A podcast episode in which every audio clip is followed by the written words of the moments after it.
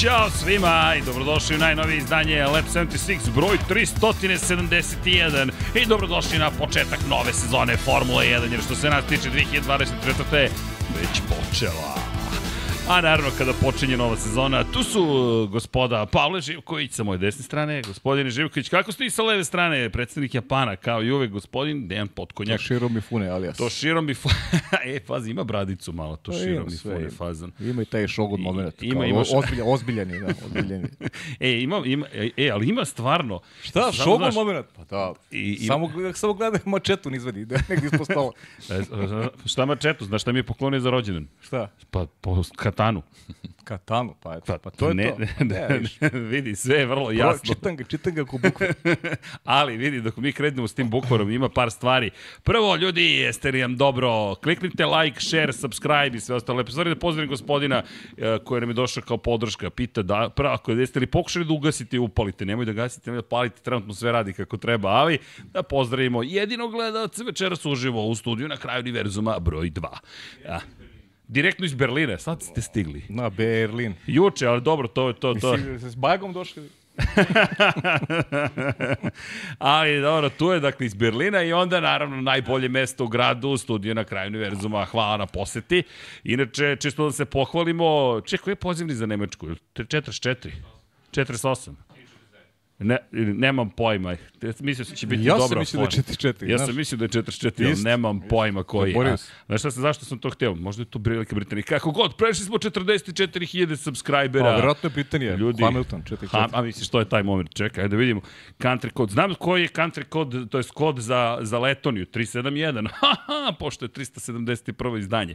A, sad ćemo da vidimo 44 Velika Britanija. Pa, Pa, a, vidiš, možda je to Hamilton. Hamilton, a on to sve zamesio. iskusno, Sir, Sir Lewis Hamilton, broj 44, dakle, nemamo pojma koji je za Nemačku, Evo country code Germany, de, kako, a to je, to je, kako? 49, eto. Pa ništa, ajmo ljudi da stignemo do 49.000 subscribera, jer kako je gospodin stigu iz Nemačke redi. pa ne, ali... Gde je 49, tu i 50. A to Do- ti kažem, ali do deki. sledećeg ponedjeljka. Do, ne, ne, ne, ne, ne, čekaj, čekaj, ajde da postavimo, ajde... A, ne, Realne standarde, vidi, na- ciljeve. Nova godina. Nova godina, jeste. Ajde. 50.000. Da li možemo do 50.000 za dve nedelje? To je besmisleno sada. To je sad potpuno besmisleno. Zašto? Ljudi, mi verujemo u besmisao besmisla. Ko veruje u besmisao? Nije subscriber. Neka klikne subscribe. Jer konačno, ovo je podcast show koji vam poručuje šta? Mazite se i pazite se ljudi i vozite računa jedni u drugima i budite dobri jedni prema drugima. Univerzalna poruka koja važi svugde, uvek. Šta god da se dešava oko vas, kako god da je situacija, ova gospoda ovde će da pričaju o Formula 1. Hasan, Zašto? Hasan brati šalje 49, sad smo sigurni da je 49. 49. Dobro. Prošle ilje se nije javljao. Ne, a jesi pre... Škakljiva tema A bila i nije se javljao. Sada kad je opuštenije, tu je. Kao bio na žurci. Znaš, a vaši žurka, kod Wolfovih, šta? Kod, Vol- kod Wolfovi. Gde je bila ta žurka? Zvala ga suzi Hasan? na žurku. Pa si nestao za teške teme. a dobro, čovjek treba se obnovi godišnja dobro. propusnica. Pa čekaj, Nije stani. lako s tim teškim temama, odmah ti kažem. Nije, nije, nije. Ali Čikazoki bio vredan, kao i uvek. Pozdrav za našeg dragog Zorana Živkova, pozdrav za sve, za Andreja Isakovića, uživanje je bilo, Hasana slavno, Bratića. pozdrav. Zoki, slavno je bilo Evo, uživanje. vidi, Paje, deki, moram ti reći, Paj, Zoki, paralele. Dakle, rame uz rame, Da, da, da. slaganje. Potpuno je bilo. Usaglasili smo se skroz. Mogu sam da izađem napad. Potpuno uživanje. Mogu, oteli su mi podcast. Oteli ga. U jednom trenutku nema. A ti znaš, Deki, da je to nemoguće, mislim. Apsolutno. ti znaš da je, da, ovo, da je ovo priča za široke narodne mase samo. Za one koji nisu gledali prošli ponedjeljak. E pa hvala ti, Paju, na tome. Dobro. Inače, moram pohvalim Marikena. Rasprodao je sve dukseve. Stvarno? Nigde reklame nema za ove dukseve, osim što ih deki nosi, sve je rasprodato. Nema više. Ljudi, pokušamo da ih proizvedemo, ali... Ako želite prodati neki proizvod. Pišite mi. Renta deki. Pa, znaš šta ću ja da uradim sad? Sledeći, ne, sledećeg ponedjeljka ili u stvari kad budeš dolazio ponovo, ti nosiš ovaj plavi duks. Ajde, baš da vidimo Jer, šta jer se desi. ne vredi, ja ga nosim, ali Stoji, nema vajde od toga. Stoji na stanju. Eno ih tamo na skupljuje prašin. To je zbog Logana, njega ćemo da A? okrivimo za sve. Logana, Ali da. ko navija za Alpinu, evo, 24% ekipe, završena prodaja Pa koju što smo sam najavili ja o letos. plavom duksu? Što si ti sad tamo u, u, u vlasničkoj strukturi, u upravnom odboru sediš. Aj, molim te, pa sredi nešto. Lepi su im saloni po celom svetu, ali nešto ne ide ovo trkanje. Zvao me Reynolds, kaže, moramo to da završimo nešto rekao vaši. A, ti si u tom kampu hollywoodskom. Ko pa samo Hollywood? Da tebe NFL ništa ne zanima. Ne, ne. Znaš da bi njegovi povampirili se? Rezervni quarterbackovi, obični. Ko? Pa da, Bengalci, vidi. On, on ti je Cincinnati. Aha. A, a moj pisan si? Ne, čekaj, ti zato nosiš Detroit Lions i to smo ustanovili prošlog puta. A Lionsi su Lionsi Detroit. su, da? Lionsi su. Ja znam samo Red Wings i pisan se. Ovaj, Ne, ovaj, moramo Johnson. te naučimo, lavovi. To je ozbiljna jedna ekipa koja tamo ide u play-off kako sada stvari stoje. Ili trenutno Opa! deluje ozbiljno. Vidi, izabrao si pravi Diže moment. se Detroit. E, Isto ko što su se moji Jetsi podigli, ali na ne krstareću visinu. Mislim, diže se kao grad. To se Da, da, da, da. Pa dobro, Detroit bi mogao da se podigne. Mogu bi bi, bilo da. lepo. Pa ima, pa ima evo, materijala. GM, znaš. Ima, ima materijala, da. Na, nadajmo Sad se, se ne se šalim, stvarno, da, ima materijala. Vidi, moji Jetsi, nažalost, eliminisani. 13. godinu za redom. Neviđeno smo jaki. Pa dobro. fali? Neviđeno smo jaki, dakle... Pa to je sport, to je sport. Da, Da, ali ja ne odustajem. Jets, Jets, Jets. Tako da, ko to navija... je pravi navijač. Tako je, pa ne, navijam kad pobeđuju, znaš. Ne, sad je zabavno, razumeš, kad dočekaš Ja tu 30 godina nisam odustajao. Pa.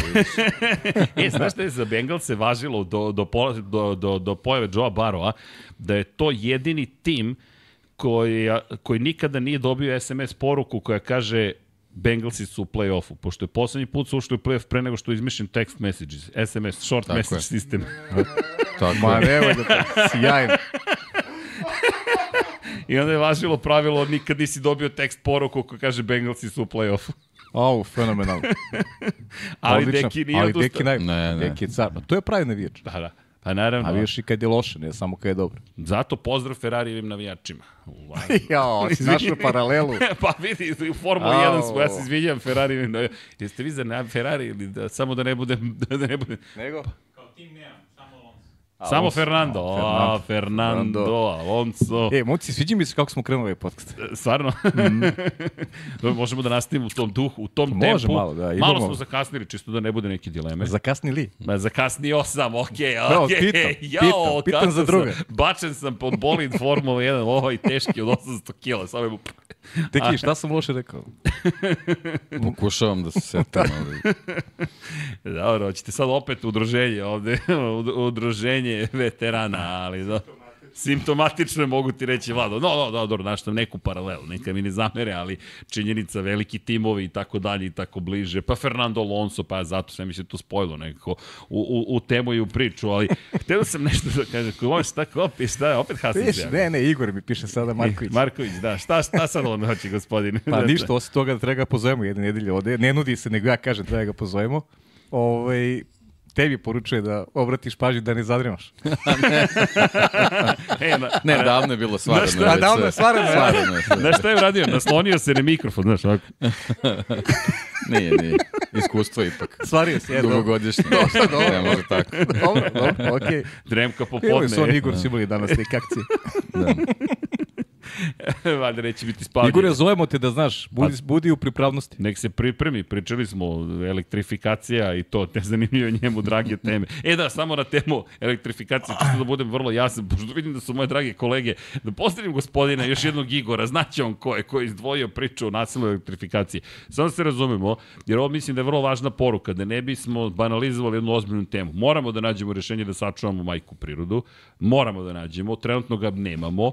Imam problem sa ekstremnim rešenjima bilo koje vrste, ni da se naftna industrija proslavila u svojoj istoriji, niti se proslavljuje sada industrija koja se zove zelena industrija, ali mi moramo da vodimo dijaloge na tu temu, u suprotnom ja verujem da smo odustali od ljudskosti. Valjda je dijalog poenta cele priče, da pričamo, argumentujemo, kažemo zašto smo pro, kontra nečega i ja se nadam da ćemo pričati... Mislim da si zakasnio. A, dobro. A, dobro, dobro. Vidi, nikad nije Pa, kasno, mora se, Slušaj, znaš. premerit ćemo datum emisije. Mislim da sam zakasnio na tu temu ili generalno. Pa na temu. Globalno, Na globalno. Globalno, ne, Globalno. globalno. Ali vidi, deki, negde mora da postoji taj incident, kako nas zovu, u Matrixu, nešto mora poremeti sistem. Ali to, to je samo pojenta Verujem jeste. da hoćemo da poremetimo sistem, siguran sam to.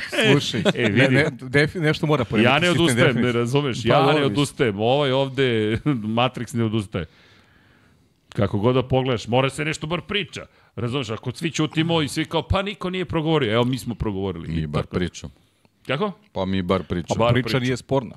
Znaš, pa, pa negde mora da se krene, mora se nađe rešenje, moramo da vidimo kako da, da neke stvari rešimo, ono što je rekao i, i Zoran, ako nismo rešili kako generišemo električnu energiju za početak, nismo se baš pomerili, ali sve to zajedno treba da negde utiče i ima veze sa večerašnjom temom i o bolidima u 2026. godini, jer to nije samo tema njihove veličine ili pokretljivosti ili zvuka, već je takođe tema koja će se goriva koristiti, kako će izgledati ti motori, zašto se odustaje od efikasnih motora, šta pravimo, kako i tako dalje, tako dalje. Biće, ja se nadam zanimljiva priča, ali poenta jeste samo, ja imam problem kad god se nešto nameće, dajte da se stvari razvijaju, da se pokrenu stvari u nekom smeru i da nađemo rešenje svi zajedno, a ne samo da zauzmemo neke strane, pro, kontra i onda smo svi samo polarizovani, ništa nismo dobili konkretno, nego ajmo da vidimo kuda ćemo, kako ćemo i da pričamo. Bar da pričamo, ako Pa ništa drugo. da Pa to nam je valjda posao. tako, tako i živimo generalno. Ne samo tu temu već. Generalno, misliš, Svet se odvija, čovečanstvo ide negde u tom pravcu. Polarizacije, misliš? Pa, bukvalno. Pa da, i, Nema- ili si s nama ili si Pa protiv bukvalno nas. je tako i sad To ti imaš, dobro. imaš ovo i dva puta ili ćeš da se prikloniš ili ćeš tako da pričaš kao što mi pričamo, ali da li će imati efekta ta priča, čisto sebe ispoštuješ Bar da, ti bude lakše. tako je, bude ti lakše ispoštuješ sebe i, i kažeš šta ti na duši, a efekat srđene Pa vidi, ne, ne mogu... postoji, znaš, imaš mnogo, rekao bih, ozbiljnijih tema ove, koje prosto, znaš, nikog ne diraju, a mi možemo samo njima da pričamo. Ali vidi, mi... Ako A dobro, mi se drugo, držimo ovih naših tema, Mi se naravno. držimo svakako naših tema, ali znaš kako, ne, i način na koji se držimo tema, i način na koji komuniciramo, pričamo i negodujemo i kada se ne slažemo i kada se slažemo s nečim ili jedan kada ima drugo mišljenje, kada suprotstavimo mišljenja, ne znam zašto ovako A ovde, će, ovde baš nemamo razlog da ima neku neslaganje, čini mi se. Pa imamo, imamo ne, ne znam da li to neslaganje, to je u redu da se ne slažemo. Na, na, Pa na, jeste u redu, ali karti samo nema ovde, baš ne vidim neki... Misliš Da po ovom ćemo da pitanju? polemišemo po ovom A ne, ne, pitanju, da, po ovom da. pitanju nema mnogo polemike, ne, ne, nego generalno samo kao opšti koncept kao u suštini, kako, kako, kako funkcionišemo kao, kao tim, kao Ma grupa naravno, ljudi. ma naravno da ćemo Ali da polemišemo kad, kad se ne slažemo. Pa, I argumentujemo, to je valjda pojenta cele priče. Ali mi vam želimo još jednu dobrodošlicu i kao što sam rekao, dragi ljudi, ajmo da uradimo par stvari. Nećemo sad da se bavimo odmah kanalom, imam, imam, imam pitanje za vas, to je nemam pitanje, nego imam samo molbu, pošto dugo to nekako nismo spominjali, u početku smo često spominjali ili Ljudi, kada je reč o, nekim lepim stvarima, uvek kažemo pomozite koliko možete, kome god možete, uradite bilo šta, komši, komšinici, ne znam, izađite u susret, recite lepo reč, javite se, recite čao, ej, gde si, kako je, šta ima. Neki put nam nije baš do toga, neki put samo odglumimo, ali nekom smo možda ulepšali dan, pa vas ja pozivam eto, da, da ulepšamo dan, nemamo nikakvu kampanju ili akciju ili bilo šta slično, nego se trudimo da uvek nekoga podržimo, pa eto, ako možete, pa, da, pa evo sad pozivam da pošaljete broj 303 na 3030, zašto? Ima jedan mali momak koji se za koji se bori, jel te, Filip se zove za opet svoje zdravlje, Filip Tošić konkretno, i eto, ukoliko možete pošaljete porukicu, mi ćemo svakako da pošaljemo porukicu i da pokušamo nešto da uradimo. Da, košta svaka poruka, dakle 200 dinara je jednokratna pomoć ko živi u, u u, ja mislim da je još uvek 200 dinara, samo da proverim da ne bolje da sam, da, 200 dinara, pogrešnu informaciju dao, dakle, trebamo još dosta donacija na 21 odstoj, ali eto, 303 na 30, 30, pa ko može da pomogne, super, ko ne može, šta da radimo ljudi, uradimo nešto dobro, budemo dobri jedni pa drugima, ili Human 303 na 455 koji u Švajcarskoj, kad već spominjemo jedini švajcarski tim večeras, eto da podsjetimo na to za one koji žive u Švajcarskoj, mogu da pomognu, gde god da živite, ljudi, nekom uvek treba pomoć, ako ne, na ovaj način ima na neki drugi način, Tako da, eto, budemo malo humani i bude bolje. I da pozdravimo gospodina iz Berlina. I da, eto, pozdravimo i Hasana Bratića koji nam je u Nemačkoj. Sreli smo se kratko. E, Beah i u Luksemburgu u petak uveče, tako da pozdrav za Hasana Bratića i, i njegovu lepšu polovinu. I moram da ispričam malo anegdotu. Svratio do njih samo u prolazu ka, ka Frankfurtu dok sam se vraćao i ajde malo da pojedeš. Malo da pojedem. Malo da A pojedem. da si ti popravio, vidim Ma, nešto. malo da pojedem. Znači, Hasan je, Hasan Hasan je da. Hasa, odmah da ti kažem ja, Hasan, ne da, dakle, Da, I samo da se zahvalim cijeloj porodici. I zašto pričamo ovako, pa ljudi, imamo mi tema, što da ne pričamo malo o prazniču, da vam poželim srećne praznike, kogod da se priprema da slavi, koje god da slavite ili ćete slaviti. Već je raz, praznično raspoloženje konkretno i stiglo je sve, od supe preko pite sa jabukama, preko nekog kolača s vanilom i jagodama, preko, čovjek, nemam a? pojma, buhtli nekih, pa je stigla neka, ne znam šta se... Ne znam da moramo sve detalje da slušamo. Ne znam, ja stvarno ne znam. Ja samo želim da se zahvalim dami na, na, na ne, ne, ne, Hvali se ti, nije problem. Ti si se zahvalio. A ja like za Hasana Gde smo i Deki ja u gostoprimstvo. priči? Bratići, šta je s Dekim sa mnom? B- Ba, Gde- gde je za ćemo, poneti? rešit Gde je ćemo za. Nisam mogao preko, ca, preko carine da prenesem. Mogao si da si hteo. Tako je. Sve, se može kad se hoće. Tako je, Deki. E, dobro, činjenica da nisam se setio, a...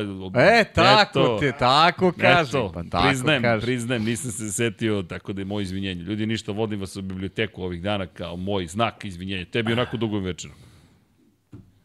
Ja, skoro sam i zaboravio. Ja nisam zaboravio, nemoj ništa da brineš. Pajče, moramo te popravimo, mnogo si mi smršao. O. Kako lažem. Meni to odgovara. Ali dobro, bolje mi izgledaš. E, ljudi, šalu na stranu, skupili smo za Formula 1, pomozite koliko možete Filipu, ako možete nas da podržite, super, patreon.com kroz Infinity Lighthouse, ili evo, gospodin pokušava nešto da kupi večeras, ali slabo vajda od nas prodavaca ovde. Ne možemo da mu nađemo to što želi, ali valjda ćemo uspeti do kraja večeri. And, Kad Andreja, od, Andreja, nije tu u oprosti, Andreja, da, da, kao, ne, ne, ne mogu da verujem. Gde u pola. 10, stvarno. Nije na poslu pola ne, 10. ne radi od 9 do 9.30, zaista. Moj Razgovarat ćemo srđene, ne, tome. on je u redu. Nemo, pustili smo se pre, ovde je potpuno uh, raskalašno je. Jeste. Ali eto, to, vam, to smo vam mi, shop.infinitylighthouse.com i naravno ko može klikne join, share, like, to bi bilo super. Ajmo da ovo subscriberi, eto, dali smo sebi do nove godine, nismo sebi dali ništa, ljudi, kako nas podržite super, ako ne i dalje sve super i sve kako treba. Nego da se mi bacimo u Formulu 1, danas dobijem dosta poruka, će biti podcast. Isto. A što ne Da. bi bilo podcasta? Što? Zato što je sezona stala. Pa nismo mi na pauzi. Pa dobro, znaš kako, to možda bude malo i kao, znaš da mi prihvatamo kritiku, možda bude malo i nama kritika, što, Što smo stalno tu. pa ne, nego što ne najavimo možda malo ranije, Aha. znaš. Pa, lju- Ajde, evo, ajde to shvatimo kao odmah kritiku. ajde da shvatimo kao kritiku. Ajmo kao ajde. nešto što može da nam pomogne da budemo bolji. Da možemo, možemo da, da, eto, u tom pogledu da malo popravimo, da, su, da, da im ranije, ovaj, ranije ljudima kažemo da će nešto da bude tema neka. Okej. Okay. Da, pojem. Dobro, A? ali ti znaš kad mi smislimo temu. U Pa šest znam, ali, ali, znaš, Pogotovo sada, kao koja nam je tema, zna se koja je tema, formula. Ne, ali šalno strano, evo odmah da vam kažem, sledeće nedelje ćemo isto da se vidimo, sledeće nedelje 25, ili tako? jeste, jeste, Tako, 20, 20 25, i 25, 25. 25 i 26. Tako, e, ko slavi Božić, ljudi, unapred srećem praznici, sreća Božić. Tako da za Božić, ko slavi po Gregorijanskom kalendaru, upalite u 21.0, kaže, Božićni program. Lab 76, gospodin Živković, potkonjak, pretpostavljam, ne znam, vidjet ćemo, ja se nadam, i gospodin Erceg, ako smo gospoda, će biti sa vama da vas zabavljaju, a onda tamo, čekaj, ali ako je 25. je li to 1. januar prva emisija u novoj godini? Ne smem da je najavim. Odmah da ti kažem, ne smem da je najavim, nemam namjeru da da, ne, ne, ne, ne, ne, ne, ne, ne, ne, ne. Uh, Prvi, prvi januar je ponedljak, a? Da, je li tako? Podcast iz biblioteke. Podcast iz biblioteke. Ne vidi, ne, to, to smo probali, nije nam uspelo. Ne, ne, ne, to smo probali, to- to nije, nikako. nije izašlo na dobro, ali dobro, ne znam, potrudit ćemo se da uradimo nešto Ne drugo. zbog biblioteke, nego zbog podcasta, nije dobro. Uh, Pa, za, za biblioteku je odlično, mogu ti reći. Članska članarina se značajno poveća u biblioteci, ali Da. dobro. Ali, da mi ljudi se bacimo na našu temu, a tema jeste Formula 1. Ljudi, da li smo izmislili temu? Jesmo, izmislili smo Jesmo. temu. Odmah da vam kažem, var ovde nema laži, nema prevere. Razmišljam ovako, šta ćemo da pričamo? Pa nemam pojma. Zauber se vratio ili na neki način se vratio. Dobro, nije loša tema. Alpina, pa to smo već pričali. Jeste, ali sad je završena prodaja. Dobro. FIA, FIA nije baš saopštila, ali je Nikolas Namazis pričao, Tomazis pričao sa novinarima o tome kako će izgledati 2026. godine i kada će bolidi biti manji. To nam daj, kad je već u pitanju tako neka promena, I da ne govorimo sve ovo ostalo što se kao dešava. Ljudi, budimo realni, trenutno sve je iza vrata fabrika A, i da, radi da. se vrlo ozbiljno na priprema za 2024. Do, Ferrari najavio prvi promociju, Tako da, 13. čini mi se februar. Tako je, 30. februar, dakle ovako ide. Ferrari predstavlja svoj bolid, onda sledećeg dana imate dan zaljubljenih. To je, je li tako? Jeste, jeste. Sveti Valentin. Neki kažu Sveti Trifun, je li tako? E, ali mi imamo Svetog Valentina Rosija. Zašto? Zato što je rođen tog dana. Je li tako biše neki? 14. ili, ili tako? 14. ili 13. Ne mogu sad da me dovodiš u neprijatnu situaciju kad ne znam tačno. Čekaj, koji mu je datum Vidiš rođenja? da Uvijek zaboravim. highlights Čekaj. sa 16. Liverpoolovih e, Mi utakmica. 16. Vidi, slažemo evo, Svetog Valentina. Eto, 16. februara. Kako, kako? To je prodajna slava. Da? tad, tad, tad prodajemo Rosijevu ro, robu, razumeš tad ide to, a onda imaš sutradan Mar, Sveti Mar, Mark, Svetoga Marka Markeza, razumeš, pa onda, onda, onda je on na redu i tako dalje.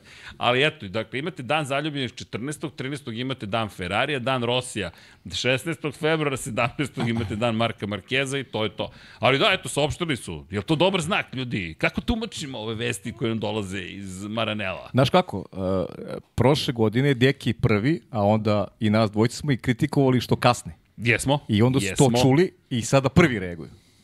E, Da ne bi oni u podcastu tamo nas napadali, mi ćemo sada prvi da reagujemo. Šta je rekao Živković? Da. Šta su rekli ona treća? Šta su pričali na treća? Rekli su vam da kliknete like. Pa da, pa da, šalimo se malo, ali Pa ne znam, vidjet ćemo, ajde, mislim, to je, Vidi, možda mak- bude dobar znak i ne mora, Ajde naravno, neki kad je Ferrari u pitanju, znak. ovaj, Čekaj. Vidi, bar su saopštili pa da, sada. I jesmo ih kritikovali. Prošle godine u ovo vreme smo pa da. tek saznavali da će Vaser zaista zvanično postati zapravo čovjek koji upravlja ekipom Ferrarija. Pa, I, pa i ne samo to, nego čekali smo i ceo tim da saopšti i negde smo očekivali možda i, i značajnije promene. Kada da, i nadam se da ovaj datum rukovođenje. njegov veći uticaj na, na celu priču. E, pa to, da- to. Pa to je pre svega. Pa ne, mi u stvari sad tek treba da vidimo ovaj, njegovu ulogu i koliko je uspeo da negde ujedini tim, da, da, da, da zaista postavi negde i neki, neki način razmišljanja koji bi mogao Ferrari da pogura napred i filozofiju celog tima koja mora se promeni ukoliko žele da, da, da budu bolji nego što jesu. Pa kada govorimo, ajde, konkretno o, o ovim datumima, kada pričamo o testiranju u predsezoni Bahreina se očekuje 21. 2. i 3. Dakle, pos, posjetit ćemo Bahrein. Ja mislim da će Hasan biti, ne znam, nisam ga pitao, ali mislim da će biti u Bahreinu, nešto mi se javlja da, da će se pojaviti tamo, a istovremeno 29. februara već je prvi trening na, na programu isto u Bahreinu. Dakle, krećemo od velikog nagrade Bahreina. Slušajte, lako što ste krenuli sa teme Ferrari. Ne, ne, hoću se vratim na to. ajde. Zato što je Ferrari, zapravo to mi je uvod, da je Ferrari zapravo sebi dao već sada da će, inače u saopštenju su rekli mi ćemo predstaviti bolid dan pre Dana zaljubljenih. Dakle, u januaru, u februaru, prostite, crvena boja, a kako kaže Đura, jel te crveno, crveno, crveno. Evo ga Liverpoolovac, vi kako je zaplesao tamo iza kamera. Vlada, stari Liverpoolovac, kaže to je boja ljubavi. Evo, dvojica su vodi. Ja. Povećava im se broj, pa Uf, umnožavaju šire se, šire se. E, ali, ali, moram nešto ti kažem. Kaži mi. Ferarijevci i, i, i, i Liverpoolovci... Dele istu boju, da. Ne samo što dele istu boju, znači svi su obeleženi, LFC, You'll Never Walk Alone, itd. Dakle, ti pogledaj Stevie G, znaš, to su nadimci Patreona. Ti kada pogledaš, samo ih, da. primećujem, i ne samo što ih ima, nego kako se izražavaju, kako Ne, ne, pa dobro, za- generalno ih ima sad. Ja, mislim, ima ih stvarno. Brojni su ovaj, na ovim prostorima, baš navijači. Liverpool. Vidi Da, kako da, ponosno jeste. sedi. Vidi kako vidi, vidi, vidi, vidi, vidi, Nije više, A- nije više ozbiljan. Nije, Nije više više, ozbiljan. ne, ne, kao, ne. da. Jedino što mi izmah, izmah, mi, izmah mi, izmah mi osmeh jeste Liverpool, Cincinnati, razumeš, što su te, i Japan. Japan, Japan, da. tu, tu, tu je slabo. To je, znaš, i ta- maska šoguna je malo, malo je popustila, A, znaš. Dobro, mora ponekad. Sad Tokugawa kada povate tamo se spakuje pozadi. Deki potkunje. Crno nam se. DJ Tokugawa. Ali dobro, vidi, gde gde je Katana? Iza njega je Katana, vidi kako mu je tamo tačno iza leđa, razumeš, iza onih smajlija. Spremna, spremna. iza, iza po, zapravo pekmena. Ali dobro. U svakom slučaju, 13. februara, Ferrari. Dan pre dana zagrada. Izvolite. I dalje jako važan, važno. Ajde. Detalj mašimo? izuzetno bitan. Ajde. Mašimo nešto. Čekaj, Aha. čekaj. Deki nešto zna što mi ne znamo. Dobro, Znaš i ti. Pa samo, zna- samo nisi... Jao, da li je realno? Čekaj, da, da, li, da, da, li, da li grešim ili ne grešim? Grešim. Nije mi pamo na pamet. 13. februar, gde? Ne, ne, ne. Ne, Ferrari, nešto promocije. Kodni, kodno ime bolida je 676. A, vidiš, ne, ja ne, ne bi povezao. Da, ne, Ne bi o, povezao. mo- mo- Vidiš? Svašta su slušali oni. Ne bi, vidiš, ne bi mi to. Vidiš, ne bi mi palo na Isto, pamet, a, deki, opa, deki. Mogu bi da nas držiš oko dva sata, ovaj, kao... Znaš što je meni palo na Već pamet? vidim, taoc. već vidim novu majicu. Već vidiš Novu novu majicu. majicu, kod 676. Pa to ima ko imperator u, u, u, u Revenge of the Sith. Šest povlaka, 76. Kliknuo si start streaming. Evo, sad, Srki, plan C. plan C, kaže. U skladu sa Ferrarijem. Evo, mi smo sada tu ponovo. Ne, nešto nam je po, po, po, po, posrnulo nam je sve, ali e, je neka, nekako kod vas. Deki zaboravio da plati netkom, nije, ne, plaćeno. Dok se priča, odmah Ferrari, odmah raspad. Nije, nije, nije. Josh, e, ra, radimo, živi smo, živi smo. Evo, kažu svi, evo ga, Paja kuca u telefonče, sve se Da, da, vidi. da, da, da. O, evo ga. A, kaže, baš ste lepo najavili datum Ferrarija, odmah sve stalo. Skuderija Lighthouse. Pa eto. Sku- Skuderija Lighthouse.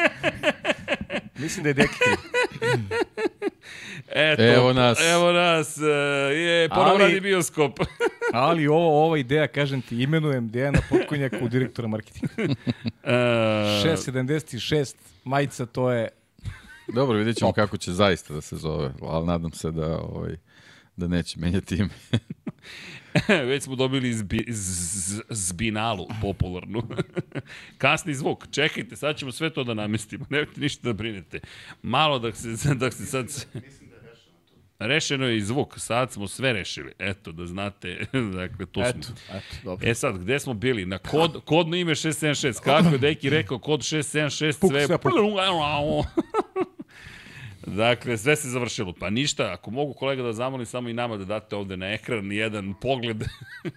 Imamo time to update. Čisto Nemoj da, da, update. čisto da znamo kad nas Od, gledaju. od, a, ka, kaže, od kada smo updateovali na Windows 11, sve je puklo. Dakle, znači Ferrari prati Lab 76, još samo da poslušaju vaše savete za strategiju, pozdrav. Tako je, Jukebox 69. Eto Dobro, kad nas. smo kod Ferrari ima, ima i, i nova priča vezano za, za Sainca, to je eto, neki, neki novite da, da bi on trebao da potpiše ugovor na, na dve godine, zaključno sa 2026. sad vidjet ćemo. Dobro. Da, navodno, da navodno John Elkan želi da reši ovaj što pre, do početka nove sezone i jednog i drugog sa, da veže s ugovorima. Ali nešto kraći ugovor bi dobio Carlos Sainz u odnosu na, na, na Charles Leclerc. Pa dobro, to je negde i u, lo, To ono što smo pričali vezano za Leclerc, ali prvobitni negde do 2027. sa mogućnosti da se produži uz klauzule određene naravno koje, koji su vezani za, za rezultate, a Carlos Sainz eh, dvogodišnji do kraja 2026. Pa eto, vidjet ćemo da li se to dogoditi u neko skorije vreme. Sve to Kada već dugo. pričamo o Ferrari, eto nešto, verujem i da je zanimljivo fanovima, a da, da im je drago zbog, zbog cele priče, jer Čekaj, čekaj, jel treba da im bude drago? pa znam, ali postoji bolja opcija trenutno. Pa, posto, ja mislim da postoji, iskreno. Valtteri Bottas. Dovedeš ga i kažeš mu, ti si vozač broj 2, ili ne mora Valtteri Bottas, neko tog tipa. Pa dobro, nisam Deki siguran, već, ali- već mu neko to Ne, ne, ne. Ne, nisam siguran Ali da ko bi bio vozač broj 2?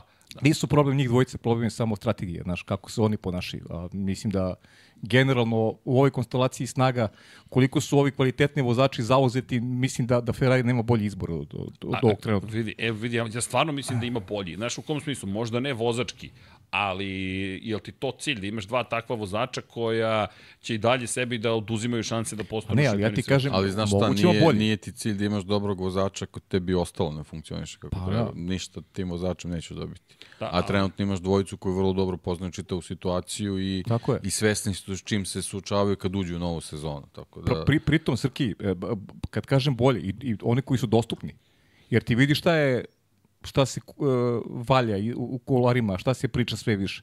I ono što je i Max uradio, ja, meni ne bi čulo jednog dana Max bude taj koji će ovaj, zahajati taj Ferrari. I, I mislim da je mnogo bliže nego ono smo pričali u Luisu, to je bila neka tvoja teorija, da u nekoj Jeste. budućnosti onako mislim da tu postoji otvoren flert ovaj, obostran. I Maxa prema Ferrariju i Ferrariju prema Maxu. Tako da tu mi deluje da više postoji potencijala u nekom periodu ovaj, u godinama koji slede. Eto, tako Da, da, vidi, pa ajde ovako, Max je vrlo racionalna osoba, verujem da će Max, vreme se promenilo.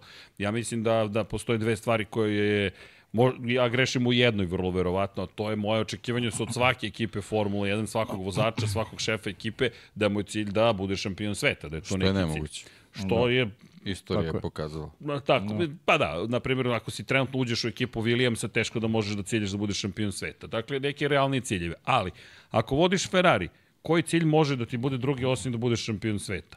I jel sad već pričamo o tome, ok, ajmo da uvedemo dozu realnosti. Da li zaista Ferrari sledeće godine kaže, ej ljudi, mi idemo na titulu šampiona sveta? Ja sam dosta kritikovao Matiju Binota za njegovu želju da ostvari ciljeve postavljene pre početka sezone na početku 2022. koji nije bio da osvoje titulu, nego da budu bolji nego što su bili prethodne godine. Mislim da je to bila greška. Zašto? Zato što ti moraš planove da uskladiš stvarnosti koja se dešava.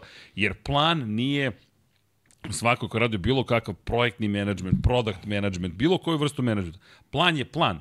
Ti znaš da se on neće realizovati, ali ti težiš tome da iz njega, iz tog plana koji si postoji, izvučiš maksimum. Sad on će se menjati, da li dnevno, nedeljno, kvartalno, nemam pojma, mesečno, ali poenta je, planovi na tako velikom zapravo broju ljudi i promenjivih, od 60 do 70% kad uspeš, to je fenomenalno, ljudi, to je fantazija. Kad uspeš ovako ko Red Bull, na, ne, ne, znam, 90 nekom postotku, to je, to je besmisleno ali zato mislim da je Binotto tu mnogo pogrešio što je on napravio plan i rekao ja se držim ovog plana po svaku cenu, ne gledam više realnost. Ono što ti kažeš, oni u petak Ba, napišu veći je problem strategiju, bio što to. smo mi bili upoznati s tim planom. To je, to je veći problem. Da, jasno. Tako, Razumijem šta misliš, mnogo, što, što mnogo on više je on javnosti. pričao o planovima nego recimo Red Bull. Da, Red Nema, Bull, nemaš razloga da... Red Bull kada mi ih rekao svoje planove, poslednji upravo put. to, Oni upravo idu to. svojim putem i voze celu priču. Znaš, i ti onda kad dobiješ neka očekivanja koje već spominjao si, eto, te kalendare, već u prvom kvartalu vidiš da je, da je nemoguće da, da do četvrtog doguraš to što si planirao, već si u problemu. Jel? Već, već cela tvoja menadžer, menadžerska struktura ti pada u vodu jednostavno. Ti već, već dobiješ ljude koji postaju skeptični ono što, što, što i sami rade. I to je problem. Samo ću jednu stvar reći. Italijani. Da. E sad, sa druge strane, da se vratimo među... Mnogo pričaju. vezano za, za angažovanje vozača, ti kad imaš dvojicu koji već na početku sezone znaju s čim se suočavaju, oni već prave svoje neke lične ciljeve i planove na, na početku godine. I sa njima mogu da pomognu da se neke druge stvari izgure. Ma da, ma ja stvarno, stvarno mislim da, da njih dvojica u, u ovom momentu uz uh, sve ono što se dešava u Formuli 1, kad pričamo i dostupnim vozačima, da nisu uopšte problem njih dvojica. Nego je filozofija tima je problem. O, kako oni upravljaju ekipom. Da li će se tu nešto promeniti? Samo možemo, tu možemo više budemo skeptični. A, a, a mislim da je ove godine i Sainz pokazao kvalitet koji je, koji je bio na, na značajno veći nivo u odnosu na prošlu godinu. Znači, pokazuje napredak. Sainz je zaslužio poverenje ekipe. Ne, ne, okej, Okay, vidi. Leclerc znamo da ima, da ima ekstra klasu. Ajde ovako. E sad je pitanje samo kako će njih dvojice budu vođeni u tom sistemu. To je problem. sam nam novi podcast, ljudi. Ne nužno za večeras, ali ajmo da pre početka sezone. Vlado, vidi ti se kapica, da znaš. I zašto ne nosiš Lab 76 kapu? Čekaj, direktore marketinga. Trenutno smo bili pod kapicom. Da, trenutno se bili Pod pod kapicom. kapicom. Ko voli vaterpolo? Nema, Vlado, šta ti je, žalim se. Vlada pokazuje da ima majicu ispod duksa. Da, što nemaš duks?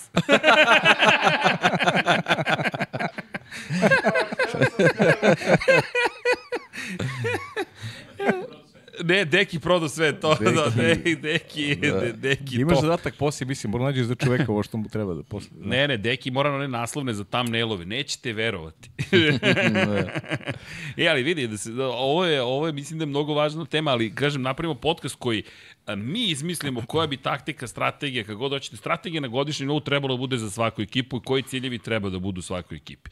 Jer vidi, ja za Ferrari zaista mislim da bi moralo da bude strategija uvek idemo da osvojimo titulu, suprotno ne znam čemu. Pa dobro, to, za mislim. Ferrari bi moralo da bude. Pa dobro, ali oni, kad su oni rekli da nije to cilj? And, ok, ali Oni ako- moraju to i zbog italijanske javnosti, zbog tradicije, zbog svega to moraju da urade. Okej. Pa, sad ne znam da li oni to misle da, da je to stvarno realan cilj ili prosto tako moraju da kažu. Jer, F1 Power Ranking. da, jer ti ne možeš kažeš A, može, može. da izađeš pred one sile novinari i kažeš, znaš, nama je cilj da budemo treći. Pa mislim, to, to o- ne ide, znaš. Ali ako to- si rekao, ajde da pretpostavimo da veruju to. Pa, pre, ajde, pre, I prepostavljamo sad da veruju, doveli stvarno. su pod, pod, pod, podružit ugovor sa Saincom. Šta ti kažeš Carlosu Saincu i Charles Leclercu pred početak sezone? E pa to bi ja S volao kojim da znam. očekivanjima To ti bih njih volao vodiš? da znam. Nema šta da im govoriš, oni moraju da budu uključeni u proces pripreme za sezonu. Pa dobro, Okej. naravno. Dakle, Ali je pravimo- lakše kad imaš vozača koji su već tu, s kojima možeš Jest. otvorenije da pričaš o nekim stvarima, nego sada da dovodiš nekog novog sa ko zna kakvim ambicijama i tako da. Ček, šta bi, da- šta bi ti rekao?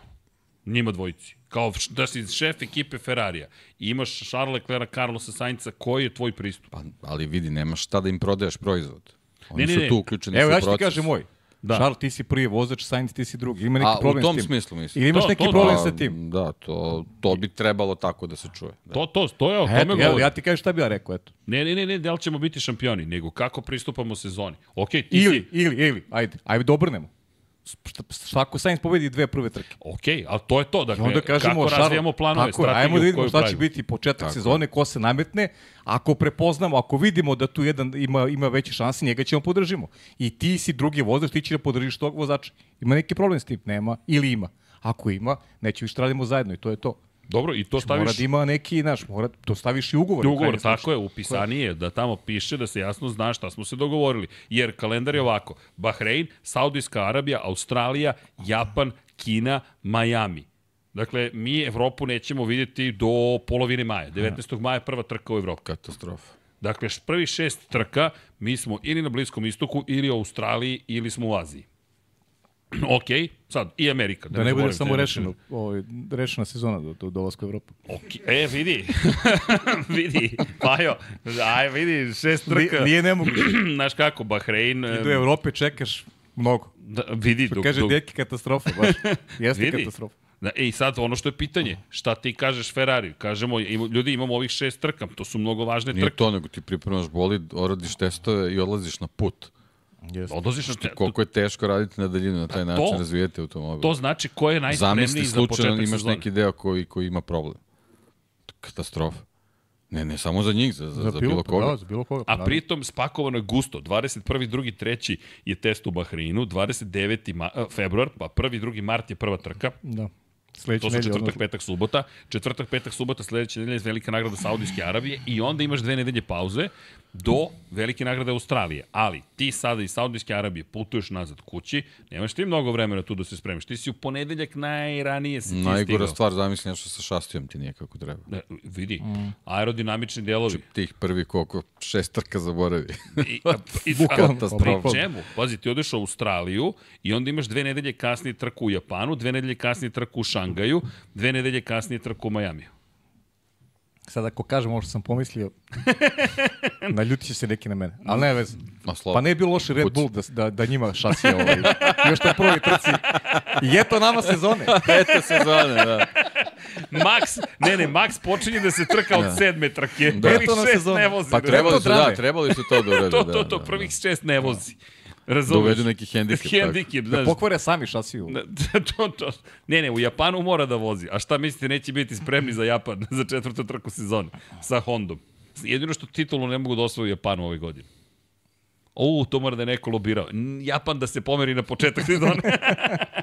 Neće opet da nam slave titulu tamo. Ali vidi, realno, i sad ti dođeš kod Sainca i, od ok, ovo mi se sviđa, kažeš Saincu i Lecleru, Pa slušaj, da, ali to je sad ovo, imate. ovaj, ako Elkan već inicira to da se potpisuje, već na tom sastanku to treba, To tu treba da budu pregovori. A da. Znači, da li pristaješ da pred početak sezone napravimo pakt da vidimo kako ulazimo u godinu. I ako To to. posle šeste trke niste vodeća dvojica u šampionatu, nego imamo ozbiljnu razliku od x, y poena, staviš i koeficijent u odnosu na Maxa ili koga već da bude vodeći u šampionatu u tom trenutku, prihvataš da ćeš podržavati ovog drugog vozača. I uradit ćemo reviziju posle desete trke. Da vidimo šta, možda, nažalost, ponovo bude sunčano popodne za Leklera ili nešto slično. A ne, pa ne, ali stvarno, nešto. ko zna, možda se Sainz nametne. Ja kažem, ja st- stvarno više verujem u, u Leclerc priču. Ali ko zna kako, šta će, kako će otvoriti godina. vidi, Možda to- Sainz bude taj koji će... Možda izvede Nika Rosberga, možda on zna, kaže ja pa ću ne. sada da se posvetim ovome toliko Pa da me niko to ne neće znamo, mo- pobediti. možda, možda je dečko i sada već u puni priprava, možda ga ne zanima ništa drugo, To je radi na Esteban sebi. Okon već rekao. Znaš, Šta je rekao? Rekao je za mene nema ono, no life priprema za sledeću sezonu. To je to. Samo, samo Formula 1. To a ti je to ti kažem, posvećenost. možda je Sainz upravo u tom fazonu. Možda i šalje neku poruku. A Charles nije možda. Čekaj, da li mislite, sad mi pada na pamet, da bi Esteban Okon mogao da ugrozi Maxa Verstappena da je u bolidu koji je rame uz rame, ajde da ne kažem baš RB19, ali koji može da se bori za Pa, pobedu. znaš, on je već pokazao svojim pristupom da, da, ovaj, da mu taj nerv ne fali. Pitamo publiku, da li mislite da bi da li mislite da bi Okon, meni to sad, sad mi palo, da li mislite da bi Okon mogao da ugro, ugrozi napena u bolidu pod jednake brzine. Aj tako da stavimo, da ne bude sad da to da ne. Pa mogu bi da ga ugrozi u smislu da bi se borio sa njim. Ne Pa bi, to, to, to. Ne, ne, bi, ne bi bio ovaj, posmatrač ovaj, dešavanja na stazi. Kaže Pujo, kaže mogu da slavaju Japanu sa dovoljno dobrim bolidom, iako titula matematički nije potvrđena. Ajde, Pujo, da se nema će biti ipak neke neizvestnosti. Ali dobro, odgovorili smo neko pitanje. Činjenica, ovo je sada na menadžmentu Ferrarija. E, šta god da pričamo sada, e, kad bi bio neko drugi, to je ŠBB, KBB. Šta bi bilo kad bi bilo, neće se desiti. Najvjerojatnije, bit će tu Sainz. Sada vidimo Vasera i menadžment kako upravljaju ljudima. Što se tiče mašina, nisu se proslavili prošle sezone. Ono što je zanimljivo da kažu da će preko 90% bolida biti drugačije, ali da i dalje ovaj bolid smatraju evolucijom postojećeg bolida. Ok, ajde da saznamo šta, će da se, šta to konkretno znači. Dosta takvih izjava imamo i što ti kažeš Ferrari Project eh, 676. Ne, ne, ne. 676. 676. Tako jeste. se čita. Tri, tri poena. Tako Da, se čita. ajde kad već spomenjemo projekat 676, hvala deki, 3 poena, što ti kaže, ne, ne, ne, e, troa poen. dakle, Ferrari će se fokusirati inače na prednji, prednje oslanjanje. To je ono što su rekli i da smatrali su da to preslabo bilo u odnosu na prethodne ekipe. Prema onome što, što se priča, prethodni bolic je inače zvao SF23, što ne znači da će biti SF24. Ne znači. Ferrari voli baš da kombinuje svoje imena i uvek je neko drugačije ime. I sad, ono što pričaju jeste da će zapravo se pozabaviti time kako da bude zapravo opet ta ruka. Pričali smo o tome e, prošle godine, kako je Red Bull zapravo u suštinski nečemu što je na prvi pogled jednostavno rešenje našao načina da u potpunosti promeni oslanjanje bolide. Dakle, A ruka izgleda kao, jel te, pa slovo A, jel te, to je ono što vidite u obliku trougla i to se zove A ruka, bukvalno wishbone na engleskom, da ne kažemo jadac, nije jadac, nego A ruka, to je mašinski izraz. I u suštini obično stoje tako što su u istoj ravni, kada govorimo o visini. Međutim, kod um, Red Bulla su pomerili gornja tačka kačenja je više u odnosu na, prednja ka- tačka kačenja je više u odnosu na zadnju i dobili su potpuno druga, drugačiju dinamiku bolida i do, do, omogućili su zapravo taj bolid i na kočenju na dodavanju gasa manje više ne menja svoju visinu. Suštinski, naravno se menja visina, ali je prenos zapravo sila takav da je omogućeno da vrlo nisko stoji bolid tokom celog kruga i to je ono što smo pričali, dobar kompromis su napravili duž cele sezone. Šta se desilo na kraju? Desilo se to da taj bolid zaista rukama Maxa Verstappena bio spektakularan. Malo me podsjetio, moram da priznam, na FW14B. Zašto? To je čuveni bolid, e, na Twitteru sam re, repostovo sam čuvenu trku u Monaku. Kako ono bilo dobro iz Ayrtona Sene i Nigela Mansella. Mansell koji ga ganja, ganja, ali Ayrton ne, ne da, ne da. Mada lepa izjava Senina. Kaže, Mansell je jedini vozač koga vidite u oba svoje retrovizora, otprilike u isto vreme i, e, i velikani, zaista Formula 1, ali taj bolid je bio specifičan po tom aktivnom oslanjanju. Međutim, Ricardo Patreza, njegov klubski kolega, nikad nije uspio da izvuče maksimum iz tog bolida, iako je važio za zaista veoma dobrog vozača. Ali šta je Mansell uradio? Bolid se čudno ponašao. Ne neprirodno za, tu, za, to, za, te, za to doba bolida. Mansell je toliko verovao da je bio spreman da više rizikuje i da taj bolid ganja tamo gde Patreze nije bio spreman da ga ganja. Jer kaže, osjećaj uopšte nije bio uobičajen i da ti znaš šta radiš, nego veruješ da će bolid da odradi svoje, Gas, mislim da je to Brke odgovaralo da je on bio u tom raspoloženju, ali se ovo vozi na hrabrost. Pa dobro, da. imam utisak da i tebi odgovorilo da napraviš ovu paralelu. Da, slučajno, desilo se, nije namerno, jednostavno nekako upadne taj Nigel u celu priču. Eto, prilike se pohvali Brke. I, Imaš ti neki nešto Pikeu da kažeš? Ne, ne, a? Dobro, hvala. nama ne trebaju ovaj, ta aktivno Ne, a? gibljenje. To. ja... Sve vremeno je rekao hiljadu i po konja i to je jedina mera. To je to. Ne verujem. To je to. Dakle, dobro, vas dvojica, Brazilci po tri titule. E, ko je bolji? Pe- Peke ili Sene? Znaš ono, dobro, kako ih dobro, posvađaš? Ne, nećemo tu. Nećemo, nećemo tu da se svađamo. Nema potrebe. Ne, ne, recite mi, šta mi... Tu, tu de, to je da je stvar ličnog afiniteta u pitanju, tu nema šta da se polemiše. to čekaj, je. čekaj, ali što ne bismo napravili jedan A zimski podcast? Pa, Zato što ali nećemo. Zašto? To, je, to, nema potrebe, to je. Pokušao sam, dragom publiku, auditorijume, dragi, pokušao sam, ali Žiška, moje, moja Žiška se ugasila, nema ovde Ja ću samo kažem dva velika vozača, dva velika šampiona. To je to. Tako je. Dobro, dobro. Tri titule protiv moje jedne, a ne jedna, ali vredna. Sa aktivnim oslanjenjem. Misliš, Pa, po, naravno. misliš po, po tri titule. Po tri titule, po tri titule, da, da, budimo precizni u komunikaciji. Elem, e, Ferrari je rekao eto, da će da, da spremaju veliki broj izmena.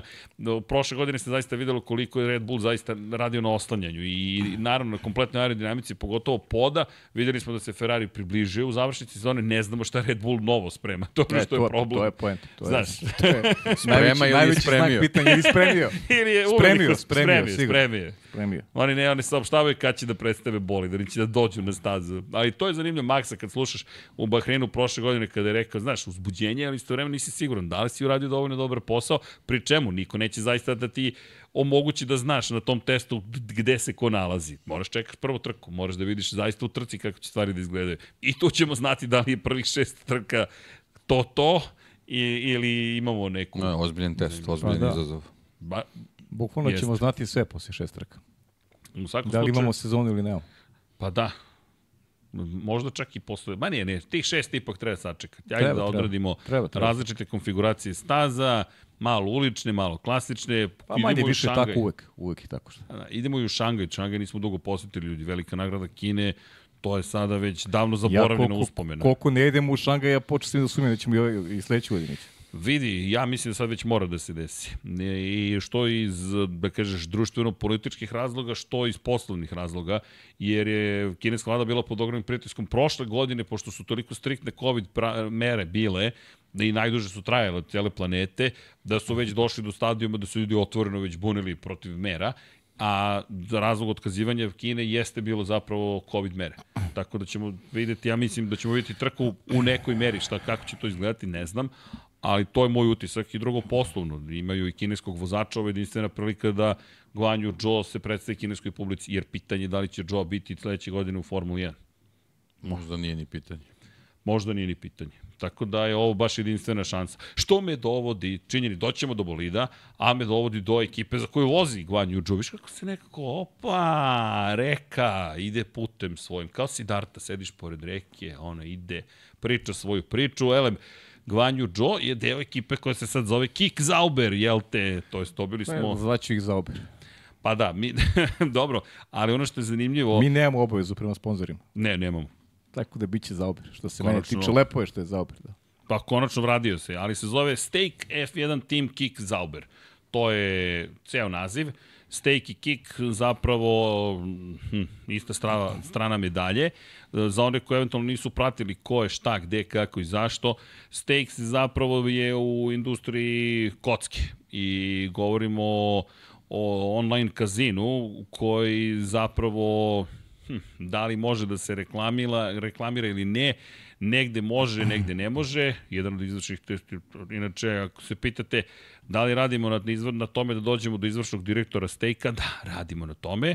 Tako da, eto, ja se nadam da ćemo uspeti. Mladen Vučković, inače, u pitanju, čisto da znate, momak iz Trstenika, inače, i, ove, i ono što je zanimljivo, to je nama zanimljivo, ali između ostalo kancelarije se nalaze u Srbiji, Australiji, nalaze se i mislim na Kipru. U svakom slučaju, kada govorimo o samoj ekipi, onome što smo imali prilike da vidimo u u Formuli 1, Stake se pojavljivao, gde je smeo, gde nije smeo, pojavljivao se Kik. Kik koji je zapravo live streaming platforma, servis je zapravo, i ono što je zanimljivo, Bijan Terhani i Ed Craven, Ed Craven koji Eddie, popularni koji se pojavljuje često, su zapravo osnovali Stake, a Kik su podržali kako bi mogli da se reklamiraju na sve strane. Eto. To vam je jedna kratka priča kada je reč o Stake-u Kiku. Šta su uradili u Zauberu? Prodali su zapravo prava na imenovanje šasije, da budemo precizni. Tako da oni jesu zvanično sponzori sada ekipe koja se zove Zauber i to će trajati 2024. i 2025. Audio među vremenu potvrdio da će biti na, jel te, Od stazi 2026. Formula 1 od 2026. Pošto je neko postavio pitanje da li se nešto promenilo među vremenu ili ne, Audi je samo još jednom potvrdio da će svakako biti tu 2026. Pa da, da, godine. Ali eto, lepo je vidjeti Zauber ponovo nekako u Jest, Formuli 1. Da, kolege iz The Race su bile dosta uh, brutalne prema Alfa Romeo. Lažni proizvođač koji više najzad nije u Formuli 1. The Race. Da. Uopšte nisu Se brutalni. sećate, se sećate spota Ye- Yellow? Da. kako ne, kako ne.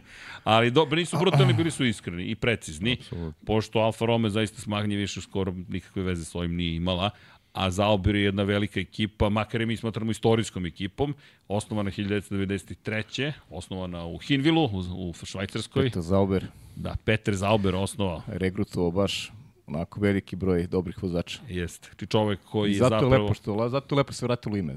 Pa, nama je Budi neko... neki da da neki onako podsjetnik da na neki na neke dobre na neka dobra vremena u Formuli 1. Sentimentalno, moram reći. Da. Inače, Zauber je bio pobednik na 1989. godine 24 časa Le Mana.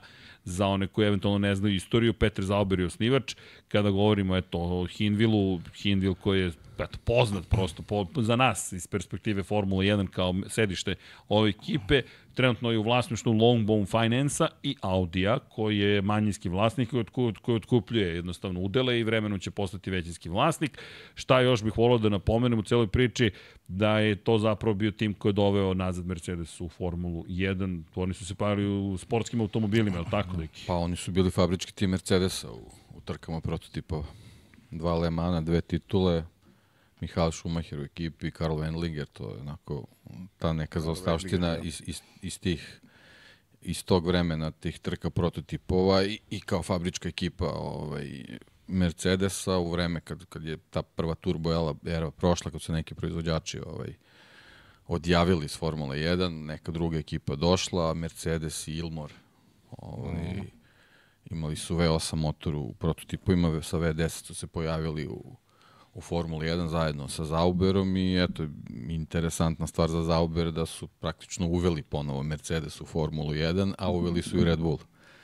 Tako da ovaj, Bukvalno. Petar Zauber je na, na raznorazne načine svojim menadžerskim sposobnostima u stvari pokazao koliko je veliki vlasnik ekipe i meni je pre svega zbog toga drago što se ponovo to ime pojavljuje uh -huh. u Formuli 1 ili upravo kao što su naše kolege napisale ta, ta neka da kažemo ta lažna imena ovaj automobilskih brendova koji u stvari nisu tu gde bi trebali da budu ovaj nadam se da se u budućnosti toga da će toga biti sve manje međutim mislim da će biti više Da, tako da. da ovaj ovo je ta neka zaostavština iz iz prošlih vremena i drago mi je to što što se ponovo pojavljuje na na ovaj na taj način bez obzira što Petar Zauber više nije fizički prisutan tu u, ovaj, u ekipi, na gridu, u garažama, potpuno su drugi vlasnici, ali lepo je videti i taj, taj logo njihov i, i, i to ime, tako da eto, ja im iz tog razloga želim neki Isto. malo, malo veći ovaj, rezultat nego što su imali prošle godine, Pa, malo bolje. u Da, stvari. ali ja iskreno ti kažem baš nešto je sumnjam da, da tu može da bude nešto dramatično bolje kada Pa govorimo to je o sad, rezultatima. sad taj neki prelaz, mislim, mi svi smo svesni, Bravo, šminka, Audi već tu šminka polako, do Audija, da, da, da, baš šminka do Au- mislim, opstajanje do, do, bitno do, da dolaska ali kažem, da. eto, bilo bi, bilo bi mi drago da, da nešto baš bar mogu tu da urade, ali ovaj, eto. Mislim da im, ako- da im čak ni, ni postava ne ide u prilog, Da. baš nekako Valterija više gledam kao neko ko se malo i zasitio, rekao bih i pitanje da ćemo gledati to, tom projektu Audija kasnije. Da, a njegove, Guanyu njegove Zhou- ovaj, njegovi nastupi ovaj, u poslednje vreme onako baš pokazuju jednostavno da, Da. Da kao da nema interesovanja i ono, eto, poznajući mentalitet ljudi iz Finske, on zaista tako i misli, tako da je veliko pitanje gde on može da pronađe motivaciju da, da bude onaj Pa ja očekujem Teja Ovaj, Pušera već u 2025. Sad pitanje je samo umesto koga, da li, da li Bottas, da li Guanyu Zhou, mislim da neće mnogo plakati ni za Da. jednim ovaj, kasnije Bo- Audiju. Bottas, sada mislim, za Audi. generalno, naravno, on, on ima neku, ne, neki svoj paket sponzora koji su verovatno bitni u tom trenutku, ali za Bottas je važno da u stvari pokaže neku želju, mo- motivaciju da hoće od početka je da učestvuje recimo u audijovom programu kao neko ko stvarno ima puno, puno iskustva ovaj, kao vozač u konkurentnim ekipama, tako da to je, to je nešto što može da ga zadrži Da, mogu bi da čitavoj iznači priči. tih prvih godina, da. Tako je. Tako, mi smo tipovali na, na, na Sainca, ali sad Da. da. sve zavisi od tog ugovora i razvijanja tog ugovora s Ferrarijem. Ovaj, tako da možda, možda Ferrari igra na, na tu neku kartu da eto malo Pa znaš kako, deki nema... poremeti ovaj planiranje rivalima, ali Pa da, ali pazi, Pitanje. ne, ne, možda i ne remeti. Ukoliko da. Sainz potpiše do 2026. Da. opet se otvara mogućnost da on od 2026. možda to Sainz i želi da, pa da može ima tako, slobodu ali, izbora ali, baš u toj prvoj godini kada, kada se dođe do velikih promena. Jeste, ali, 1. ali možda bi bilo dobro da bude malo, malo ranije u čitovi priče, ali to je samo moje mišljenje. Mislim, Da. oni, oni mnogo bolje znaju kako, kako iznutra funkcionišu te stvari, tako da ovaj, ako je tako i, i njemu odgovara da u, ovoj, u toj čitavoj konstelaciji pre svega ostanu u Ferrariju da bi, da bi prešao u Audi u, u, Aj, aj, u tom nekom pravom realno, trenutku. da li njemu odgovara da bude 2025. deo Zauber? Pa da, da, to je to je praktično gubiš sezonu. Mnogo, mnogo je trka u Upravo sezoni gde, gde nešto krećeš iz početka. Baš tako. Jer imate nešto što ste zapamtili iz ove ere, da kažemo, Alfa Romeo i Zaubera? Ja, ja malo toga, ali sad si, sad si nastavio presvršen čin. Ti si, Ne, ne, ja, ja sam razmišljao, ali ok, jesam malo pred svršen čin, ali čisto mi pada na pamet da vas pitam, Pa evo ja pokušam. Misliš ova era Alfina? A, Da. O, o, Alfa Romeo. da li ima išto što, išta što biste rekli, ej, kao, čekaj, Evo, pokuša da osveži memoriju i... što vam je nekako ostalo u pamćenju. Ja imam samo jednu stvar koja mi je zaista ostala u glavi. Od Alfa Romeo. Ajde, ajde, kažeš, ajde, ajde malo da nam daš šansu da probamo da se setimo. Ajde, setite se, a što se tiče Zaubera, ja bih eto samo spomenuo ovo što si rekao za, za one koji su možda nisu pratili tada Formulu 1 ili nemaju tu vrstu informacija. Red Bull je zapravo bio sponsor koji se pojavio 94. ili 5. 95. znam pouzdano da je već bio. Inače, Heinz Harald Frenzen je takođe bio deo te ekipe sa Wendlingerom i sa, sa Schumacherom. Michael Schumacher koji je kroz trke sportskih automobili zapravo došao do toga da je vrlo zanimljiv, da kažemo, i Formuli 1, konkretno Ediju Jordanu, pa posle ta čuvena priča odlaska u Benettona, ali je Zauber zapravo kako je predstavio Mercedes, tako što su zapravo kada se skinuo oklop sa prvog Zaubera se videla Mercedesova zvezda trokraka mm. i to je broj, bilo prvi put od 1955. godine da se Mercedes pojavio u Formuli 1 i još od, nažalost, tragedije u Le Manu I eto, praktično 40 godina kasnije, 38 godina kasnije, prvi put Mercedes na neki način u Formuli 1. Ta era zapravo je počela sa zaoberom, ona i dan danas traje, evo, sa Lewisom Hamiltonom i Georgeom Russellom. Činjenica je da je to krenulo od Zaubera. I onda su pošli, pošli strateško partnerstvo sa McLarenom. S McLarenom je to postoji fabrički tim praktično i dobilo neku novu Pa dobro, oni su, oni su ušli u tu priču sa Zauberom, ta prirodna veza iz, iz prototipova, međutim, ambicije Mercedesa su prerasle mogućnosti Zaubera i naravno su morali da traže neku, neku veću i ozbiljniju ekipu i u tom trenutku znalo se, Williams ili McLaren, ne, ne, nema šta, ali ovo je sad, ovo je čisto se nadovežem, ovo što je Srđan rekao, ovaj, eto, Zauber je zaslužan što, na, na neki način što se Mercedes posle velike pauze vratio ovaj, u Formulu 1, a sada će biti zaslužan što se Audi, to jest Jeste, Auto da, Union, vraća u Formulu 1. Da, da. Znaš, Auto Union koji je poslednji put se trkao zapravo, je li Kalemegdanska trka bila posledna? Pa, da. Da, 3. septembra 1939. u Beogradu je. zapravo je vožena trka. Sve je prošlo malo vremena. Pazi, to je, pazi, to je jedina trka, inače, da.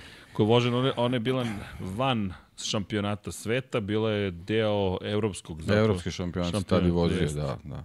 Da, i, ali nije ni ona zapravo zvanično, vož, ona je bila revijalna trka u kontekstu samog šampionata, koliko se sećam. Pa zato što već dosta ekipa tu ni, ni, ni došlo, tako da to je već bila, bila neka druga priča. Da, ali u svakom slučaju, poslednji Taj, put kada recimo, smo videli... Alfa Romeo je se pojavio na, na trci u, u preluku nekoliko dana ranije po nalogu Benita Mussolinija i tako. Mislim, ima to jedna onako zanimljiva priča gde, gde je u stvari koji deo ekipa koji su trebali da se nađu na, na, jednoj, na jednoj Grand Prix trci, u stvari gde je sve bio, tako da to je već bilo tad pomalo onako ovaj, rasuta je bila priča, ali generalno eto, ostaje, ostaje zabeleženo. To je, to je da kažemo poslednji nastup Grand Prix automobila Auto Uniona, Audije današnjeg ovaj, na svetskoj sceni.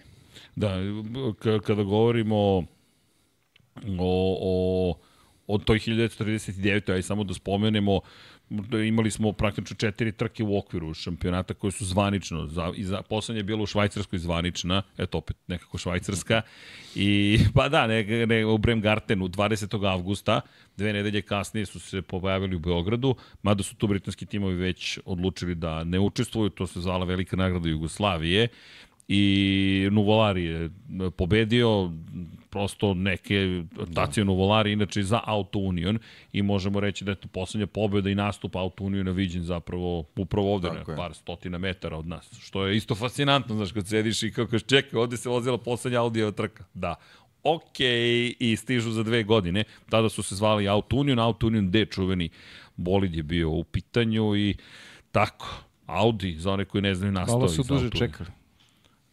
Da. da, malo Pa dobro, za to vreme su ovaj, na nekim neki, na neki, neki drugim poljima drugim su, poljima su da, da, da. osvojili sve što se moglo osvojiti, pa eto, ovo je čisto, Da. da kažemo, taj neki uvek poslednji korak kad je, kad je reč o nekim ozbiljnim fabrikama automobila, jednostavno o, Formula 1 je uvek izazov, naravno, najskuplji od svih mogućih, ali sa nekim iskustvima koji imaju u prethodnim decenima, mislim da, da Audi može od samog početka da, da ovaj, pokaže svoju ozbiljnost pre svega, jer ne verujem da bi, da bi ulazili tu da Ma, budu manekeni. Kada je reč inače o, o inovacijama, pošto ih spominjemo i tome kogme su sve otvorili praktično vrata Mercedes, Red Bull, Red Bull Petronas takođe se pojavio, bio sa njima, ako se dobro sećam, je Tako, tako? je, tako je, da. Petronas koji je sad inače sponsor Mercedesa, jedan od glavnih Jean Lezi, sponzora. Johnny Herbert su bili... Ne, o, Zauber je u jednom trenutku zaista onako o, pretendovao da bude ovaj, mnogo ozbiljnija ekipa, ali nekako je taj, taj tajming je možda bio loš u, u određenim momentima i onda se nisu dešavale neke pobede koje su trebale možda se dese Zauber, ja mislim pod imenom Zauber nema ni, ni jednu Nema, pobedu. nema. Znači tek posle kad se pojavio BMW i ekipa BMW Zauber, onda, onda je to ovaj, krenulo na neki, neki ovaj, ozbiljniji nivo, tako da eto, ostaje taj, taj, taj mali žal što jednostavno eto, ni- nisu ovaj, uspeli generalno tad su neke druge privatne ekipe bile mnogo Pa pa, dobro, jače ali- i ali- bilo je jako teško igrati protiv njih, posebno u tom nekom britanskom lobiju, engleskom, dok si ti ipak u Švajcarskoj smešten, bilo je daleko, ali generalno ovaj Petar Zauber je po meni onako ima jednu baš onako ispunjenu karijeru i mislim da je ostvario mnoge stvari koje je želeo, tako da Pa ja mislim skodno kapacitetu ovaj, da. Da, da su napravili velike stvari. ja mislim da jesu. Evo, da su posebno, napravili velike stvari. ovaj, Zaista je teško, bilo, teško je bilo da naprave taj, taj prelaz iz tog tima koji regrutuje pre svega kvalitetne mlade vozače da naprave nešto što što je bitka za šampionsku titulu. Mislim da je to jako teško i to nije samo Petar Zabir, ima tu još kroz istoriju timova koji su imale tu Da, neku i, i sličnu ne samo rolu. to, on je, on je onako baš, baš je pokazivao otvorenost i, i hrabrost, mislim sad ako možeš u tom svetu ovaj, og, gde se vrte ogromne količine novca da pričaš sad o toj nekoj, nekoj hrabrosti na taj način, ali on je čovek koji je bio otvoren i da, da ubaci u Formulu 1 i Filipa Masu i Kimjera i Konena kad su se vi smejali dolasku dečka koji ima 15 trka u životu u, bolidu da, da, da uđe u Formulu 1. Petar Zauber je onako stvarno imao, imao žicu da se te stvari da uđe u taj projekat sa Mercedesom i Pa ovi hrabrost i viziju jeste, neku, naš, jeste, da, da, baš, da baš onako nekome čovek, čovek koji je talenta. ovaj, bez obzira kažem što, što se to, naravno, to je pre svega biznis.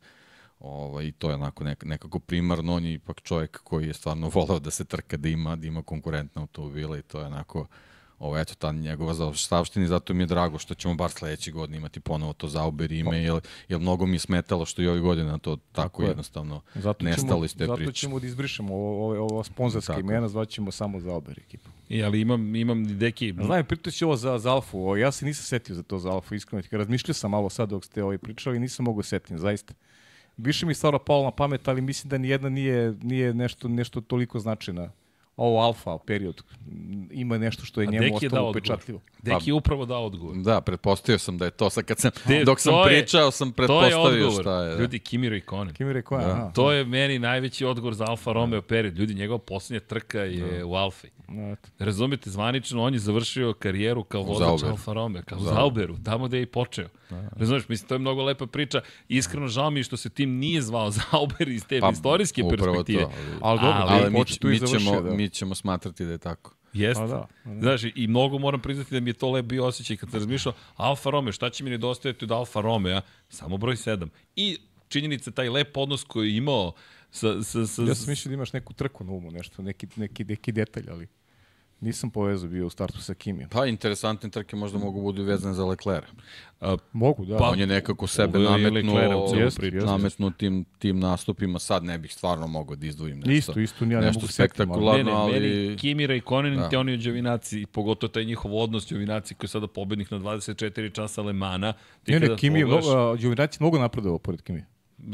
Početak da. Đovinacije i, i kako je završena ta era, mislim, meni je bilo žao kad je obelodenio da Đovinacije neće više voditi. iskreno, meni je to zaista da jedan lep moment. Oni su 2019. po započeli saradnju, ali to da smo mi Kimija penzionisali u bojama Alfa Romeo, meni ostaje kao jedna od tih jedna od tih scena gde kad pomislim na, na branding Alfa Romeo, kažem, aha, to se desilo. Mada sam moram da priznam kad si spomenuo i Charles Leclerc, znaš šta mi pada na pamet? Fotografija Andreja Isakovića, koja inače kupila jedna divna porodica za Australiju, odnela za Australiju, oni su sad ljudi preselili uh, u Beograd, ali su kupili zapravo tu fotografiju za, za sina, pošto je fotografija istorijska u Monaku, Charles Leclerc u Alfa Romeo jer to je njegov zapravo početak. Ali opet, eto, neki početci, samo bih kratko iskoristio tu priliku. Ljudi, pauza je, Zauber zaslužuje malo pažnje, nije specijalo Zauberu, ali pazi, pazi, pazi kako, šta je on sve radio. Inače, uh, 95. je Red Bull ušao u celu priču. Red Bull Zauber, znate ko je bio motor? Red Bull Zauber. Red Bull, Zauber, Pazi, piše vam, piše vam ovako ovde u vazduhu. Red Bull Zauber, Honda. Red Bull Ne, Zauber. ne, Honda, nije Honda Ne, sigurno ne, ne, bilo. Red Bull Zauber, Ford. Ford. Ford, Jeste, Red Bull jeste, Zauber Ford. Ford. Jel razumete? Peter Zauber je bio ispred vremena. Red Bull, kada je Ne ušao kao sponsor, je sarađivao sa Fordom. Imaš... Ne, Ford je uvijek bio Joker kad nemaš, kad Nemaš nemaš, koji motor. motor ti kupi Ford. Daj, daj po kile Forda, razumeš, daj vamo. I bukvalno Frencen, Ford je spasao Red Formula Ford. 1 svoje vremena. jeste, obezbedio dovoljno motora za sve da se takmiče. Bukvalno. Genijalni motori. Jeste, i, i, i sad nisam se ni ja setio. Iako se sećam Frencena u tom bolidu onako mo- modro-plavom, Ne, ne, sećam se, Red veliki Bull. oval je bio na poklopcu motora, sad kad se rekao. Ford. Da, da, da. A ko će nam biti 2026. Red Bull Ford. Tako da cela ta priča je vrlo zanimljiva i, i, i pritom je to postalo za Red Bull Zauber Petronas. Ljudi, oni su pravili svoje motore. To je onaj čuveni Proton 01 motor. Dakle, Peter Zauber, šta se meni dopada kod Zaubera? Upravo to, to je čovjek koji je kršio sve što je mogao. To je istovremeno i bilo dobro i bilo loše po njega. Zašto? Nikad se nije dovoljno zaustavio da iskoristi to što stvori. Ne, on, Petar Zauber imao njuh da u Formulu 1 uve- uvede, kako to se kaže, marke, brendove koji imaju ambiciju da postanu veliki u svetu Formule 1. On im je samo bio polazna tačka, nažalost, što se njega tiče, ali niko od njih nije dostigao neke zenite dok su bili u Zauberu, što vozači, što, što proizvođači motora, veliki sponzori i tako dalje i tako dalje, ali generalno on je, on je nekima možda i omogućio da uđu ovaj, Formula 1 na mala vrata zato što su im možda na drugim mestima bila zatvorena.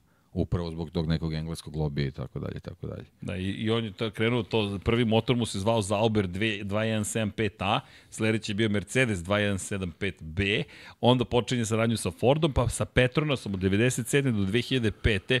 kada se sve to završava, kada je još došao BMW i preselio sedište u Nemačku zvanično i sa BMW od 4 godine saradnje u konkretno u proizvodnji i motora, drugi bili u šampionatu konstruktora 2007. treći 2008. 2010. BMW Zauber je bio naziv, ali su bili Ferrarijevi motori, to je bizarnost te sezone, ali to ti je već taj moment početka saradnje sa Ferrarijem, koje i dan danas traje i završit će se na kraju 2025. Ali ti si spomenuo Hondu, jer se sjećate Moniše Kaltenborn, kada je potpisala ugovor sa Hondom, da bude Zauber Honda u momentu kada je McLaren odustao od saradnje sa Hondom. Nije Red Bull bio prvi izbor, to je Toro Rosso Honda, već su sa Zauberom napravili saradnju, to je Moniša Kaltermu uradila, nju su smenili, došao je Frederik Vaser, poništio ugovor i potpisao novi ugovor sa Ferrari. To je, pošto je bilo pismo o namerama, još nisu stigli da potpišu Zato je ugovor. Vaser došao u Ferrari posle. Da, baš čudna veza. No, Ali- mnogo veza, mnogo veza si sad otvorio. Pa dobro, poznanstvo, veze. Naravno, Drugari to tako Vide da, funkcioniš. Tako, tako je. Da, mnogo, mnogo sam veza otvorio, ali sam otvorio dosta toga i kad 2026. I kada će Honda biti Aston Martin Honda, a Ford ponovo sarađivati sa Red Bullom, a Zauber postati Audi. što nas dovodi do kao glavne teme. Ja ne znam, ja, meni je samo zabavno, ljudi, ja volim da pričam o Formuli 1, tako da znam vas dvojicu, volite i vi. Šta da kažem, koristimo to, to je naša strast, da ne kažemo porok Formula 1. Dobro, imamo malo i vreme plovovi. Svašta pamtite nešto vas dvojica, moram priznati. A ti kao ne Od- pamtiš. Pa, veruj mi da ja memorija moram da aktiviram ovaj karticu. Treba da moram moram laptop ja da nabavim. pod Moraš da izvučeš Moram podatke. nabavim laptop pod Moraš podatke. E, ali nije samo laptop, veruj mi, u glavi mnogo toga da proveriš, znaš, dosta Da. se toga sećam, ali onda, znaš, Ne, ne, pa dobro, čekaj, treba da osvežiti. Ne, pa stvarno treba Moraš. osvežiti memoriju. E, tebi tablet da nabavimo. Tablet, obavezno. Tablet, pa, prstići. Jednostavnije, Ne, jednostavnije. dobio si poruku, alo, pa smanji telefon. Ne, kakav telefon. Pa šalim se to kad smo ostali bez zvuka, pa je bilo poruka Aha. na kontu toga. Ali, ali vidi, 2026. ljudi, ajde, koristim priliku zato što pričali smo o tome koliko su teški, veliki ovi Pa bolidi. mogu bi izbričeš eto sve te neke regulative, nešto Pa- se kad već ima, kad već postoji, eto, aj da prođeš kroz... Pa kroz ono što, su, što, što Jeste, smo da. čuli. Da. Ajde ovako, ono što smo čuli jeste zapravo da Formula 1 zaista planira da, da od 2026. godine uvede bolide koji su manji.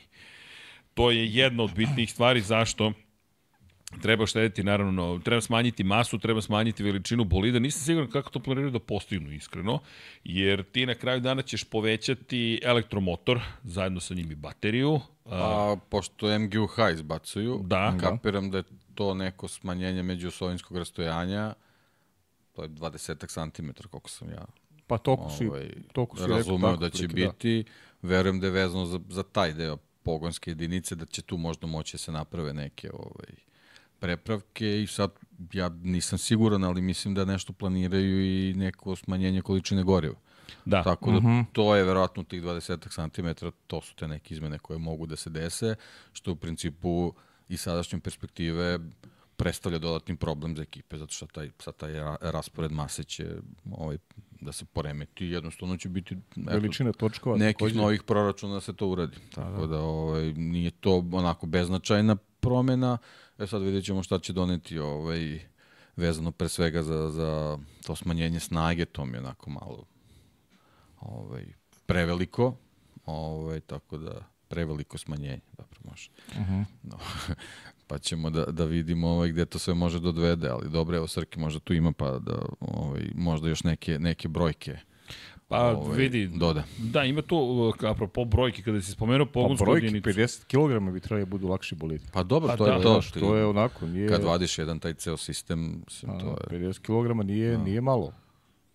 E, ajmo ovako, kada govorimo o, o ajmo malo da uvedemo, ne, da malo postavimo stvari u neki kontekst, u, kada govorimo o tome da su bolidi veliki, mi često o tome pričamo, dakle, mi imamo situaciju u kojoj su bolidi preko 5,5 metara dugački. Pa dugački su zato što moraš napraviš taj prednji deo, moraš da ga izbalansiraš zbog svega onoga šta se nalazi pozadi.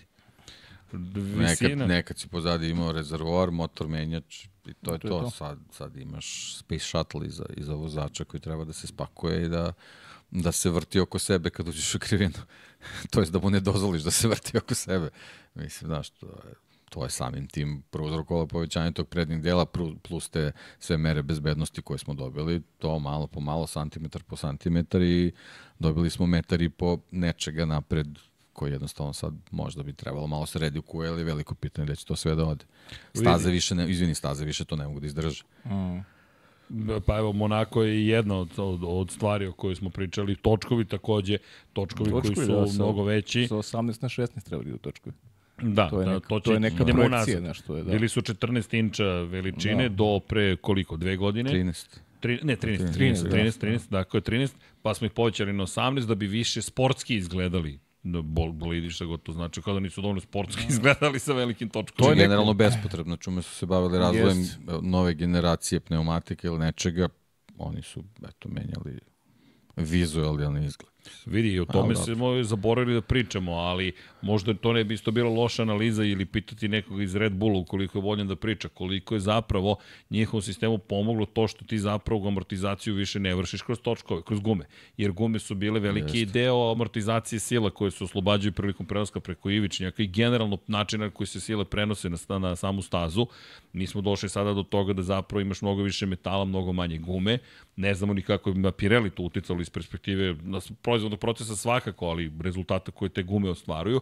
Sada ćemo ih smanjiti sa 18 na 16. Ono što se sad tu postavlja pitanje, se vraćamo na veće točkove, to jest ukupna i ukupni prečnik, da li će ostati isti, pa ćemo više gume zapravo imati visine samih To, to, to, guma. to, Pa nisam- deluje mi da će tako, pošto vizuelno ako ostane ovako, mislim da će to izgledati smešno. Mislim da je više gume onako, Mislim da bi mo, logičnije. da, da, trebalo bi. Ali ono što je zanimljivo kada govorimo o točkovima, oni trenutno imaju 74 kg. Ljudi, 10% bolida je u ta četiri točka. I sad opet ima još jedan problem, točkove si standardizovao, dakle ti više nemaš mogućnost nekog ozbiljnijeg aerodinamičkog tamo razvoja, meni se to posebno, ne, da, ok, to ne utiče na težinu. Kada govorimo o još jednoj stvari, bezbednost, samo Real, koji mora tu da ostane, on je preko 25 kg težak. Ne može bez mase još uvek da se napravi tako, tako dobar sistem zaštite. Videli smo kod Guanju Joe prošle godine u Silverstonu kako je to pomoglo. I samo, kažem, perspektivu da damo. 4,4 metra su bili bolidi dugački početkom 90. godina. 4,4 metra, ljudi je 1,2 metra, 2 metra razlike u odnosu na današnje bolide. Otprilike ajde da stavimo još jednu stvar u perspektivu. To je praktično da preko 25% dužine tog bolida. Dakle, za celu četvrtinu smo produžili bolide u odnosu na ono što smo nekada imali. Naravno da smo ih proširili, sad zavisi koju eru Formula 1 gledate. Ako gledate brane 90. nisu toliko širi, pošto su bili široki bolidi, pa smo ih suzili krajem 90-ih, pa smo išli na gume sa šarama, ne zaboravimo i taj moment. Mi smo imali gume koje Bridgestone proizvodi zajedno sa Michelinom, koji su imali četiri proreza na sebi da bi se smanjila površina, gazni sloj da bi se smanjio i da bi se smanjila zapravo brzina. To je bio pokušaj da se obuzda brzina, sad je to promenjeno, zato i sad rekordi, sile koje se oslobađaju u prilikom bočnih ubrzanja i tako dalje i tako dalje. A ono što je pojenta jeste da pokušavaju sada da eto smanje bolide sa 3600 metara, metara, milimetara, izvinite, na 3400 milimetara će biti smanjeno međuosovinsko rastojanje, to je maksimalno dozvoljeno, imaćemo s druge strane smanjenje isto širine, trebalo bi tu da se izgubi. Ono što je pitanje jeste ako ti povećavaš snagu elektromotora, ta baterija mora bude veća. Mada, trenutni pravilnik kaže da, kako piše za 2026. izgleda će baterija ostati iste veličine. To jest, ne mora da ostane iste veličine, to je sad na proizvođačima da je smanje. 4 megađula je maksimalna količina energije koju ti možeš da u jednom trenutku smestiš u bateriju. Pa vidi, ja to gledam na ovaj način, mislim da Formula 1 sa tim ponovo postaje neka perjanica automobilske industrije. Ali to je poenta Formula 1, da, da tamo dobiješ neke inovacije koje se kasnije primenjuju u serijskim automobilima. Jedna od tih stvari je da dobiješ bateriju neke standardne veličine koja sve više i više energije može da akumulira. To je poenta priča. I Formula 1 će biti platforma koja će to da razvije. Da, I mislim od- da su te neke promene u stvari dovele do toga da se Audi vrati, da se Honda predomisli i da ostane i tako dalje, tako dalje. Znaš šta me jedino zbunjuje? Što zapravo ostajemo bez turbo pogona. E, to jer MGUH se gubi, mi nećemo više imati turbo punjačak, nemaš kompresor, nemaš više turbinu, ona će biti u potpunosti ukinuta. Razlog je bio što su smatrali da je suviše egzotična tehnologija za razvoj čak i za Honda i za Audi, zato je Honda ostala, Audi došao, jer su smatrali da je MGUH preskup. Ja imam malo problem sa tim jer će se smanjiti termalna efikasnost zapravo, gde ti sad imaš 50% iskorišćenosti zapravo energije koje su oslobađaju motoru sa unutrašnjim sagorevanjem i možda ćemo imati ponovo turbo rupu takozvanu, jer ajde sad šta će, do, čega će sve to dovesti, ok, malo, malo smo proširili temu, ali pričamo, da makar po ovim trenutnom pravilniku, jeste do toga da ti zapravo sada kroz elektromotor moraš da nadoknadiš to turbo rupa. To što ćeš imati, ne, ne znam ja šta ćeš imati, nije ni to klasična turbo rupa, pošto nemaš turbo punjač, nego da- na šta se sad to svodi, ja sad ne znam. Ili će možda ostati jedan na kraju, ali ono što je problem MGUH generalno bi trebalo da nestane, koliko ja znam po ovim trenutnim pravilnicima. MGUK ostaje. MGUK MGUK ostaje. ostaje. Ti sa time dolaziš do toga, I, i, I DRS čini mi se ostaje. DRS za sada ostaje.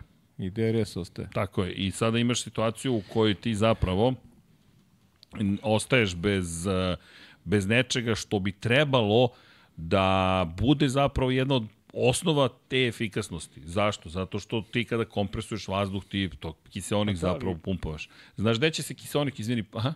Ja nisam skeptičan nešto previše. Ne, samo sad pričam šta će tu da se dešava. Mislim da da sva ta pravila nova su i nas dolo, što Deki kaže, su nas i dovelo od toga da imamo a, da su i neki ostali u Formuli 1, da se tu pojavio Ford, da tu ima interesenata i da, da, da, Pa samim tim što je jednostavnija tehnologija, tako je, sve jednostavnije i proizvođači su zainteresovani. Tako je, i mislim da mislim da nas čeka jedna super zanimljiva era. Ja, ja, ja se radujem toj eri, zaista. To je, recimo, je taj neki problem koji je VRC šampionat generalno upao, gde smo i dalje smo ostali, oni počinju za nekoliko nedelja sa sezonom, mi smo ostali sa, sa Fordom koji je tu u stvari sa M Sportom, Hyundai koji ima fabrički tim, Toyota koji ima fabričku ekipu, suviše ta neka komplikovana tehnologija koja je dovela stvarno do fantastičnih automobila koji su ravni uh, onoj legendarnoj grupi B naravno sa, sa ovim svim, svim modernim tehnologijama, merama bezbednosti i tako dalje i tako dalje, ali ti jednostavno nemaš proizvođača koji su pretarano zainteresovani da uđu tu priču zato što je to i dalje mnogo komplikovano. Kompleksno, da, kompleksno. Tako da ovaj, ovo, ovo što Formula 1 donosi, mislim,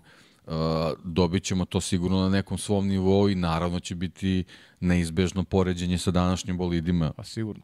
Tako dalje, tako dalje, ali, generalno ako to bude opet dovelo do nekih izjednačenih trka, Znaš naravno kako, ja- dižemo ruku za to. Ja nisam, Apsolutno. nisam mehaničar, ali znaš, mogu, mislim, ovo kako čitam i kako bi trebalo da izgleda formula u buduće, meni se to dopada isto, mislim, znaš, i, i, manja formula, pričali smo o tome da, da ovi moderni, ovi novi bolidi, to je stvarno preglomazno za staze, ti nemaš prave akcije, ideja jeste da, da, da, da, bude, da bude konkurencija izjednačenija, da dobiješ više uzbuđenja kad se bolidi približe jedni drugima, znaš, da dobiješ ovaj da dobiješ trkanje. Sad šta će do, šta će nam praksa doneti zaista ne znam, ali ali jesam optimista kada kada kada govorimo o toj toj novoj eri od 2026.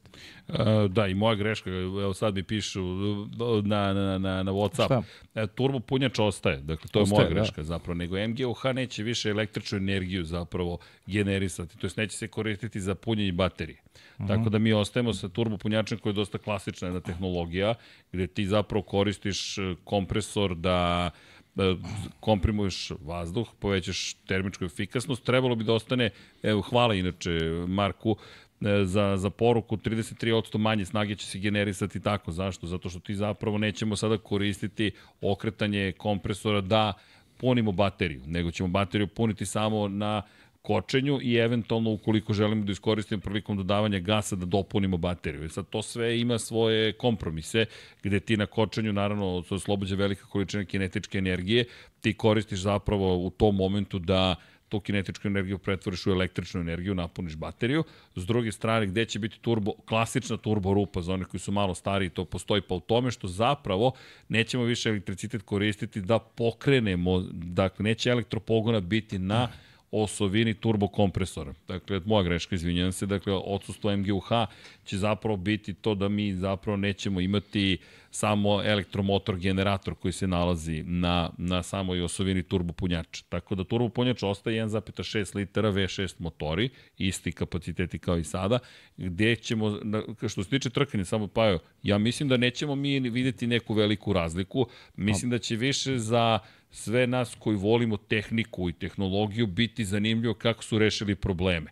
U smislu, ti sada imaćeš turborupu, dakle, za one koji ne znaju šta je turborupa, pa u momentu kada dodate gas, dakle, vi ste oduzeli gas, skočite i vi ste sad u slobodnom hodu je motor. Turbo punjač je na nekih, ne znam, pošto se vrti na, na koliko on ide na, gore na 200.000 obrata, je pitanje koliko će se okretati turbina i kompresor, ali pojenta u tome da ti nećeš imati elektromotor više da ga zavrtiš u napred, počneš da komprimuješ vazduh i ubacuješ u motor i imaš osjećaj da konstantan je gas. Ko je vozio stare turbo motore, zna o čemu pričam, ti daš gas i nema ničega, kao da nema snage u motoru, dok te odjednom ne pukne samo silina, jer se kompresovani vazduh ubacio u sistem i to je ono što su, ka, zašto je Sena imao taj sistem vožnje, stalno dodavao, dodavao, dodavao, dodavao, on je stalno punio turbo, ali nije ga punio konstantno, nego je stalno ti si imao taj njegov čuveni kad vozi, kad, kad čujete u turbo Hondin motor kod Sene, zašto zvuči kao da mu stalno daje oduzima gas, zato što je to stvarno radio na izlascima iz krivina i na taj način je imao neku rudimentarnu kontrolu proklizavanja.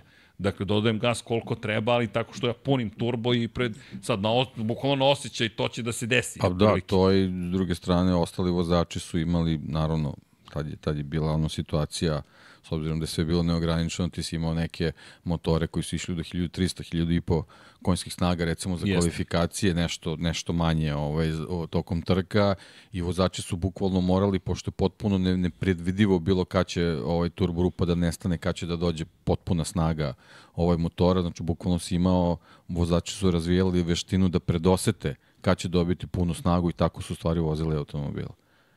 To je, to je, to je da, razlog neko, neko drugo vreme. ali da. to je taj specifični Da, zvuk. E sad, tako je. kako će se to izbeći da vozači to ne moraju sada da rade? Nažalost, nećeš imati om, om, om, om, om, om, om, i onda kada pucani startno ciljni pravac tamo u Suzuki, nego ćeš doći do toga da Meni se uvijek zapravo... sviđalo u autobusu ili u kamionu među gas.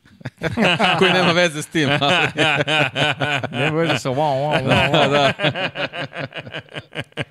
Ali čekaj, zašto mi da trke neće da se razlikuju? Ja baš mislim da, da, da ima A ne, potencijal ne, da ne, se ne razlikuju. mislim na loš trke. način. Mislim da će se trke, u- ajmo ako budem precizniji, kretanje bolida se neće razlikovati. Okej. Nećemo to vidjeti, ali trke mislim da će biti uzbudljivije. Pa da, mislim. Mi, jer smanjuje se komple... E, ali vidi, to je sad, ima tu jedan Ali, problem. ali ozbiljan. možemo da se nadamo da će biti tako. Ima potencijala, znaš, da se, da se to desi zaista. Znaš šta mene tu samo sad zanima? Ko će prvi da reši upravo tu turbo rupu?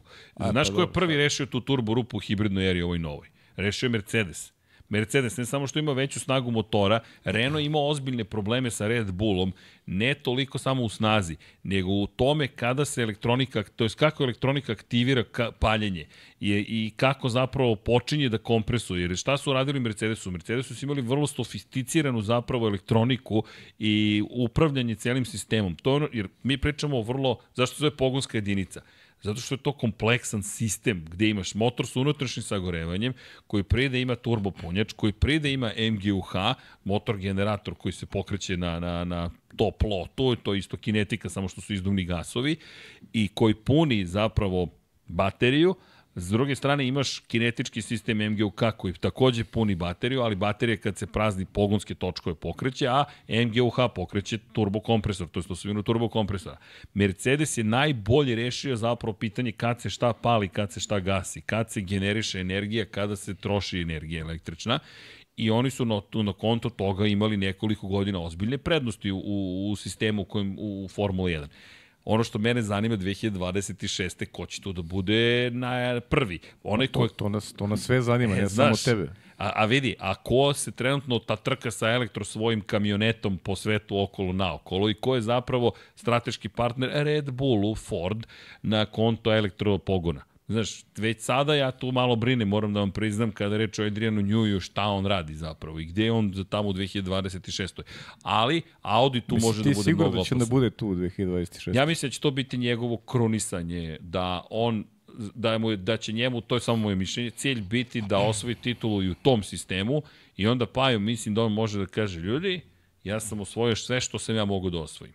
Dakle, sa Williamsom uzao titulu sa atmosferskim motorima, uzao sam titulu sa McLarenom u kontekstu toga da je to bio Mercedes, povratak neke istorijske robne marke, da imaće mogućnost da kaže Red Bull sam pretvorio iz uh, tima koji niko ne shvata ozbiljnu najmoćniji tim koji se ikada pojavio na stazi.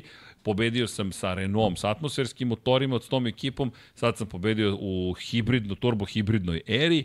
Sad ako pobedim u ovoj novoj eri, turbo hibridnoj koja nema MGUH, ali ima veći kinetički jel te, uticaj, jer ovi motori su unutrašnje zagarenće sa nekih 850 konjskih snaga pasti na 550 konjskih snaga, to će se nadoknađivati kod elektromotor, mislim da to njegov cilj da kaže ljudi, jedino s Ferrarijem još nisam osvojio titulu, to je rekao da mu je žal koji će mu ostati, Mike drop i kaže to je to.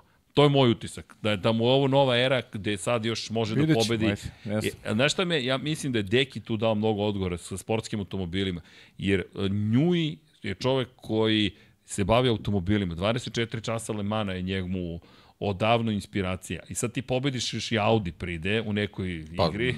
To sam htio da kažem, Au- Audi dolazi sa, sa mnogo znanja u koferu, tako da ovaj, bit će to jako zanimljivo da vidimo kako će oni to da primene, pre svega što se tiče pogonskih jedinica. Sad na, na toj novoj ekipi je, videli smo na, na primjeru Ferrari, nije dovoljno da imaš jak motor. Znači, mm. mnogo tu elemenata na, na, na modernim, kompleksnim bolidima moraš da, da, da uklopiš da bi mogo da izvučeš kompletne potencijale tog motora koji imaš. Tako da, bit će to veliki izazov. Da, ali eto, što se tiče trkanja, ne, bavim, mislim da ste u pravu da ćemo mi dobiti bolje trkanje, jer mislim da će biti manje kompleksan sistem, čak i da imaju prednost, neko da ima prednost. Na početku, mislim da će ga biti lakše sustići, jer ti zapravo izbacuješ jedan ozbiljan element i u proizvođačkom kontekstu i u programerskom kontekstu kao što je MGUH jer ti zapravo tu imaš situaciju koju, koju je trebalo, to trebalo trebalo rešiti. Sada su je rešili, međutim bilo koji novi proizvođač da bi ušao, da se susretne sad sa MGUH, pa Honda je samo prvih par godina koliko milijardi dolara dala da to razvije. Mi ne pričamo o onom školskom MGUH, nego, nego pričamo o nečemu što, ono što Deki lepo rekao, to treba se spakuje u volitski element. Ti treba to da spakuješ u nešto što je minimalno, a da funkcioniš. Mislim da si u pravu da je to lep put za Formulu 1 ka tome da bude Pa ne, konačno bitna. da se, da se vrati gde je bila, da u stvari bude testni poligon za, za razvoj tih elemenata autoindustrije, ali neko vreme to bukvalno izgubila. To je, to je jedan segment zbog čega neki, nekoj del, de, nekom delu publike Formula 1 nije bila interesantna, zato što više nije bilo tog tehnološkog razvoja gde Formula 1 morala da bude pionir. E sad, recimo sa tim nekim stvarima vezanih za skladištenje energije ili ili nekim još elementima Formula 1, Formula 1 može se vrati tamo gde je bila. Ali samo da napravim jedan break. Alen Jesenović, 2,49 evra. Alfa i Kimi po vlažnom Portimao na Sofiji. E, može, može, To bravo, to, bravo, to bravo, to, to je to to, je to. To je to, to je to, hvala. Hvala i za donaciju, hvala za podsjetnik. da, Jeste, da. to je baš bilo uživancije. To je, to je bilo Što mene ozbiljno. tiče 2026. može krene sutra. Alfa i Kiwi Da. to. Da E, preskočimo, Milan, da preskočimo u 2024. i 25. Čekaj, Neki moj drugar Milan Herceg je postao svetioničar početnik. To vam kažem, to vam kažem. Drugar ili neki rođak? E, da, inače Mortal Kombat, da, da, da, hvala, ispravio sam se. MGUH je sa elektromotorom, to jest Ja, nije on. dobro. MGUH je motor gener- generator unit hit, gde je zapravo MGUH otpada. u celoj Prekinuli priči. smo ga pa smo ga zbunili. Ne, nisu me zbunili, nego sam ja odlutao. Ja sam, ja sam eliminisao ceo sistem. To, to, iako smo već pričali o tome šta ćete godine čine svoje. Još da se vrate prost Peugeot.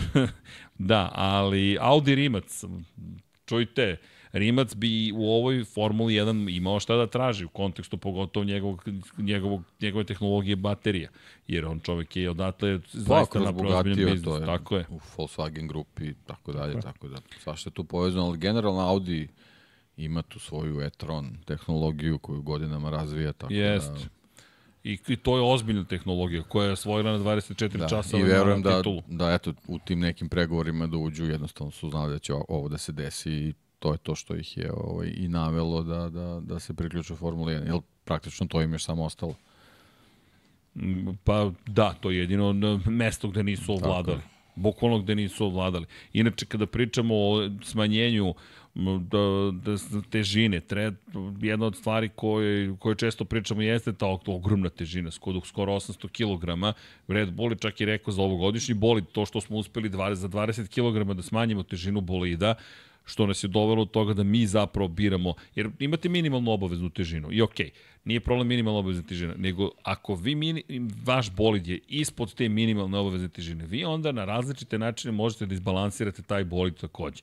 Ako oni kažu izgubili smo 20 kg, teki, pa jo, meni to otvara u glavi razne koncepte u kontekstu toga kako ti možeš zapravo da se pripremiš za, određenu stazu. Moram priznati da, da, da nisam o tome razmišljao od kada je počela sezona, prestali smo da pričamo o težini, ali zapravo ti ako imaš lakši bolid, ti onda kažeš ok, izbalansirat ćemo ga drugačije. Ti možeš da se drugačije Tako je, baviš pa, zapravo unutrašnjosti Suština je u svog balansu. bolida. Tako to je. je setup u stvari. Tako je setup. A šta, kad kažemo setup i balans bolide, ta ravnoteža čuvena, to je bukvalno ta dinamika, ajde, taj, ajmo da, da pojednostavimo.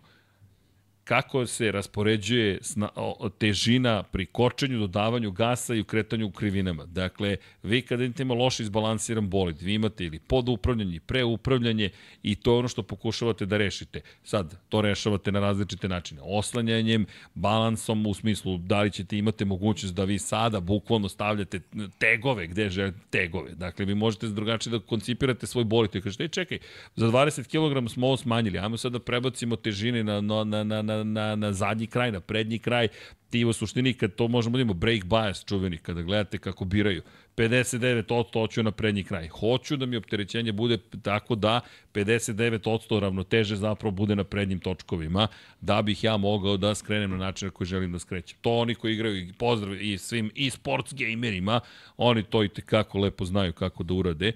Poenta jeste da, da ti sve to daje mogućnost da ti bude bolid, neću reći upravljivi, ali recimo pod, bolje, više podložen različitim podešavanjima koje možete vi sami da potom iskoristite, to je da, da, da kojima možete da upravljate. A što se tiče daljih planova, ima ovde i priča o aerodinamici, ali to mnogo je velika stvar to što planiraju da smanje bolide. Ono što je takođe nešto što je jedan od ciljeva jeste zapravo, za, zašto je meni to interesantno, sad ne zamerite, ali mislim da samo bih volio da iskoristim malo za gikove taj moment koji je sledeći, a to je da vi zapravo imate situaciju u kojoj, pošto ćemo sada MGUK koristiti za sve manje više i koristit ćemo ga i za nadoknađivanje turbo rupe. Kako ćemo nadoknađivati turbo rupu? Ne tako što će se ubrzavati osovina turbo kompresora, već tako što će se ubrzavati sami točkovi, dok turbo ne uhvati. E sad, to što je Sena radio desnom nogom, to će sada elektronika da radi za vozače, gde vi ubrzate zapravo boli do onog momenta kada će turbo punjač da uradi svoje i da vam dopuni tu snagu. I vi bi trebalo da imate krivu snage koja je neprekidna, gde je vozač praktično to ni ne osjeća. E sad, ko to treba da uradi?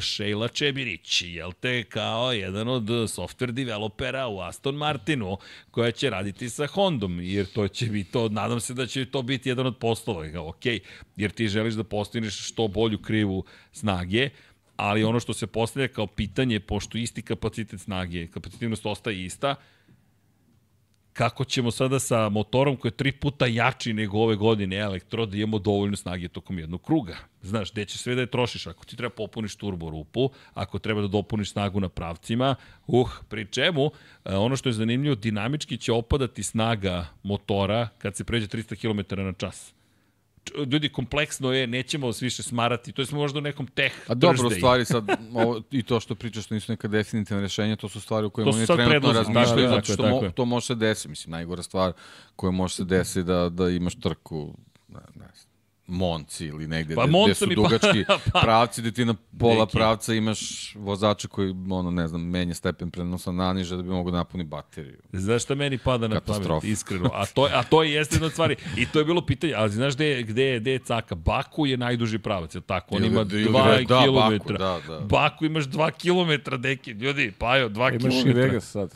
I sad i Vegas, bravo, Pajo, kilometar i po. I sad, ovo što si rekao, zaista je jedna od spekulacija. Saudi bila... Arabiju, koja nije klasičan pravac, ali je pun gas. Pa da, pa da, pa ima. Da. Imaš, e sad, šta može da se desi? Da spusti u stepen, niži stepen prenosa, tom bazi kaže to se neće dešavati. Zašto? da bi zapravo mogli da povećaju, da dopune baterije u suštini na sred prava. Mislim, ludilo je pa dobro, kažem, to su sad neka da scenarija. Da Mislim, prerano je sad, oni verovatno neke stvari neće, kao, kao i to oko te aerodinamike, da li će biti DRS ili će nešto još. Pa da, i DRS nije zvanično. Da, da, da. To su opet da, nagađenje da će, da će biti ali, dalje. Mislim, generalno DRS i cela ta priča oko te aerodinamike, ponovo vodi ka tome da pokušavaju da smisle kako da dođe do malo više preticanja, jer definitivno ovde sa, sa ovim bolidima, sa ovim konceptom nismo dobili nešto spektakularno da, da. drugačije trke u, u tom segmentu, tako da ovaj, mislim da eto, imaju, imaju još još vremena u stvari da vidi gde će to ići, ali to su neke osnove, to su ti nacrti gde možemo da očekujemo promene u principu. A, da. Smanjenje downforce-a. Jeste, da. pa da, i Ono što su hteli da urade je zatvorit će, pa šta će da zatvore? Rupe zapravo u, u pravilniku koje su omogućile da ne možete pratiti vozači. Pa da. Jer su pa oni da. napravili, šta su napravili? Pa evo, napravili su sistem inače u kojem e, ti kada pratiš zapravo možeš da stvoriš prljav vazduh i dalje. Ti generišeš planski prljav vazduh iza sebe da bi onemogućio onoga ko te prati da ti se približiš. To je direktno suprotno onome što je bio plan zapravo tokom celog ovog perioda u kojem smo prešli na nova pravila početkom 2022. gde je rečeno, e, znaš šta, sad ovim novim pravilima sve će se promeniti, sad ćemo svi moći da pratimo jedni druge, Niko živ, Ma da, Maksa ma da. video nije. A i čak i kad mu se približio nije mogu ništa da mu uradi. I sad smo došli do čega? Do toga da ti zapravo sad pokušaju da zatvore rupu. Ljudi, zatvorit će rupe koje su im poznate. Ko zna koje rupe već znaju glavni inženjeri po timovima, ali ok, moraju da probaju i ono što je zanimljivo jeste ti pokretni aerodinamički delovi. Niko od nas ne zna šta to znači. Jedini do sada pokretan aerodinamički deo legalno je bio DRS i ono što je Zoki spominjao prošlog puta, ako ste obratili, izvinjam se, pažnju na prednje krila, kako se na, na, na po polovini prednjeg zakrca ovako nalazi kao, kao da je odvojen deo. Ovako stoji, ima, ima mala rupica. I sad, ovi delovi se ovako spuste kako se ubrzava. Dakle, na, na, na ovu stranu, ajde ovako ćemo. Dakle, ovako kako stoje, ovako se spuštaju delovi kako se ubrzava. Dakle, smanjuje se aerodinamički otpor na pravcima. Kako krenete da kočite, oni se vrate nazad i odjednom imate mnogo veće prijanjanje, to je negativni uzgon na prednjem krilu. I to niko nije primetio osim gledalaca. Osim mm. da, da, da. ne, samo je Zoki primetio. Ne, ne, a to je stvarno piši. Ti sad gledaš ga kaže, čekaj ljudi, smijem se ovde. Dakle, šta se ovde događa? Pa događa se da, ali to je tako zato što se vitljivost materijala. Pa dobro, šta je s ovim drugim delom krila što se ono ne savija? Što ste ga isekli tačno tamo gde treba da se savije? Ali to je, na primjer, bilo nešto što zvanično nije dozvoljeno, ali se gledalo kroz prste, jer je, pro, podlo, jer je testove, jel te, opterećenje prolazilo. E sad gledaju da uvedu neke nove pok, pokretljive aerodinamičke. Ma dobro, vidjet ćemo. Vidjet ćemo. Vidjet ćemo gde to ide sve. Da. Da, ali eto, to su, to su sad neke ideje kako da se smanji. O, ono što, o čemu vredi pričati jeste zapravo pratiti sve izmene koje se tu događaju. Ima raznih tu izmena i uvodnici kako, kakvi su i koji pritisak na uvodniku vazduha i e, koji je najveći dozvoljeni zapravo protok goriva, a gorivo će smanjiti, kao što smo rekli, na 70 kg. Da tako da će biti manje goriva. Ok, kako god, ljudi, ali moram priznati da se meni dopadaju izmene, pa iskreno. To je to. Meni se stvarno dopadaju. Je običavajuće. Pa, pojednostavljuje neke stvari. Kad zagrebete, kompleksno je, ali to je za inženjere kompleksno. Za nas sa strane, osim Tech pa. Thursday, kad ga vratimo jednog dana, i će biti, ljudi trke izgledaju bolje, bar bi trebalo da izgledaju i ono što Deki Dobre, rekao. Dobro, Dobro, moram, to je moj posao, sad, sad, vas dvojica budite realni, ja ću nerealan da budem. Aha, ne, ne, ja sam u toj tvojoj grupi sada nerealni, kažem, zato, što, to... zato što mi to obećava da će biti interesantnije, stvarno. Eto, onako, znaš, kad pročitaš nešto, da kažem i laički nešto, nisam inženjer, razumeš, ali, ali mi sve to deluje kao, ka, kao nešto što je obećavajuće i jedva čekam tu eru, jer ajde da kažu da ovo malo i, i, i dosadila ovaj, realno. Nisi to uopšte spomenuo ovih poslednjih par pa da, podcasta. Da, nisam. Nismo primetili tvoje negodovanje konzistentnošću rezultata da. jedne ekipe. Inače, kada govorimo o težini, nik, ja mislim da se nikad više nećemo vratiti na tih čuvenih 500 kg po bolidu, da, da, da jedino je neke egzotične materijale da koristimo. Pa vidi, pre svega bezbednostno ne vidim da ćemo, da, da ćemo ikad moći da, da, da, da smanjimo dotle težinu. Tako da je to iluzorno. Ako uspemo da dođemo na nekih 700 kg, mislim treba da budemo prezadovoljni, ali zaista. Zato što govorimo o tome da je da, da, da, da, ovo su preteški bolidi, dakle mi trenutno govorimo zaista o preteškim bolidima, ali isto tako ne možemo sad da kažemo, ok, ništa ne valja. Ja stvarno ne bih u tom kampu da budem gde, ja ništa ne valja, vrati se 90. Ne može da se vrati, niti treba. Idemo dalje, planeta se pomeri, ali treba i mi da se pomerimo. Pa ne mogu boliti izgledaju koji iz 80. A, I nema nikakvog smisla. Mislim, to, to, to su neke naše uspomene, ali ovo su isto fantastični proizvodi, vrhunska tehnologija, lepo je, zabavno je. Još ovo što kaže Deki, Zabavno je za vozače. Za vozače, da, mm. dobro, to jeste. A dobro. Oni nemaju zamerku nikako. Oni stave čepiće u ušu i ne čuju kao što nisu ni čuli. A mi sa strane malo... Patimo. Dobro, zvuk, zvuk, zvuk, zvuk, zvuk, zvuk bi da. trebalo da se vrati. Pa, da vidiš koliko je magičan taj zvuk. Ne možeš da ga vratiš. Dobro, Nemaš mogućnost da ga vratiš. Kako da ga vratiš svojim motorima? Pa, Ma, samo da, veštački. A to nije to. Nemoj, molim te. Ne, ne, samo veštački, a to nije to. Sve je okej. Okay. Dobro, ali to vreme je prošlo. Ko je imao prilike da uživa u tome? Nadam se da ste uživali. Da, bolje, bolje ovo nego trolebusi. Pa vidi, ja ne vidim Formula E, meni Formula E, fo, Formula, fo, Formula E je prelepa iz perspektive tehnologije, vidim da će ove godine uvesti, u narednoj 2024. Da će uvesti brzo punjenje, to je isto zanimljivo, jedan od problema koji treba rešiti kako brzo napuniti ali ono napuniti elektro to jest, ne, bateriju na, neće ga rešiti pa teško je ba, ne, fizička ograničenja par zakoni. puta sam gledao ja nisam mislim ono ostanu bez Ma ne, ne pričam poslažu se, generalno, ne- ja ponovo kraja. se vraćam na to, na, na razvoj tih nekih tehnologija za, za ovaj, svakodnevnu upotrebu. Ja ne, ne znam, mislim, to stvarno odlazi u neke ekstreme gde neko po svaku cenu tvrdoglavo nešto pokušava da promeni, a jednostavno nemoguće. Nemoguće je zbog te igre velikih brojeva, to, to je stvarno... Ali dobro, nećemo sad o tome, nije, nije ovaj... To kad neka, Da. budi Igor, kad budi Igor došao, više Mislim, poenta, eto, kad se vratimo na taj zvuk, ovogodišnji Le Mans nam je, nam je pokazao, znači imao si ovaj, trke prototipova, to jest hiperautomobila koji su bile sjajne, zanimljive, sve, onda svi pričaju o NASCAR automobilu i njegovom zvuku na stazi.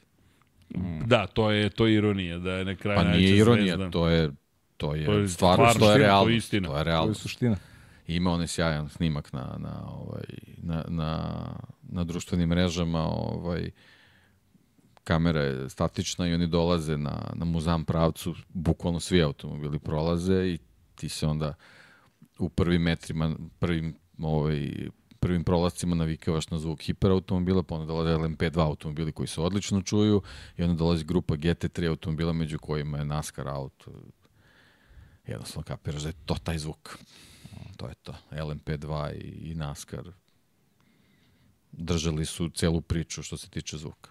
Dobro, NASCAR generalno Držali su ljude kao budnim. tank. Da, Da, da, da, da, koji je ogroman tamo među prototipima. Em, Pa dobro, standardni automobil. pa to, standardni automobil, ko pored Da. prototipa, izgleda zaista kao džin, kao tank da je Moj došao. pored GT3 Pored, automobila. pa i pored GT3. Kako nas je Dule proveo? Du, ovaj, Oduševljen je bio. Pa da, jel on Dule, beše... naš drugar, pričao jeste, je, da, ali, ali Sva, ne, svaki o, krug ovo je, me zanima, ovo me zanima, reakcija. svaki put ga je budio i pričao je samo o tom automobilu. Pa da. Ali rekao, ja na četiri minuta nisam spavao. Spavam četiri minuta, onda dođe Kamaro i probudi me, ja ustanem da ga vidim, zaspim četiri minuta, dođe Sledeći Kamaro, krug. ne, bukvalno tako čujem, mislim da je četiri minuta, neće se sad, imam negde u Whatsapp Pa porukama. da, zato što ovi drugi automobili, pošto je sličan zvuk, ti se navikneš na, na zvuk ti se pojavi nešto, da, neki, neki pik se pojavi, da, da. Ne, ne, to. ne, ja znam da je Dule baš pričao o Kamaru i da je rekao, Crki, to je, to je ozbiljan automobil.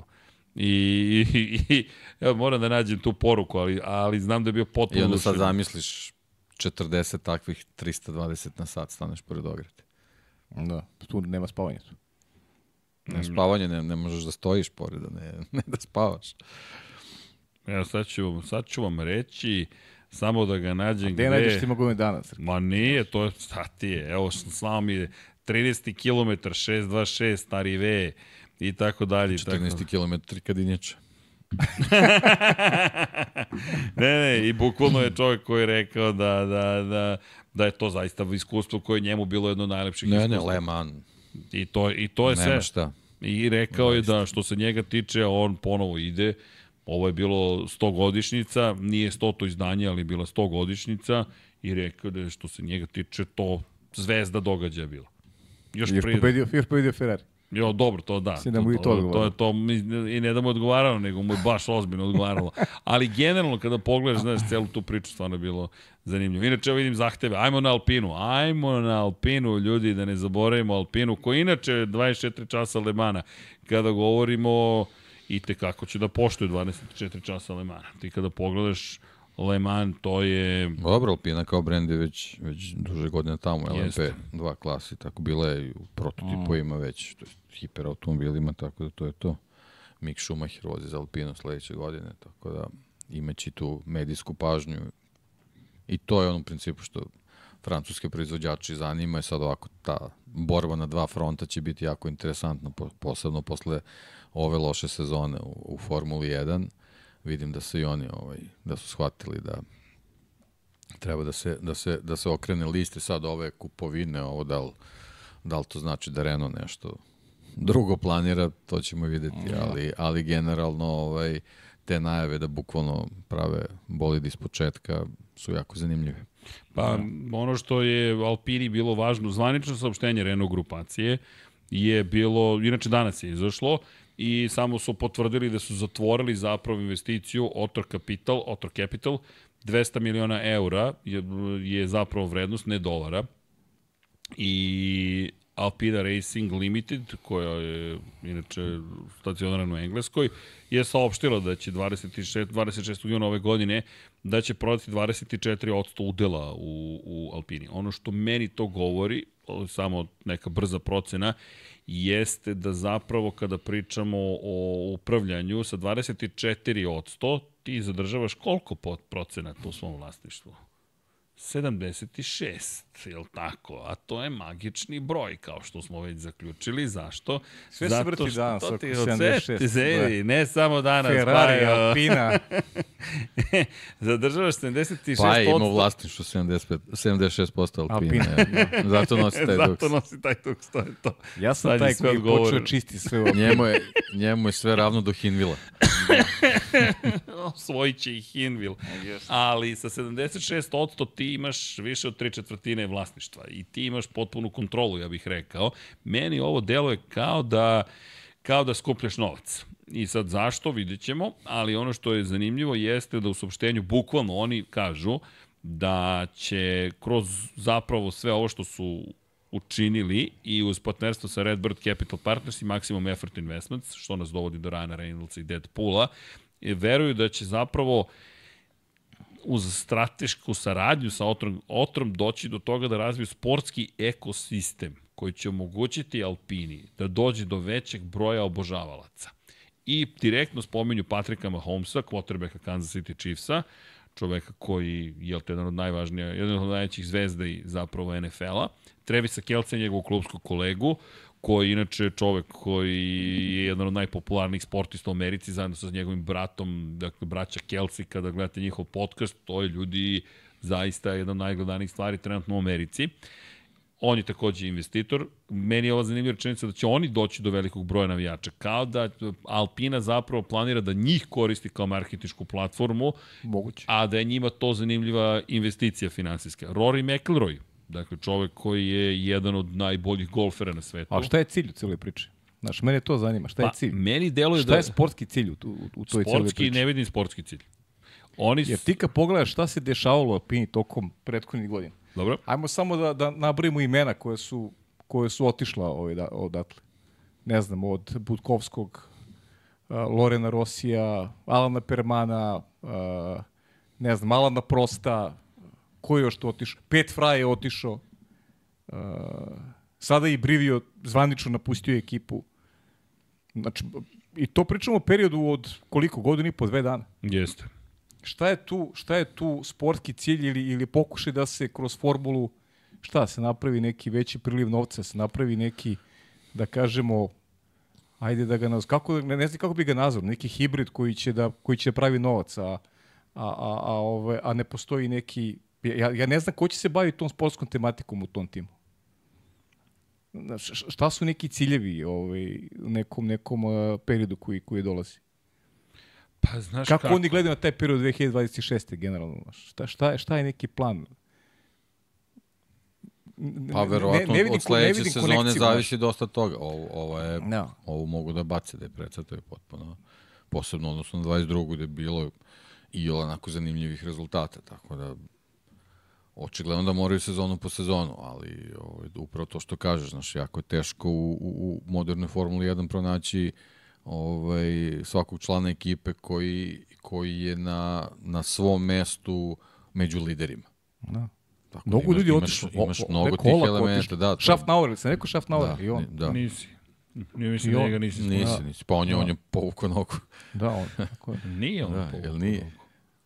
Pa nije Fernando po... Alonso je povukao. Pa dobro, pa, dobro, ali da, pričamo o ovom, ajde nazovi ga stručnom kadru. Čekaj, čekaj, ljudi, ajmo, ajmo. Kad Misliš da bi počeo... Fernando Alonso bolje vozio ovaj bolid iz 23? Ne, ne, ne, ne, ne, ne, ne, ne. Ja mislim da je on poslao poruku A to? svetu pa, vreme, no. jer vidi, nije, pazi, oni su imali, ljudi, oni su imali ozbiljan skandal. To vozačima svaka čast, ja vozače, momci, obojci, jedan i drugi su radili sjajan posao. Ne, ja ništa nemam... Skodno ekipi gde voze uslovima, ljudima kojima su okruženi, mislim, znaš, oni su radi posao sjajan.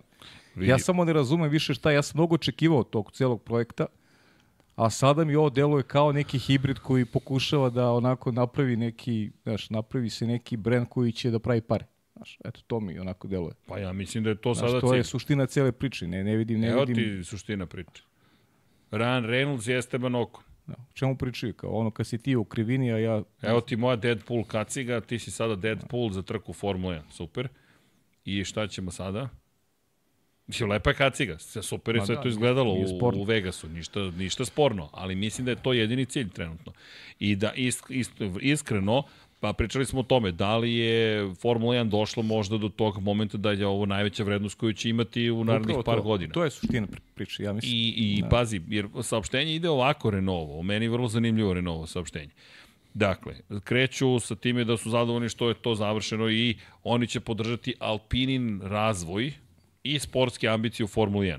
Prvo ide razvoj, dobro, Alex Scheiner, ko, ko osnivač i partner u Otro Kapitalu, se pridružuje takođe zanimljivo Alpina Racing Ltd bordu, dakle izvršnom odboru trkačkog dela kompanije. Vrednost to, ove transakcije dovodi do toga da će zapravo Alpina Racing Ltd biti vrednovana na oko 900 miliona dolara, što dozvoljava Alpini da razvije svoj imidž u Formuli 1, da nastupa širom različitih medija, prevodim uživo, ne zamerite, da ponudi sponzor, sponzorske pakete, karte, to jest ulaznice, mogućnost da vam otvori svoje domaćinstvo, komercijalna prava, licenciranje i merchandising. Dakle, Oni koji su stvorili korporaciju koja će da se bavi s- Svima će se bavi samo trkanjem, ne. Ba vidi, to je u njihovom saopštenju. Dakle, jedini put da se spominju sportske ambicije je jedna re, dve reči, sporting ambitions u in Formula 1. Dakle, eto, imamo četiri, pet reči ukupno, ako računamo i broj 1 Polski kao reč. ambići formu, bravo. I, I to je to. Sve ostalo je isključivo kako ćemo mi da pretvorimo ovo u platformu zapravo kroz koju ćemo da zarađujemo novac. To je I, to. i, Ne možeš da ispadneš iz lige, a ne možeš da budeš ni šampion. da. zar nije, pa to je to. I, I, zar i onda, Delk. To ti je I to. Delk. I ti si sad dobio šta? Pa mašinu u kojoj ti možeš da praviš lovu. Jeste. Upravo to. I to ti je to. Je li to problem? Nije problem. NBA liga.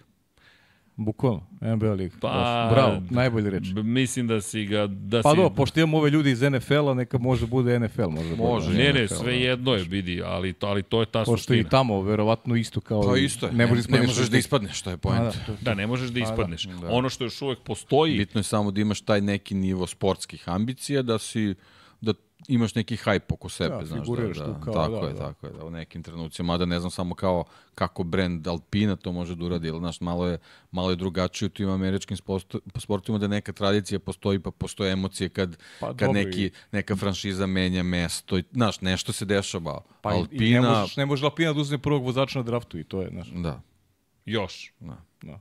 Još. još. Čuj, nemoj Igor da nas čuje, Još. on, on već ima teorije, bit će i draft, bit će i cheerleadersice, bit će svega. Pa dobro, Cheerleaders su izbacili već, da. da, nema Pa čega. dobro, ali To nije- se. Pa vidi, one postoje, ali nije to više popularno kao što je bilo. Trenutno, pa mi- i, Ne, nije, nije, nije urađeno na način kako, Tako je, kako tako je je. bilo. Tako je, drugačije je se komunicira. priča, tako da. je, tako je, neko drugo vreme. Ali imaš, meni je, kažem, zanimljivo saopštenje, saopštenje u kojem ti zapravo pričaš pre svega o novcu. I to je sve o čemu se zapravo dalje priča.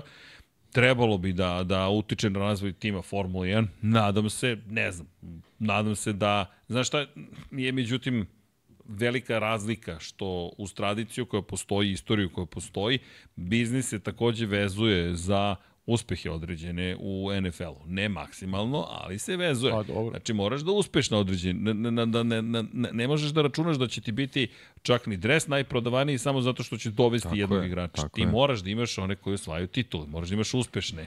I to je sad biznis spojen sa sportom. Dakle, da, problem je u. Formuli 1 što ti ne možeš da dovedeš zvezdu ako nemaš šta na sportskom planu da je, da je Pa, naravno. pružiš. Osim ako si Ferrari. Ne, ne, ne, sad pričamo o Alpini. Pričamo o brendovima. Da, znaš, Alpini, pričamo da, o Alpini, da, ne, Alpini, da. ni to nije... Konkretno pričamo, znači ako, ako u ovaj kompletan marketinški plan spada i to, trebaš da dovedeš vozačku zvezdu. Ne možeš da dovedeš vozačku zvezdu ako, ako nemaš šta da mu ponudiš Tako je. na sportskom planu. Zamisli kažeš, evo ti, Luise, 50 miliona dolara, dođi. Evo, Evo, ovo, sve je ovo super. sve ovo Sve je Da, super. da. bokserski, znaš, Ali ring. ova dvojica vozača pored trebaju da imaju 3-4 pobede u sezoni, da su među kandidatima da osvoje titulu, da imaju 2-3 pobede u sprinterkama Jeste. i onda nešto da Deki, se dešava ovako. Ma moraju da imaju i tim pored Znači, sebe. evo, evo sad ti pogledaj ove, ova, ovo slikanje u kom trenutku ove sezone je bilo. Pa da. Koliko je absurdno. Ali, ovo. naš, ali naš u kom trenutku... Znači, o, o, ovaj momak što stoji, ne, ne znam ko je, ovaj, nisam Bokser. video, nisam video, na, da, Sećam dobro, se, nije ni bitno. neki, ja ne znam da, da li on zna, On je osvajač olimpijske da li on zlatne zna medalje. ko su gasli nema oko. pojma. Ali znaš šta je meni A oni problem su već? vozači Formule 1, nekad su vozači Formule 1, bukvalno si znao polovinu grida ko su oni. Deki, znaš šta je meni veći problem? Što se ova slika odigrava, znaš kada? Kada Alpina nema više taj polski menadžment uopšte. Svi su otišli. Niko nije došao i sada se ne priča o tome ko će da vodi tu ekipu. Znaš, ti si potrošio, nabrao se malo pre koliko si ljudi kvalitetnih potrošio koji više nisu deo tog projekta. Ko će sutra da vodi? Kako ti možda nađeš ljude koji će uspešno da vode taj, spo, ajde da ga nazovemo sportski sektor, koji će se Njih baviti možda tim mogu da nađu novce. Pa da, ali kad? Pa ne znam. Znaš, evo, počinje sezona je, brzo počinje Ne samo sezona. to, to je, to je sad trenutno okruženje. Tebi dolazi Audi. Znači, Ti imaš, ozbiljna konkurencija se pojavljuje ako ti želiš nekim promotivnim aktivnostima da u stvari boostaš to što ćeš biti barem negde u sredini karavana. Ovako, ne znam, Čekaj, ali ajde pazi, ovako. Sheila je došla Aston Martin, znači Aston Martin je sledeće godine sigurno bolji. Je li tako? Tako je, po defaultu. da. Defaultno stanje, ole, to nema pojačanje. greške. je, To nema greške. Već, Red Bull je već slabiji takođe. Tako je. Od slab... Pa to, Za se- nijansu, to, da. to si Da, videlo, to si ovo- videlo 2023. Da. Red Bull je bio značajno slabiji. Ne, ne, to, to je bio, to je, ne, ne, ne, ne, 23. to je i dalje rad Šejlin. Šejlin na pola Pa dobro, ali, ali Kad je Šejla otišao, dobro, oni su izgubili slabiji, jednu trku. podrži, slabiji su. Jesu bili slabiji, zato što je Slabiji. otišla. Ne, zato i govorim. Onog momenta kad je Šejla otišla, oni su izgubili u Singapuru. To ti kažem. Da je bilo Shell, ne bi izgubili kolera, Singapur. korelacija, koleracija. Korelacija je jasna kao dan. Ali, ajmo ovako, vratimo se Ajmo. sekundu nazad. Šta piše u saopštenju? Ljudi, sve je rečeno. Image, ticketing, hospitality. Pa sve ono što sam rekao na početku, a nisi ni čitao saopštenje. Image tako, ticketing tako izgleda, izgleda hospitality. bez čitanja. Pa tako, on, mislim, kad se pojave u Americi, Amerikanci će na taj način gledaju Alpinu, misleće da je to neka turistička organizacija. da, neki, da, da, pa da, neka, Alpina neka, neka Travel. firma, neka firma Alpina za ono- Travel, pa da. Ajde za organizaciju Da. hospitality i, i karata. Vidi, nažalost, ali... Ništa sad kad nas budu pitali kako da nabave karte za trke, uputit ćemo ih na Alpinu. I, i, i znaš šta će, publika će prepoznaje svoj ljudi okolo. Samo neće znati ko su vozači. Da. Pa da, tebi su poznatije ličnosti ljudi koji su vlasnici tima nego što su vozači. U Americi kada niko neće zna vozače. Pazi, ti- Ko zna tamo Okona i Gaslija, nema pojma. Pa vidi, ne samo... Ne, ne pričamo o američkoj publici. Pa da nemaju Pa pojma. što bi znali? Znaš, koji je, mot, koji je razlog da ja znam Esteban Okona i Pjera Gasly, osim ako nisam baš ljubitelj Formule 1? Ali, Znaš, nije ali došao dođe, Lewis Hamilton, pa kao, kad e, dođe kao, kako čekaj, si rekao se zove, quarterback? Patrick Mahomes. Kad dođe on u Alpina majici, se pojavi u Las Vegasu, To da, ali evo recimo to. neko je ovdje spomenuo u četu. Koliko, koliki procent ljudi znaju u Evropi ko je Patrick Mahomes? Niko živ ne zna, Znači, osim, osim, nas. osim isključivo ljudi koji prate NFL. I prate 99 yardi i subscriberi Tako znaju je. da postoji Tako 99 yardi. Ajmo ljudi na 50.000. Pa dobro, ali mislim da je, da je razlika, ovaj, znaš. Mnogo Ne, više vidi. ljudi u Evropi zna ko je, Ko je Pierre Gasly Ko je ili Esteban Mahomes Ocon? nego- A, nego što i- Americi e, znaju. dobro, To da, to, To da, je to Ocon, da. ko je Gasly. Ima i to je ali, ali opet Nije nisu, to, nisu to procenti Znaš, da sad te kažeš je Alpina, veza Patrick Mahomes. Okej, kao dobro. Dobro, vidi, na duge staze, znaš kako, to će da se stvaraju sve veze. Ono, ja mislim da mi prisustujemo transformaciji sporta Formula 1. U svakom smislu te reči. Da li se nekom sviđa ili ne, nama ili ne. Pa meni ni se ne čak- sviđa u kom pravcu ide Alpina generalno, ali bože Ali to moj, je sad to, je, to je Alpina, njihova znaš. stvar, to je, To je, to je. to, ali vidi, ako će ovaj novac da pomogne, zaista da se nešto promeni. Ja i dalje ne vidim ko će da upravlja tim novcem. Isto, isto. Pa, Famen koji tu sedi, jesmo, je se oglasio? Jel, jel smo čuli išta o Alpininim planovima za sledeću godinu, osim bit ćemo brži? to Okej. sam rekao. A, čuli smo da, da će bolid biti Biti potpuno drugačiji. Potpuno drugačiji. Da, i da će se To fokusirati je- na prednji kraj. Da. Gde sam to već da. čuo na početku podcasta? Mm. Znaš, mislim, vidi, da, ne, ok, ali... Znači neka podupravljanja postoje. Pa vidi, sad svi kreće od prednjeg ka zadnjim. Znaš šta će Njuj da uradi sledeće godine? Promenit će zadnji kraj. U potpunosti. Jer svi... Dok Njuj- oni stignu do zadnjeg kraja. ali pazi, ali, on- ali on opet priča u je. budućnosti. Čovjek je Daleko je završio zadnji već. Ne, ne, ja, dobro, on dobro. već radi na autu za 26. Da, on radi na 20, on, on je sa Fordom sada 100% ljudi u poslu. Pa on, je- on je... On je, on, ja se ne šalim. Ja sam Ja, ubeđen da on su, radi sad sa imam Fordom. dojevu da je u Americi Njuit. Vidi, To bi trebalo pratiti, ako je nekako moguće. Dakle, gde je on trenutno sada sedišta? Viđeni na utakmici Detroit Red Wingsa. Lionsa, Lionsa, Pajo, Lavovi, Aman. Dobro, aman. ja kažem, ja, ja volim Red Wingsa, dobro. Čekaj, znaš, Pratim hokej. znaš ti da je Eddie Murphy to svaki put ponavlja nosio Detroit Lions jaknu policajac Beverly Hills? Jel, tako beš? Da, da, on nosi Lionse. Zaboravio sam. Znaš da su Lions imali zapravo na jedan od najvećih stadiona na svetu?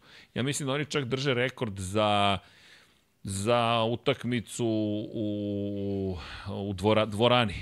I da je to bilo za Hulk Hogan i Pa, to World Wide kad je Wrestling. srušena ova stara, tako? To je, više nije to. Ne, srušena je, objekat. 2017. je Da, da, srušena ta su, najveća. da, da, to je onaj da. srebrna Silver Dome ili tako nešto su ga zvali, ali to je, to je Hulk Hogan i World Wide, World, World Wrestle, ne znam ja šta su bili, Manija, je 93.000 ljudi valjda su, su, je bilo tu, inače u toj dvorani su igrane i NBA utakmice. To, tu su Pistonsi dobili Pistonsi su Lakers-e. legendarna ekipa. Da, to je tipa 43.000 ljudi je bilo za tu utakmicu prisutno u dvorani. To je ogroman objekat To je preporuka, jedan od najboljih dokumentaraca koji sam ikada gledao, to je o, o, o, o Bad Boysima, o toj generaciji Pistonsa. Zaista, Baš su bili Fenomen- Bad Boys. fenomenalan Baš su bili ozbiljan, ozbiljna ekipa. Bad Boys. to kako urade Amerikanci, stvarno i za taj deo im ovaj, apsolutno iskidan Ne, kapu. ne, to pa je najbolji su po tom pitanju. ubedljivo. Da, ubedljivo. ti gledaš show i naježiš Ne, se kroz show. taj dokumentarac, taj o Pistonsima je nešto, nešto najgenijalnije što sam gledao ovaj, od tih filmova sportskog tipa. Meni neče kad pitaju Lambira i dan danas, ili kao Jordan, šta Jordan?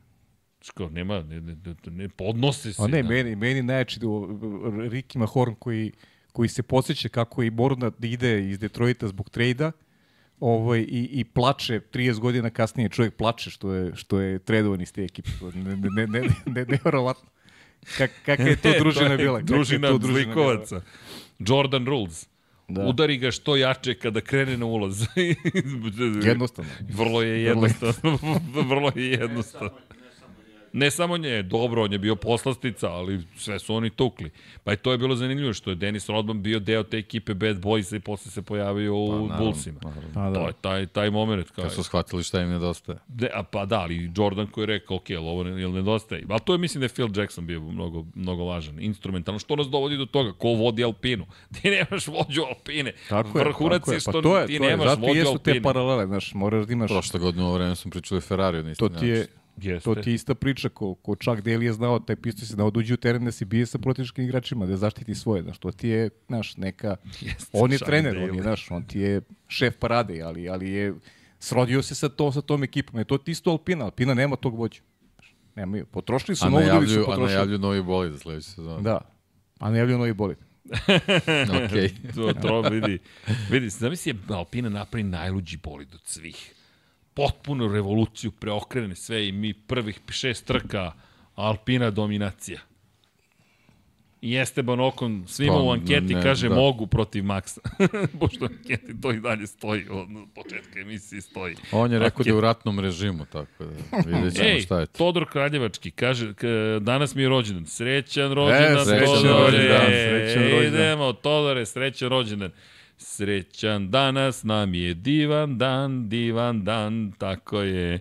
E, manje dan. fake match Hulka Hogana, kaže Nemanja Sušić, nego je Fiat.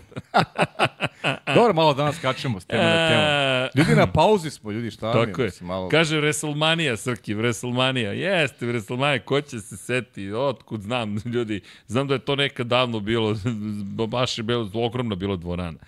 E, Mario Kro kaže, veliki pozdrav Hrvatski upravo sa kviza došao, molim da mi odgovorite na pitanje, ako možete, koje je bilo, bit- ko je po, koliko je Pol imao Leclerc ove godine? 4 5 da, da znamo da se žalimo ili ne. Koliko je pol, ja Pol mislim, pozicije Ja imao. mislim da imamo četiri. E, ne U, možda čak i pet. Proveri. A, pazi kad se ne sjećam. Možda čak i pet, bravo. Ajde da proverim. Moram priznati ovako na pamet. Imao je tri, ja bih rekao četiri u kvizu, ali, ali sada, sada već nisam siguran. Čekaj, sa kviza došao čovek. Ajde da vidimo šta kaže naš Da. kviz. Kviz, kviz, kviz, kviz, pol pozicije. Charles Leclerc. Je, e sad, a, to je trik pitanje. Jel računamo i pol poziciju za sprint u Baku? Ne, Naravno ne, da ne. ne. Ne, ne, pa Ok, ok, ima? samo da se razumemo. I jedna pol pozicija uh, Azerbejdžan, Belgija 2, Ve- SAD 3, Meksiko 4, Las Vegas 5. A ipak pet, viš, ja, 5. pet. Pet pol pozicija, pet, eto Mario, pet pol pozicija, ali šest ako računate sprint. Molim lepo. Ne, ne, ne, nema. Almir nema Vuk se javlja, kaže, pozdrav nas se svima proleću u Sarajevu, kako vaše mišljenje o postavci vozača za 2026. Audi Team, F1 Team, pozdrav za Mirzu Smajlovića, pozdrav za Mirzu, evo iz naše Pozdrav. Mirzo, da. Almire, pa trebalo bi da se vidimo u proleću na Sarajevu, u Sarajevu, to, to je sam knjiga. Almir Vuk je postao i svečioničar, svečioničar sad? početnik. Nije, nije. Almir Vuk od nije, on je početka 18 veteran. meseci. Nije, On je svetioničar veteran. nije, veruj mi, on je hoćete. ve, možda je jednu trutku istekao. On je već u Da. penziji, Vlado. Članstvo, ma ne, On je u penziji. Almir Vuk, čoveče, to je legenda. Da. Šta ti, mi to, on je pre, pre godinu i po bio. Penzioner čovjek, šta ti? Vidi, vidi, pi, i, i imaš ispod toga member 18 meseci. Molim lepo. Um, kaže, čao ljudi, Tomić Miloš, možda niste videli pitanje, znate potencijalne mogućnosti da Miloš Pavić vozi Lamba na Lemanu? Deki, Potencijalne mogućnosti, da. Postoje GT3. GT3.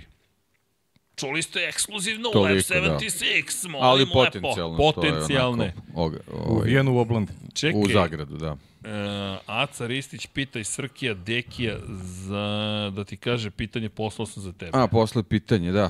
Da, se. Samo sekund da vidim. Mislim da to Instagram bio.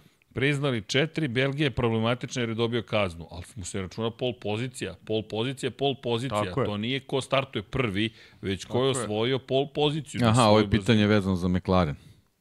Ali ajde, ajde prvo završite sa... Da, da, ne, ne, ne, to ne, su ne, mora pet mu se pozicija. prizna. To je pet, pet pol pozicije. Tako, Tako tako je, Priznaje mu se pol to se- pozicije. to se računa u To piše u knjigama, istorijskim tako knjigama, je. bravo. Da. Čekaj, treba, ne. Živković. Godina, ma. Da. Živković, potkonjak, daj. Slike su za zid, nisu za knjige. Zi- Slike su za zid, nisu za knjige. Bi rekao, ko bi to rekao? Radovan treći. Nešto, dobro je da Miksa nije ovde vadio bi sad iz Kengura. Vole da citiraju Kengura, a ja kao Kengur ih gledam. Ovako i mogu da skakućem po stolici. Ništa ih ne, ne hvata. Moram da odgledam Kengura. Nisi, Da. gle- nisi gledao kenguru? Nisam, a tamo su mnogi debitovali. Glumačka postava je bila ozbiljna. Idemo dalje. Aleksandar pitanje za Srki. Da. Ćemo to da ne zaboravimo. Ba, pitanje A, se... a nije Aleksandar, ali nije glumac iz filma. Nego. Interesuje me mišljenje o Prodomu, glavnom čoveku za dizajn, aerodinamiku i ostalo u McLaren. Nisam čuo. Aj ponovo. Čekaj, stvari da vratim. Rekao sam Aleksandar, ali glumac nije glumac iz filma.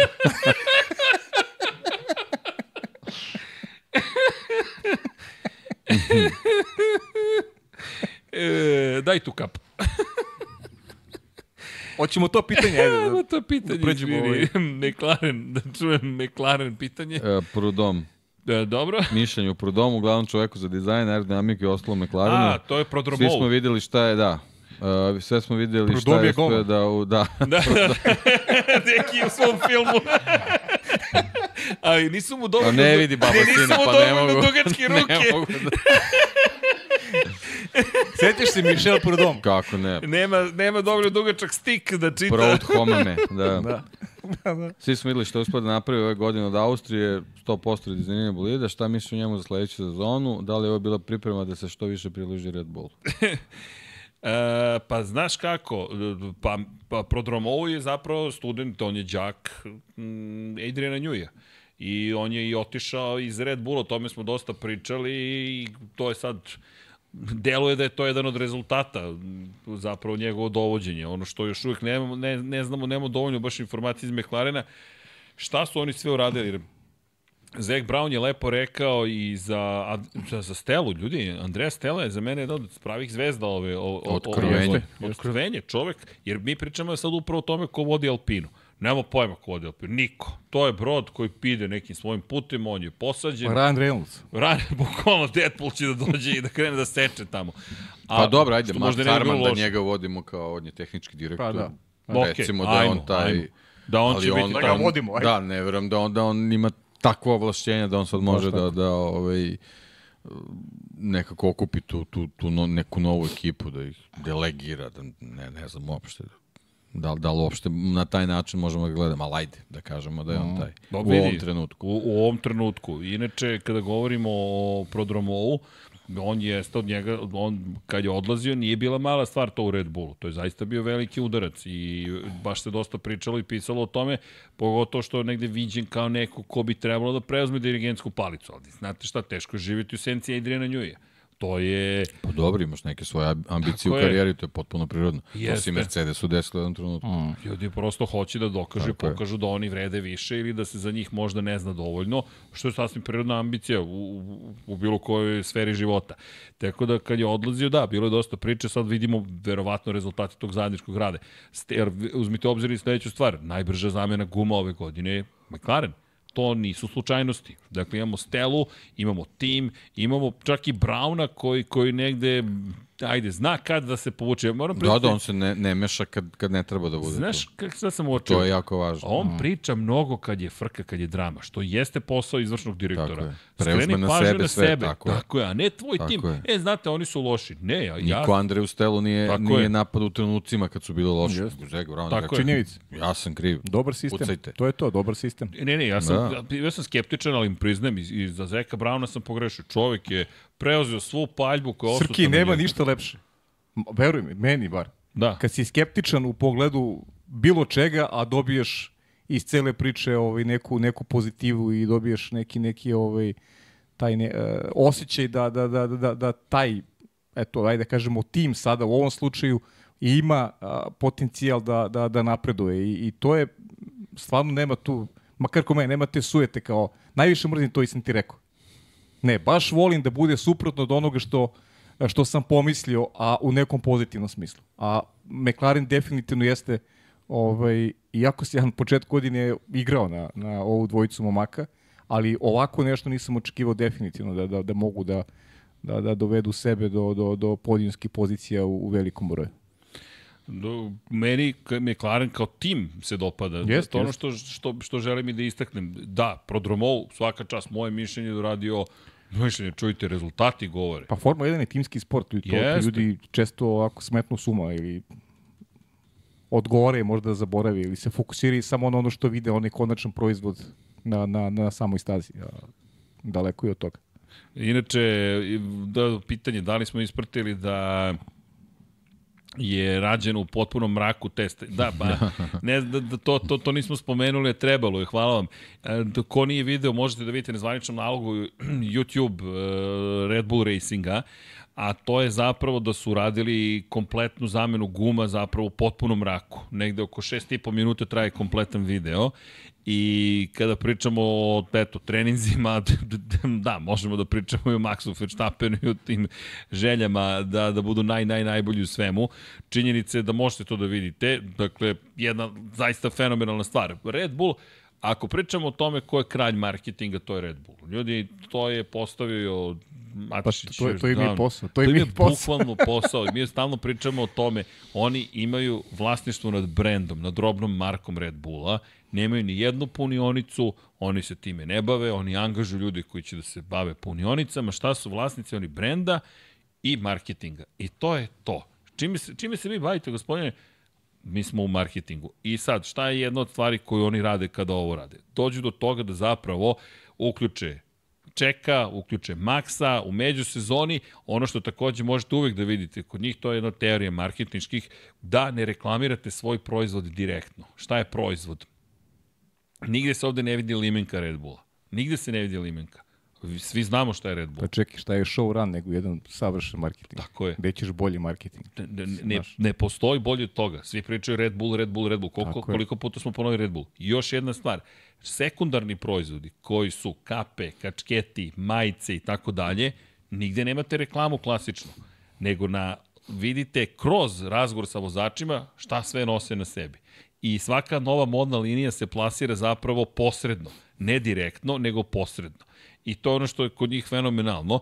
Pritom ih upoznate sa v- ekipom koja će da menja gume. I iz te perspektive slažem se s vama, trebalo je da spomenem Red Bull, a ono što je fenomenalno je što u potpunom mraku, vi to gledate infracrvenom kamerom, zapravo menjaju točkove na bolidu. Potpuno je bizarno, ali oni su uspešni naravno u tome, jer, jel te, toliko su puta to već vežbali. Ono što, je, što im je cilj bio, jeste da u 10 pokušaja spuste vreme ispod 5 sekundi. Oko 10 sekundi im je bilo u početku potrebno, iz petog pokušaja su spustili na nekih 6.68 sekundi, u sedmom pokušaju to bilo malo bolje i onda idete ka tome da zapravo želite da, da od svega pravite zabavu. Inače, 4.06 je u jednom trenutku bilo vreme u potpunom mrklom mraku zamena guma. Dakle, ludilo, 4.06. Ja ne znam šta bih vam rekao. Dakle, za 4 Ka, sekunde u mrklom Ka, mraku. kao. Ferrari u podnevnom svetlu. E da, inače, to, to, to, da do kraja, do desetog pokušaja, oni su ljudi uspeli da dođu do, do nekih besmislenih rezultata, gde to izgleda zaista kao simfonija i sve pohvale, kažem, potražite na, na, na Red Bullovom zvaničnom kanalu Red Bull Oracle Racing. Imali su naravno uspone, padove i neki pokušaj jedan je bio manje uspešan, neki je bio više uspešan i tako dalje. I naravno standardno onako marketinško, hollywoodsko i tako dalje i tako dalje. Imate dramu do tog poslednjeg desetog pokušaja koji je na kraju bio najuspešniji. 2 sekunde i 84 stota dela sekunde. Za manje od 3 sekunde u mrklom mraku. ne znam šta bih vam dalje rekao od toga, ali hvala na postavljenom pitanju. Da, soludo. Da, za manje od 3 Šta je sekunde u stvarno? mraku. Ništa. Kao, hoće li ih neko pobediti sledeće godine? Tišina govori sve. Bolje da ne pričam. da. Uh, Aca Ricić, hvala za ovaj, i, i da, McLaren ima novi tunel, do ove godine još dva čoveka iz Red Bulla. Da, da, McLaren, ljudi, to, to ćemo kada budemo spremali za 2024. McLaren je mnogo ozbiljan, zaista je rešio da bude mnogo ozbiljan. Naša najveća skepsa je to pitanje da li može kao, kao tim koji nije fabrički, ali teorija naša još ranije izneta, ponovili smo je prošle nedelje da bi mogao McLaren u trenutku ponovo postane fabrički deo ekipe Mercedes, ne znam ako zašto ostane. misliš da McLaren nije fabrički tim. E pa, e, McLaren okej, je okej. kompanija koja proizvodi automobile, isto kao i Ferrari. Ne, ne, fabrički Ne, tim u smislu svog motora. Svog motora, da. To da, To, da. nemaju Ne, ne, svoj to, motor. to. To, to, su to. trenutno su u opciji da imaju ovaj, Ne, samo zbog motora. ne, motore više. proizvođača. Dobro, da, ali Samo zbog motora. E, ovo je zanimljivo. McLaren kao McLaren može A da bude fabrički tim. Ovo Ivan Vojsinović. Još kad se spoje dve velike marketičke kuće, dobije se Belgrade Showrun 2022. mi marketičke kuće, mi nemamo pojma o čemu pričate. Tri drugara sela za sto. Šalu na stranu, ali mi stvarno ovo volimo, ali ako nas svrstavate u organizaciju poput Red Bull Racinga, hu, hu, hu, hu, nisu se nasmeli ni Deki ni Paja. Sedneš za sto i postaneš marketički to, to je brend. to. A, e, inače, Da smo znali ranije da sednemo. pitanje je zašto Red Bull i Alpine imaju toliko vozača u juniorskim serijama, a imaju samo jednu ili dve momčadi u F1, a ovamo Mercedes i Ferrari imaju po tri momčadi i imaju puno manje. Pa do- dobro, i Ferrari trkačka akademija ima dosta vozača. Ima, ima dosta vozača, samo što možda nisu... Da možda se ne čuje toliko za njih, ali... Dakle, Ki- Kimi beše Mercedes, mali Kimi što sad vozi. Oni, čim je Mercedes, Mercedes, Mercedes, jeste, on je Mercedes. Pa, Mercedes. moje mišljenje je da zapravo onda vi kontrolišete situaciju. Da je to pitanje kontrole. Da vam ponovo, dve stvari se ne dese. Da vam neki mega talent ne izmakne i drugo da ne dozvolite da upravo to, da neki mega talent ode kod nekog drugog. Mm, To je moje mišljenje i na vi na taj način pokrivate se, potrudite se da pokrijete situaciju. Ali ja mislim, Srki, da je balans neki sada trenutno, kada govorimo o tim, o tim mladim momcima, da je neki balans Koliko ko postoji. ima Aha, u da, da, nema tu neke velike razlike sada. Ne znam, Ferrari, Mercedes, Alpina, Red Bull. Pogotovo sada što znamo da se Red Bull odrekao nekih, poput Denisa Haugera, Jumo i Vase. Mislim da nije, ovaj, da nije, da ne postoji neka veća razlika kada govorimo o tim talentima koji dolaze. Ja recimo ne znam šta će, znaš, ima tu dosta uh, situacija znaš koje nisu jasne, recimo Alpina, ti sad imaš Martina, imaš uh, ovoga mm, Jacka Duona, znaš, imaš momke koji, koji ovaj, Pa, okej, razumem znaš, te šta im- govoriš, ima, ali... imaju talent, ne, ne znam, znaš, da će, neće oni svi dobiti mesto, definitivno. Ali znaš. zašto ih imaš toliko? To je pitanje. Znaš, zašto toliko ulažeš u juniorske programe ako imaš samo po jednu ekipu? Ako Alpina ima samo jedan tim, zašto ti Red Bull ima na primjer dve? Ali ja stvarno mislim da ti kontrolišeš, trudiš se da kontrolišeš svoju sudbinu. Juniorski programi nisu vezani samo do trke jednoseda. I to je Mislim, tačno. I tako, tako to je je, tačno. sportska Otvoreni i automobili. Tako je, To- tako je. Pa da, otvoreni točkovi. To, to, ta open wheel carry. Evo ti, Samo gde će, to, da. gde će Jumu da vozi sledeće godine? E, on ide u Japansku super formulu. formulu. Pa da. da, da, on ide u Ko je super formulu. vrlo, vrlo gledana tamo. Jeste. Jeste. To je do, lokalni šampionat koji je izuzetno popularan. Jeste. I u krajnjem slučaju mi ga sad pratimo baš iz tih razloga što gledamo ko će, pa pogotovo Evo, sad... gde će, Frederik Vesti, čovjek koji je iz mog ugla najbolja godina. On je bolji bio od Porschera ove godine. A ja i dalje A, stojim pri ovom. Mercedes nema, nema mesta. Ja mislim da kontrolišeš situaciju. Pa dobro, pa dobro, okej, znaš. To je moj utisak, da ti zapravo tim programom kontrolišeš situaciju. Nisi neko ko je samo tim Formula 1 ko čeka. A, ali evo ti kontra pitanje, Srki, evo kontra Dobro. pitanje. Mercedes, koliko ima Mercedes, ovaj, koliko timova oprema sa, sa motorima Mercedes, Četiri trenutno. pa nema, pa nema mogućnost da Frederiku Vesti da, da šansu u, u ovom šampionatu. To je istina. U McLarenu ne može nikoga da, da, Tako da, da sve da imaš, Mercedes da imaš jedan tim ili imaš četiri ko Mercedes. Eto. Frederik Vesti nema mesto. Što sam rekao, četiri. Pa imaš Williams, McLaren, Aston Martin. Aston Martin. Aston Martin. Dobro da, si da. rekao. Ne, Hondu sam ih poslao već, da. Ali Aston Martin fabrički tim. Nije. Sad će biti tek sa Hondom. Fabrički, e Ne, sad, šta je? fabrički jeste, fabrički, fabrički jeste, ne. fabrički tim. ali deki, razumeš zašto? Zato što proizvodnje motora. Proizvodnje motora, zato. Na, u tom kontekstu. Samo da li je, samo u Pa tom proizvode motore. Pa, za proizvodi, sebe. ali za sebe ne, u Formuli sebe, 1 ne. U Formuli 1. To, to, o tome pričamo. Ko proizvodi, da li McLaren s Mercedesom u saradnji može da bude šampion sveta? U tom smislu. U tom smislu. Znaš, Što ne bi mogo da budeš?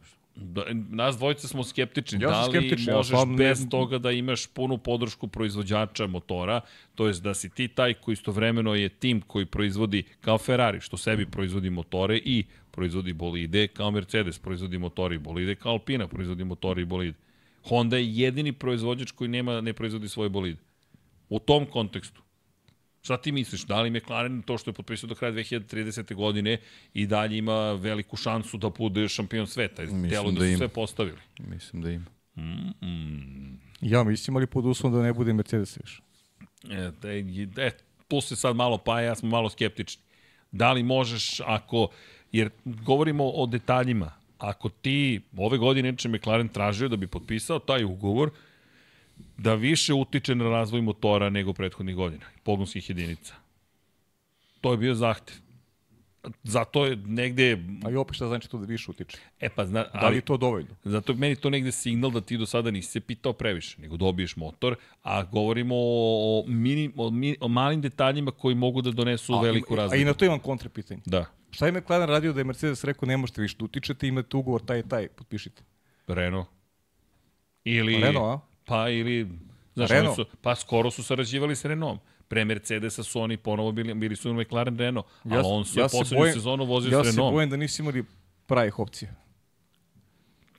Aj samo ovako, McLaren Honda odustali su. Red Bull Honda osvaja titule, Honda će biti sa Aston Martinom u budućnosti i dolazimo do McLarena koji ima opciju da nastavi s Mercedesom, dakle već zna ekipu, tehnička saradnja postoji, ili ako Mercedes kaže ne može, da kažeš ok, idemo s Renaultom, ali ajde, i to je to, dobro ti je pitanje, da li je to signal opet o ovome što govorimo, da ukoliko Mercedes izađe, McLaren ponovo postaje iskreno, iskreno taj tim. volio bih da je Deki u pravu. Iako ne izađe Mercedes, ako, ako se ispostavi ovaj, njegova teorija dobro, mu vodim vas obojicu i na ručak na večer. Bo, okej. Deki, Dogovor. ručak Ja, večera. ja bih, iskreno ti kažem, ja o, o, mislim ovako, ali bih volio da je Deki u pravu. O, vidi, ja bih volao da je Deki upravo, odmah se razumemo. Da, Da, Zamisli da se bori za titulu, to bi bilo fenomenalno. Jeste? Ne, veliko je pitanje koliko će Mercedes da trpi prosečne rezultate ekipe. I To je u igri. Jeste i to, to nije, nismo mi daleko od situacije koju smo imali 2012. 13. Kada je bilo pitanje da li će ostati u Formuli 1 Pa ili to je ne. onaj dodatak, onaj Čuveni. novac, čuvena priča. Čuvena o 100 priča. miliona. 100 miliona i, Ceče i cela ekipa koji Jeste. su seli i rekli, ok, ako ostajemo, onda mora veća investicija, ako ne ostajemo, izlazimo. E, to mislim da je razlika između velikih i malih timova, to jest onih koji ne mogu da postanu veliki tim. E, Konkretno pričamo o Zauberu. Zauber nije imao, 100 miliona. što kažu, war chest, tamo negde neke pare koje možeš da izvučeš, ali je to odluka na upravnom odboru. Odlična paralela, da. On je Odlična imao paralela. koliko je imao i on je dao sve. Ali ni, nemaš te kapacitete jednostavno i onda dolaziš do Mercedesa koji ima kapacitete, ali je pitanje da li to hoće ili neće. I oni su rekli, hoćemo i meni se njihov stav svideo. Ej, nećemo ovde da budemo ko Alpina. Ma evo da ovdje ti pogledaš, Prodajemo. svi, svi brendovi kojim, fabrike, u stvari kojim pričaju su bazirane u Britaniji. Samo je Zauber bio u Švajcarskoj. Da, da, sad. Jeste, O, dobro, Ferrari, ok, ne izuzimamo. Pa ovo. dobro, Ferrari, Ferrari, ne- ne, ne računamo Ferrari, Ferrari. sad, Ferrari za obe. I Minardi. Renault je da bi uspeo morao da, da, da bude u Britaniji. Bore da bude u Britaniji. Mercedes je u Britaniji. Jeste. Vidi, malo ko To je, je to. uspeo. Toyota je probala u Kelnu da uradi nešto. Da, taj, Ne tvoj- možeš, taj daleko vazdušni si. tunel si dalje Daleko koristi. si, ne, jednostavno moraš da budeš u Britaniji. To je, vidi, To je to je to. centar Formula Za 1. malo i Ferrari da budu u Americi. Kako? Za malo i Ferrari da budu u Americi. Mislim da je Enzo prodao. Ah, da, dobro, dobro, to, ne, dobro bio onaj čuveni plavi Ferrari. O tome smo pričali, kad su se pobunili pa je vozio pod američkim zastavama, bio je registrovan kao američki tim. Nešto se naljutio bio na italijansku Da javnost. na beše Anjelija, to je moglo se desi. Da, pa to je Vrlo bilo, lako, da. Pa pitanje da li bih sad bilo u Formuli 1. Ja mislim Tako da ne je. bi. I kakva bi Formula 1 posle toga bila? Da, da. Pa i Ferrari kakav bi bio. Pa da, sve je povezano. to je upravni odbor čuveni, koji... čuveni advokat Gianni Anjeli, tu je odigrao krucijalnu ulogu da, da Ferrari ostane u, u Italiji. Dobro, on je doveo do toga da Fiat zapravo to sve Pa da reši. radi komercijalne, komercijalno tu bile, a Ferrari se bavio, Enzo se bavio samo trkanjem. Dobro, Ferrari sad dobro ide. Ne, inače ima ovde jedan komentar Ivan koji kaže kad sam ja rekao da će, čim su stavili AMG i skinuli zvezdu, da će se to promeniti. Nisu skinuli zvezdu. Zvezda i dalje stoji, Mercedesova. Samo jeste AMG Petronas Formula 1 tim. Ali se zvanično re- zove Mercedes AMG, mada ako pitate napred Luisa... na nosu je zvezda. Da, da, pa i na kacigama vozača. I još jedna bitna stvar, Lewis Hamilton i dan danas ne zna kako mu se zove ekipa. Ne znam da li ste videli taj video. Znači on čovjek ne, ne, ne može nikako da pogodi kako mu se zove tim za koji vodi, vozi.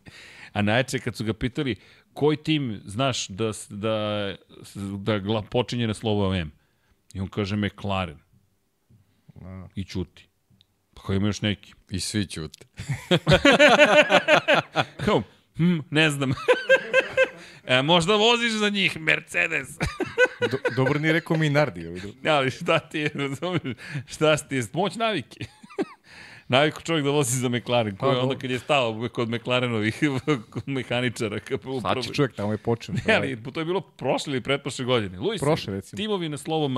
McLaren. Kraj. A šta je uzo sa Mercedesom? Malo ja, tih nekih šest titula, malo dominacije i tako dalje. E, ček da vidim da li imaš nekih pitanja. Pajo Mercedes je u problemu kad je Srki stavio veto na otkaz za Sargentu. Pravo ste. E, da, da, da. E, Almir, mislim da bi Mercedes dao svu snagu i mogućnosti motora McLarenu samo da Red Bull ne bude prvak. Pa sad, da li bi... Pa ne znam baš. Da li baš možete da izađete pred upravni odbor i kažete mi kao fabrički tim nismo, Nismo- osvojili titulu, ali ovi što kupuju od nas jesu, znate? Nije to baš tako crno-belo. Nije, nije, nije. Ili je bolje kažete ovi iz Red Bulla, šta ćete ovi iz Red Bulla? Zamislite da kažete svom upravnom odboru, imali smo motor šampionski, a mi nismo znali da napravimo bolid koji će osvojiti titul. Nisam baš siguran da bih Toto Treba Wolff možda čak tražiti da se tu... ovaj, za 2026. još nekih 100 miliona. znaš. E, A McLaren šampion. Kaže Mohamed Hajdari, s današnjim pogledom misli da je Ferrari pogrešio, pogrešio 2021. jer ima, e, ima ili su dva mesta u dva tima, Haas i Alfa Romeo. Da li mislite da je trebalo da Đovinaci bude u Haasu zajedno sa Mazepinom, a Mik u Zauber, još bi bili F1? Pa znate šta? Za Mika ne znam, ali ja mislim da Đovinaci mnogo bolje prošao. Čovjek, je, čovjek bi bio usputni vozač u Formuli 1, da se ne lažemo. Koliko god da su mu rezultati, u jednom momentu Đovinaci bi imao lepe meni se, meni kvalifikacije, se, meni baš se je jedno napredao. vreme mi se baš dopadalo. da. Ali nisam siguran da bi mu se otvorila vrata neke velike ekipe. Ovako je čovjek osvojio 24 časa Le Mana. Kraj, sa Ferrari, u povratničkoj sezoni posle 50 godina. Ne, ja znam da Mohamed, ono, dopisujemo se nas dvojice, ja znam da on voli Mika Šumahira i tu se negdje i krije. Ovaj, na, čemu, na čemu potencira.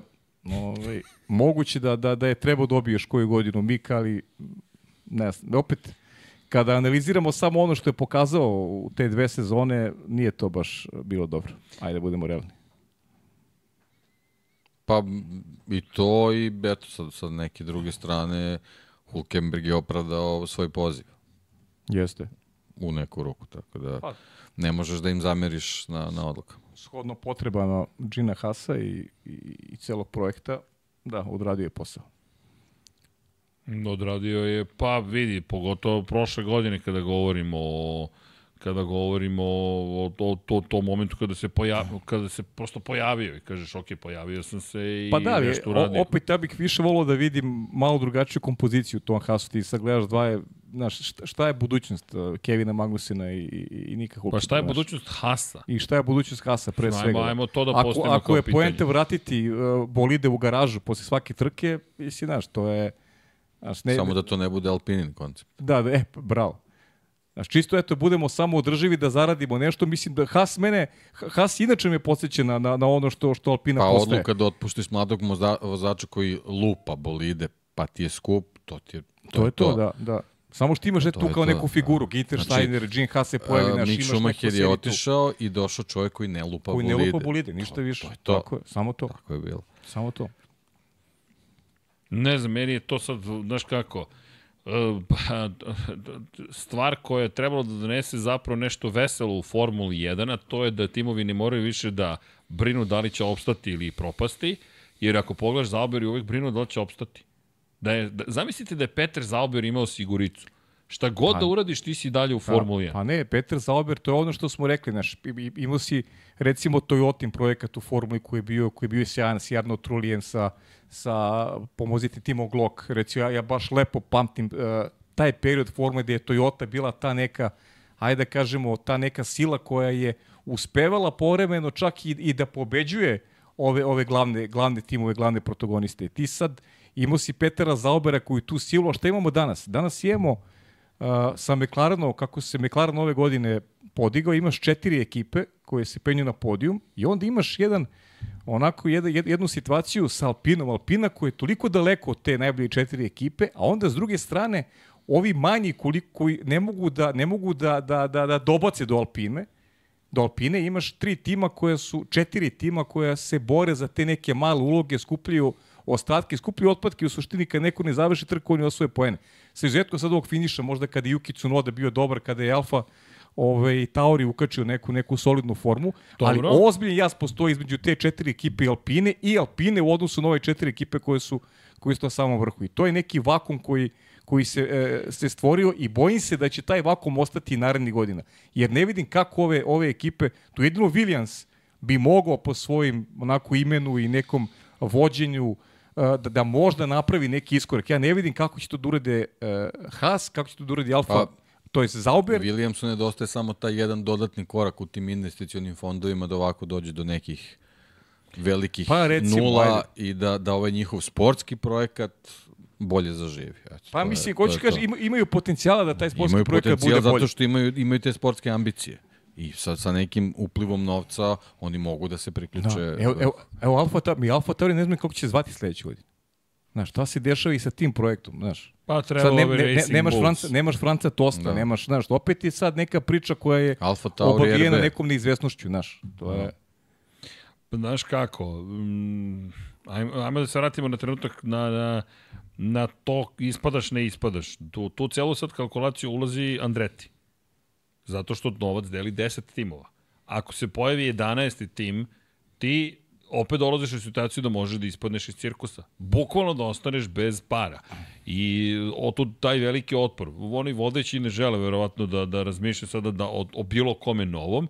Novca im nedostaju. Ljudi, u krajnjem slučaju, procenjena vrednost Forbes je procenio vrednost Ferrari na 3,9 milijardi dolara, na 3,8 Mercedes, na 2,6 je procenjen Red Bull, Red Bull još uvek ukupno manje vredi, McLaren je procenjen na 2,2 milijarde, ogromna vrednost.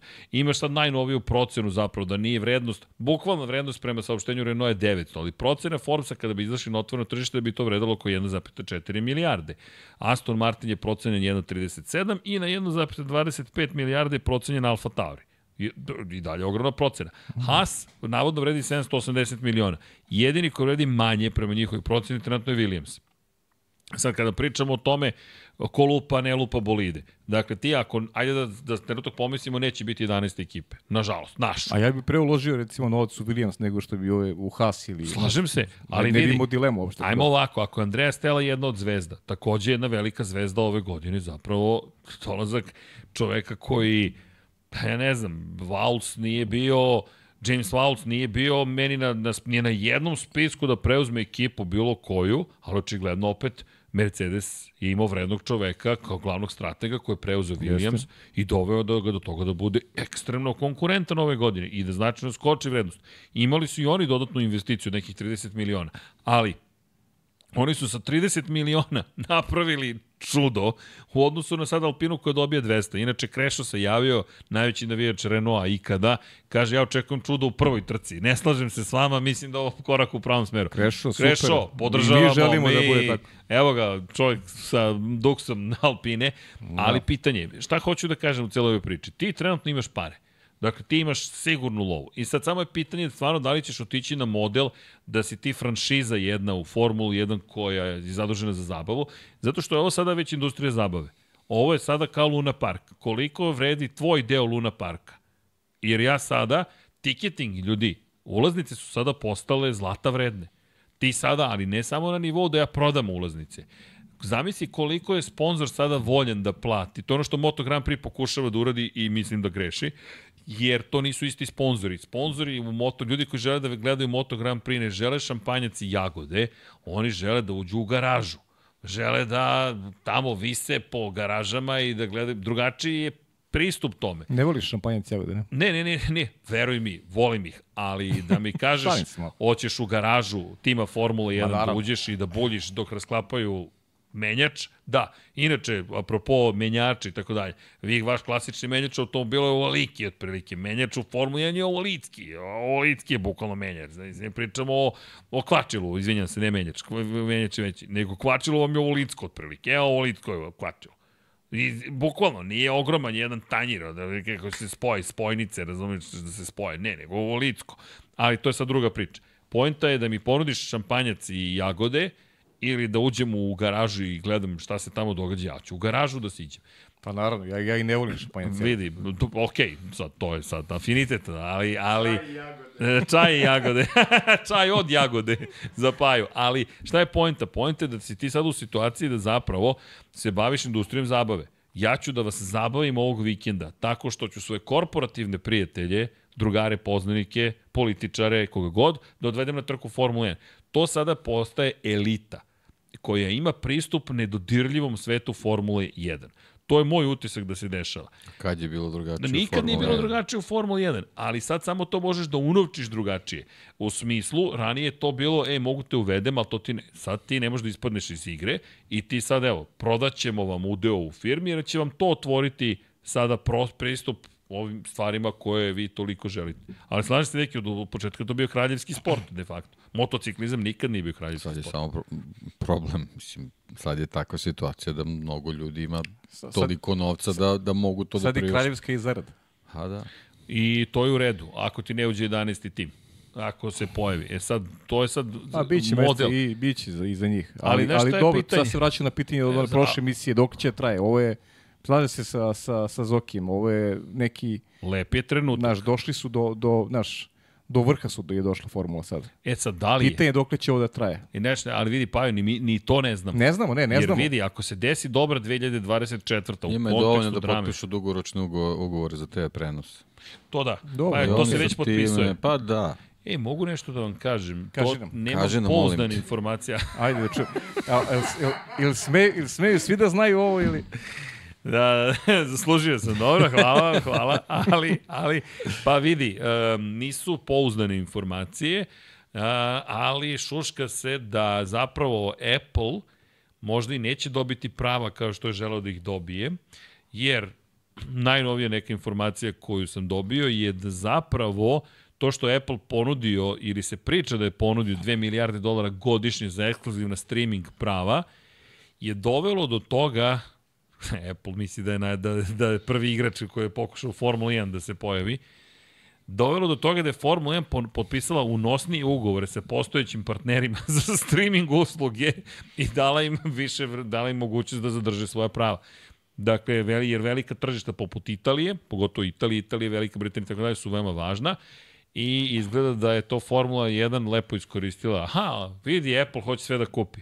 Ali, mi sa vama imamo ugovor, pa sad ako ste spremni da pratite više nego do sada... Pa do to je u redu utakmica. Sasvim u redu. Samo hoću da kažem da, da se, da, da, tako da, Tu tek ide sada ozbiljna igranka, pogotovo što je odjeknulo to što je NASCAR platio, da NASCAR dobio ozbiljnu količinu novca da do 2030. proda svoja prava. Ljudi, oni su prodali prava. I sviđa mi se, ako je to epilog, ovaj utakmic, meni sviđa Deluje, epilog, pravo ti kažem. deluje da su... Da Nemam su... ništa protiv Apple, nego Ne, ne, ne, pa vidi, treba te neke stare, po znacima navoda, ovaj, moraš da ispoštuješ valjda da partnere koje si do pa, sad to ti imao. kažem, da. da, i to je ono što isto postoji, istina. Sve ima cenu, naravno, ali daš im neku pa vidi, prednost u pregovorima. Da. Isto tako i sada ekipe koje su bile tu kad je Formula 1 bila dole u minus fazi, treba da budu ispoštovane na neki Znaš način. kako je dobra stvar što su ostale te neke, da kažemo, velike medijske kuće iz Evrope iz prostog razloga što oni verovatno neće dozvoliti da svi termini budu van evropskih termina. Tako je. I to je. Možda, možda budu igrali ulogu i da kažu Bravo, čekaj, ne možemo da imamo bitan faktor. 12 trka u Americi koje počinju u 4 ujutru ili, ili u 9 uveče. Hoćemo naš termin, hoćemo dva popodne. Pa ne može da bude ni više od tri trka u Americi, to je sad još jedna tema, znaš, to je... Ma ne, Okej. sad sam karikirao, ali ne, ali, ne, ali kažem. generalno ti kažem, i, i ne može ni ono- da bude više od tri trka u Americi, sasvim je dovoljno. A, a preti tu i New York i nemam pojma. Ok, neka bude, neka se menjaju, ali da budu tri godišnje Znaš, oni su zainteresovani da svoj novac vrate kroz svoje sponzorstvo i svoje reklamiranje. Niko neće da ti se reklamira u 10 uveče. Da li, koje su ti šanse da nećeš imati više trka u tom vremenu, periodskom periodu, ako ti imaš sve više investitora iz Sjedinjih američkih država? Ono što je pitanje odakle će novac da Pa dolazi. imaš investitore koji plaćaju svoje prava za TV prenos iz Evrope. Ne, ne, okej, I oni ali imaju svoj interes. To, je, a to je sad pitanje. e, Investitori koji vuku na jednu stranu, koji vuku na drugu stranu. To je sad igra, ali kažem, dobro je da su ostali onda neki investitori iz Evrope u tom smislu. Jeste, bar. jeste, slažem se. Da bar i oni imaju neko mišljenje. Ali tebi, ako svi investitori budu iz Amerike, jasno je će sve da, da, da se usmerava ka njihovom tržištu i njihovim interesima. Zanimljive bitke na sve strane. Baš imamo sapunicu. Ova ja- Formula 1 je... Na primer, ne mnogo mogu, para proizvodi, naravno. ne mogu baš sve NFL utakmice u pola tri ujutro pa pratim. Pa, Dobro, da. naporno je. I sad zamisli da imaš tako Formulu 1 koji istu u tim terminima. Mislim, nisam baš siguran da ću odgledati sve trke. Pa dobro, evo. Da, da, slažem se. Evo ja, ja recimo Bar sad je neko večeras, tu ko ima interes da kaže, čekaj, daj malo i Evropa da, da, Da, da, da. da ima svoje termine. Ja sad kad završim u jedan Red Wingsi. Jel gledaš? Gledam to. O, okay. Volim, volim Red Naučit Wings ćeš i da mene, sad ću da gledam. Volim Red A Wingsi. misliš da će tu stići do jedan? nešto. A sre, e, srećem, srećem blizu živim. ne, samo pitam za, pitam za prijatelje, pitam za druga. Pazi, on planira da stigne u jedan, ja stvarno, ne, pa, pa ti si optimista večiti, ja tebe volim, obožavam. Ne, ba, ja sam brz. Ja znaš da me pitala prijateljica da li sam stvarno ispričao priču o zoni stvaranja i rastvara.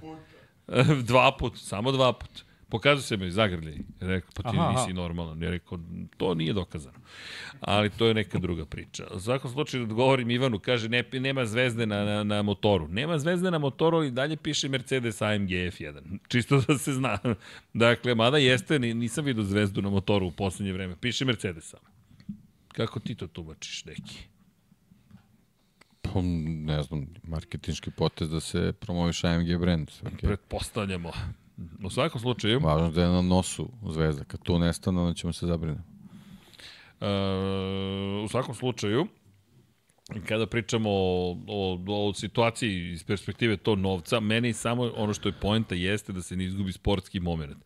Jer meni je tragično kada dođemo do toga da imaš najzad finansijsku stabilnost i to se onda svede po super. Mi sad imamo ovde, bit ćemo sedmi, šesti, to je sasvim u redu, šesti, sedmi, osmi, šesti, sedmi, osmi.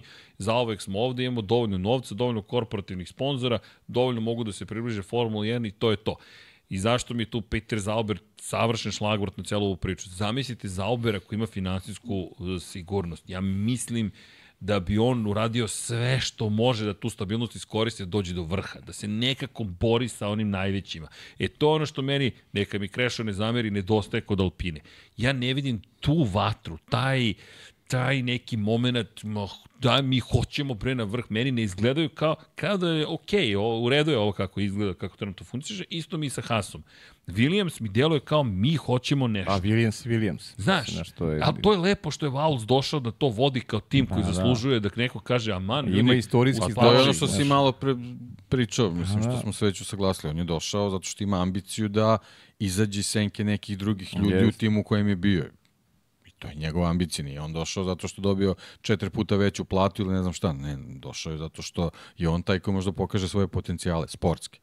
On nije došao da, da marketinški vodi tim i da ga izlepi sa 60 sponzora. Jeste, oni mogu novac da uzimaju u Mercedesu. E, Poenta je, poenta je što je McLaren odradio stvar, znači oni su sportski izuzetno puno napredovali, a s druge strane njihov bolid svetli, oni imaju 400 nekih sponzora po sebi, svaki put nešto drugo i Znači oni i marketinški odlično rade, a sa druge strane imaju i, i, i, i ovaj, u sportskim performansama ozbiljen napredak. Da, McLaren, izvini. Sad, na konceptu uh, McLarena taj, taj, taj neki moderni pristup treba i drugi malo da, da pogledaju. E sad, opet je pitanje da li imaju kapacitete da to uradi.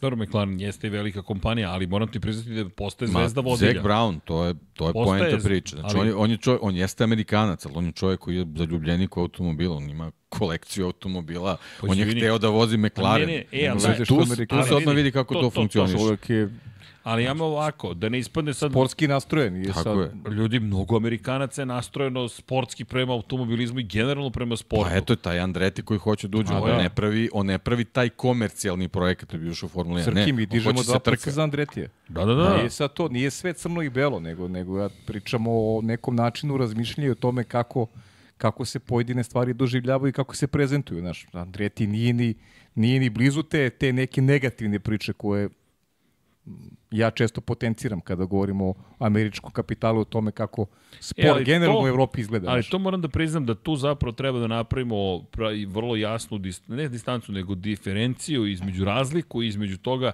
klasičnog e, korporativnog kapitalizma e, iz Amerike i sportista, to jest onih koji se koji vole sport u Americi. Da, da ne Naravno pričamo da isto. postoji razlika. Nema nije- generalizacije. A Nema generalizacije. Ne, mi to. govorimo- Nema generalizacije, to je i ono što smo malo To je pre to. spomenuli, franšize u američkim sportovima. Pola vlasnika dolazi tu da bi zaradila pare, druga polovina hoće da, da osvoji Hoće svi prste. titulu. Tako je, pa da. Da. To, to, to je, je. Mislim, to je potpuno prirodno da je tako. Naravno da će ljudi koji imaju prezime kao što Andreti ima, on neće dođe tu ni, ni njemu poenta da, da, da zaradi još 100 miliona. Oni su zaradili milijardu dolara u, u karijeri, cela porodica. Mislim, Naravno. njima to nije, nije poenta. Poenta da dođu tu i da, da osvoje nešto. Zamisli zaista Zaubera. Zamisli Petera sada da je mlađi i kaže sigurica smo. Jao. Pa ja mislim da bi on lomio vrata korporativnih e, fabrika svih mogućih, da, da samo da neko uđe da proizvodi motor sa njime i da osvoje planetu zajedno. Ja sam ubeđen u to. Pa ja mislim, bukvalno. iskreno ti kažem i ti još neki iz te, te generacije. Pa dobro, znaš, ali to je, to je to mislim, ti je to, pa je- biološki moment jednostavno. Učinio svoje. Mislim da, Frank da, Williams mislim se da bi se- umorio, mislim Ron da bi Dennis se umorio, da bi se Eddie Petar Jo- da bi se Eddie. Jordan Eddie tako Jordan ponašao. se umorio, naravno. to je- razumeš, isto. Daj, daj Eddie Jordanu da bude Eddie isto. Jordan sa svojom igrankom, naravno da je trajala kraće, zato što je bila mnogo veća gimnastika od, od, od ovih Od drugih. ove jeste, baš je bila ali ritmička gimnastika. Ali, ali daj mu stabilnost da bude Tako on. Nema, nemaš, nema razloga, kao ne možeš da budeš račun o rezultatu. Hmm, znaš šta, sve u svemu nije tako loše. Neko će da kupi na kraju taj has koji je ambiciozan. Neko će da dođe ili će da kaže, Da, moguće. Džin, daj ti meni ovo da se ja trkam. Znaš, jer Džin meni deluje kao da ga više ne, ne, ne I interesuje meni trkanje. deluje. I meni deluje. Kao da je A ovde znaš, samo a zato što znaš je već ti, tu. znaš šta ti je reper? Pa pogledaj na šta mu liči ekipa u Naskaru. To ti je to. Pa ovo što je Deki rekao. Kevin Harvick ode u penziju, ti nemaš nijednog vozača koji je blizu da se bori za nešto u, u, u, u, njegove ekipi. U ekipi u stvari koji vodi, koji vodi Stewart sada, on vodi u stvari ekipu, ali ali, ali vidi sad ovo. Ovo što je Deki rekao, meni je to zanimljivo. Hoćeš vozača koji lupa bolide i traži granicu ili hoćeš štediš? da. Hoću štednju.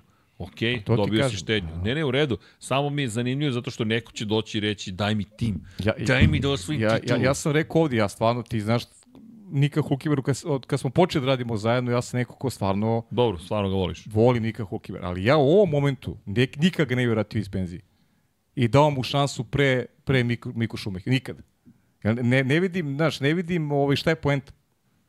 Ne vidim Po, to je poentu. poenta, Eto, to poenta da kažem. se troškovi smanje na minimum, jer Niko Hulkenberg ni u, u, ni u zenitu svoje karijere, zato je tako ta karijera i teklo nije bio tebi sposoban da dovede sponzore. Nije. Znači, on nije zbog toga doveden, nego opet samo doveden s te strane da, Samo da doveze da, u da garažu. smanje troškove. Tako. Aha.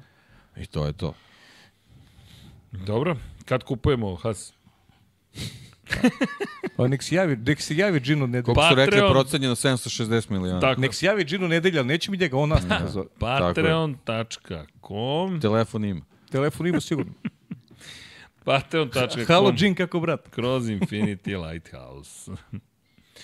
I podržite ekipu, shop.infinitylighthouse.com i ovom prostoru pravimo tunel. tunel pravimo. E, imam ideju za novi prostor, za naziv. Za naziv. Da, neko inače ranč č, č, č, stavio na Google mape, ne znamo Pa ko. da vam pomognem. Da, da, da, da, ne mogu da verujem. Ali ja moram priznati da imam amandman na ranč, ne zamerite. Fenomenalno je, međutim, ja bih nešto drugo da uradim tu u celoj priči. Ali, zna, kako vam zvuči Port Infinity? U Luci je Beograd, Luka je Šta li ćemo, Muk. šta li ćemo čujemo sledeće nedelje? Muk. Ne, ne, ne. Gde ti stoji svetionik u životu? U Luci. Meni se sviđa. A? Mo, a dodamo i Space Sport ispred. Znaš, Me, ono, meni je ranč bolje, ali dobro. Ranč je bolje. Ja, ubiću se. Jao, Ranč. Car, kaže novi naziv ekipe Infinity Lighthouse. Sa dva. Bravo!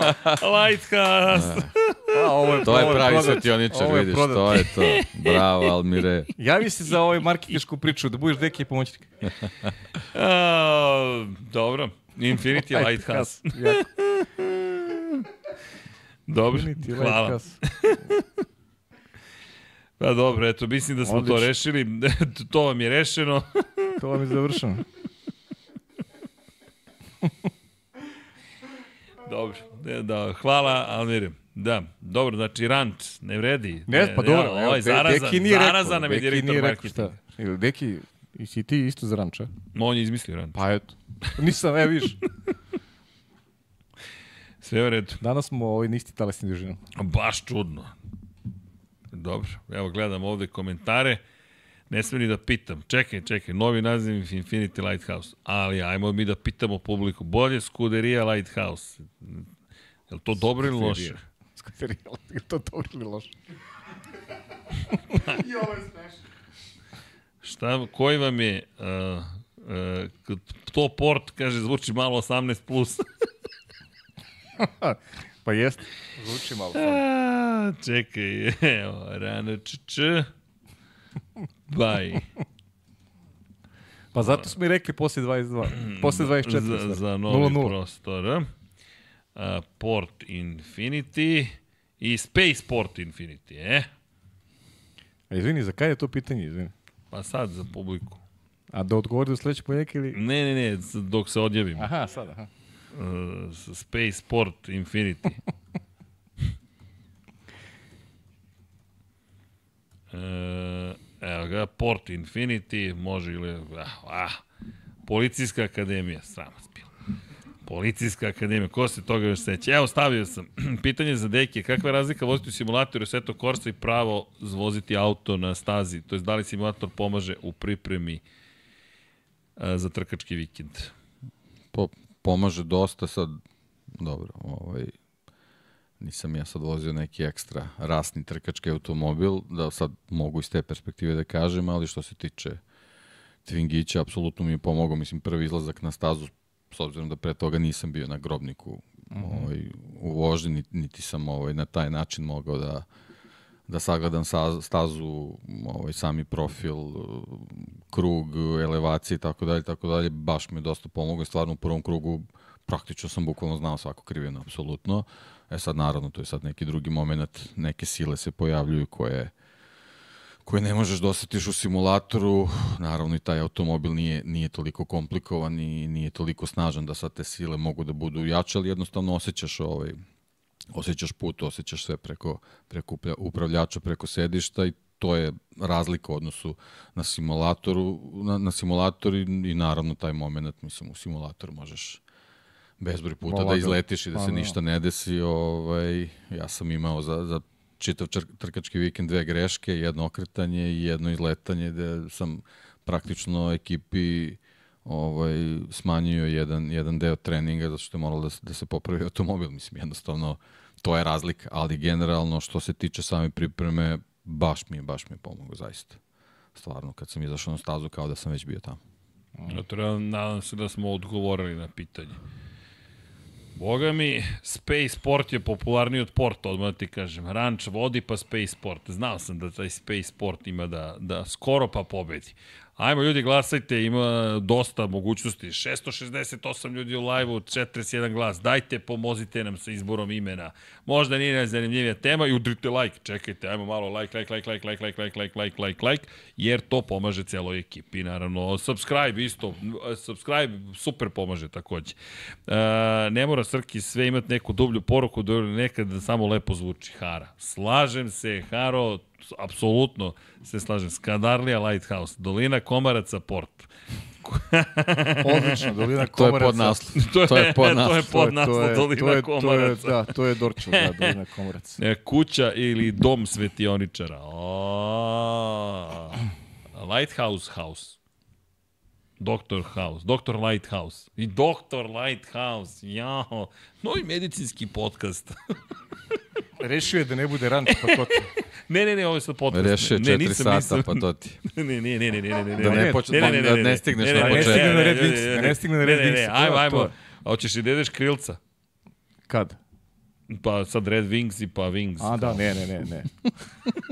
Ne, ne, ne. zbunio čoveka. Nasmeo sam Dekija, to je uspešan podcast, ne bih vas više za- zadržavao, ljudi. Ima uvek tema, ali eto, mi smo se malo skupili da se ispričamo. Nego, sledeće nedelje, šta vi mislite, ljudi, da napravimo da napravimo neku kombinaciju već smo prošli sezonu u smislu vozača, dali smo ocene i tako dalje. Ali neku pokušamo, pokušamo br rekapitulaciju onako, zajedno s publikom, prođemo celu sezonu, recap sezone. Šta, kako, kako vam to zvuči? Ali da traje 3,5 sata maksimalno. Bojim se da nisam razumeo. nisam razumeo šta je pisac hteo da kaže. Rekapitulacija sezone, kao kraj godine sa publikom, Q&A malo pričamo. Ne, da, ajde, vi pričat ćemo. Što da ne? Pa da, mislim, ne, ne znam šta drugo da pričamo osim rekapitulacije. Ima nekih sezone. neviđenih vesti, novih, ako bude. Znaš, kao, praznična atmosfera, sednemo, pet puta Aha. sam ponovio kao, pr- pričamo kako nam izgledala sezona, e, šta se, seća se prve trke iz tih nekih, ne mora klasično ono prebrojavanje. Znam odgovor na to pitanje. Znamo ko je pobedio, nego do prilike... Ne sećam se. Ko je, ko je uzao titulu ove godine? ko je uzo, bukvalno je uzo, došao je ovako uzo i rekao, to je moje. A može, ajde. Pa, Što da ne, malo se družimo. To i vaša pitanja i odgovori. Jel trebamo lepo da se obučemo ili... To sla... E, trebalo bi jelku da ubacimo. Stvarno mislim da je u redu da ovde bude jelka, da bude jedan okićeno. Mogu da... bi da, da okiti šilku. Ok, potrudit ću se, potrudit ću se, vaša, vaša želja je moja zapovest, tako da nema nikakvih problema. To ćemo da rešimo, ali čisto eto da malo napravimo neku atmosferu. Ajde, Prazničnu. ajde. Šta fali, ljudi? E, pa dobro, mislim, da svako, svako ćemo se okupimo sad, sad ćemo pričamo. Vidi, grad nije okićen, daj mi da okitimo malo. Sad, sad će da ga okiti.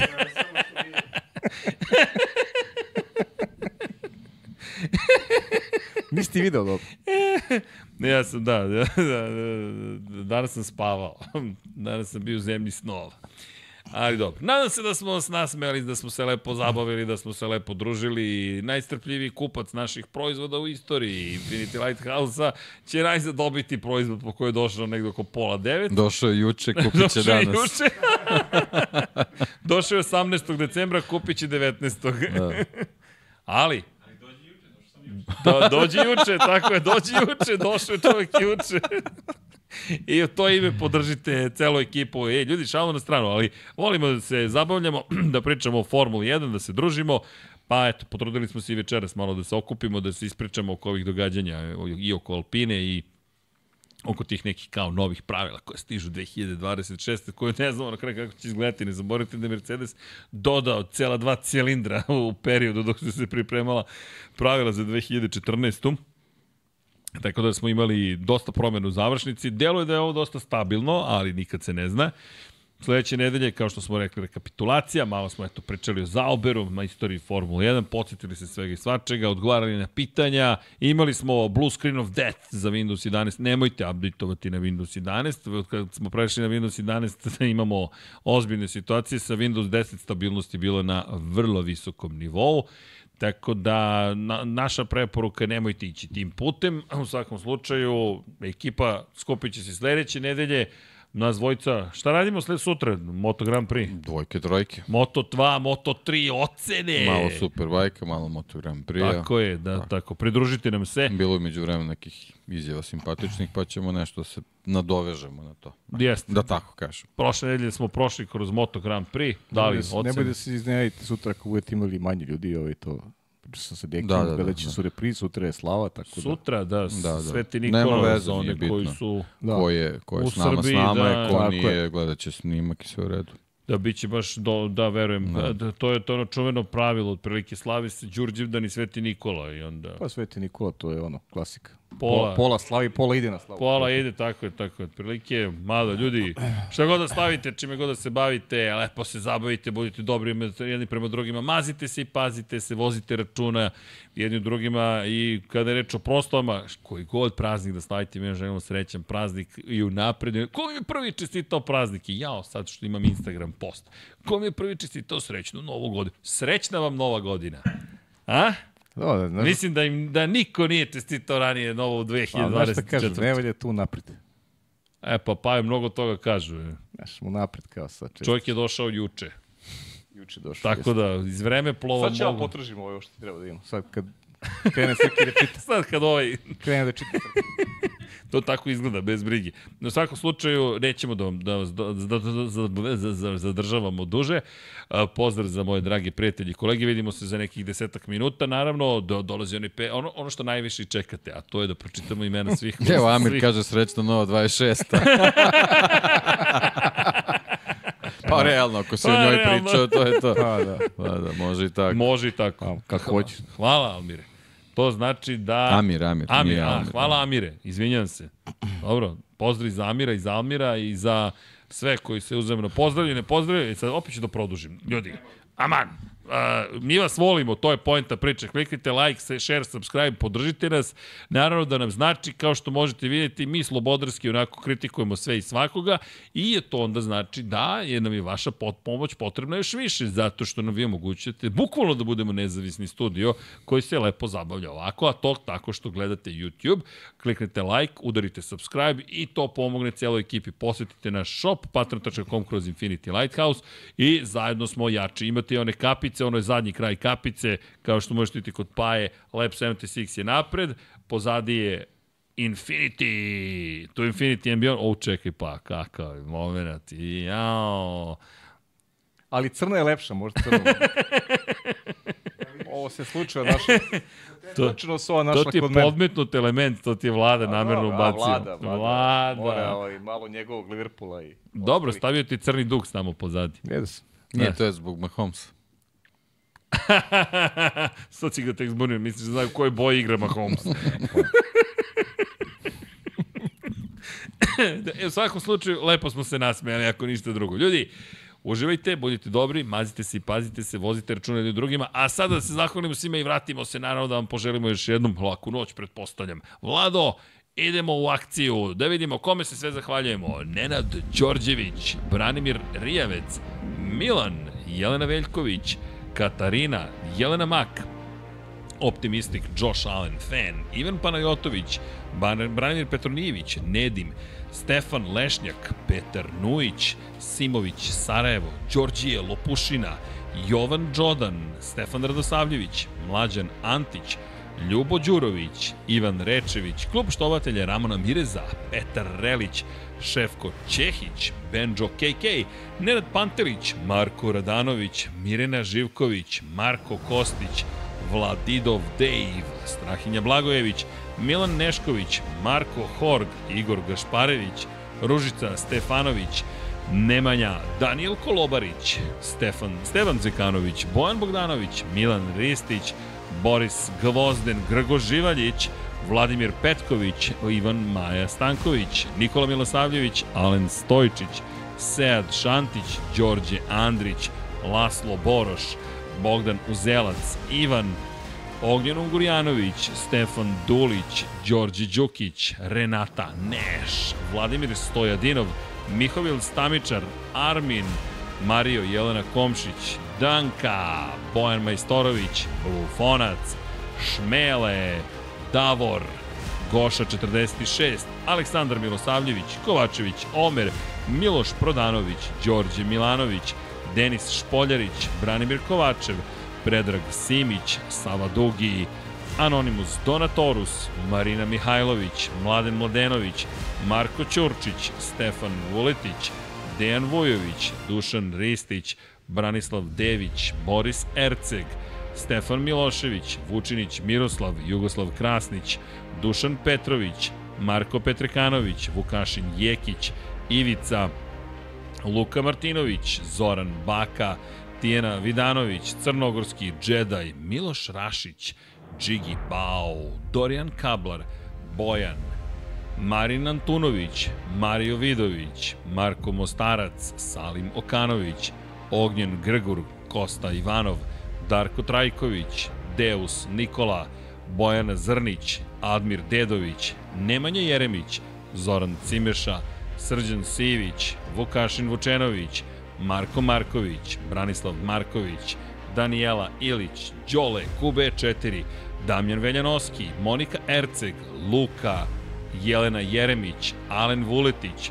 Dimitar Vasilev, Životić Jovan, Zoran Šalamun, Marko Blagojević, Nebojša Živanović, Tijana M, Luka Savović, Đerman, Žorž, Nikola Marinković, Lj. Đurović, Stefan Prijović, Milan Milašević, Filip, Peđa Janković, Bogdan Mitrović, Matija Rajić, Miroslav Cvetić, Đole Bronkos, Ivan Čule, Matija Binotto, Antonio Novak, Nenad Simić, Tina i Ilija, Sean Hing, Jasenko Samarđić, Aleksandar Mitrović, Lašlo Bolok, Jeca and Stefan, Ivan Ciger, Ferenc Laslofi, Mladen Tešić, Lazar Pejović, Veselin Vukićević, Nikola Beljić, Vladimir Uskoković, Ertan Prelić, Miloš Radosavljević, LFC, Borislav Vukojević, Robert Čolić, Dejan Avić, Andreja Branković, Mirjana Kovačević,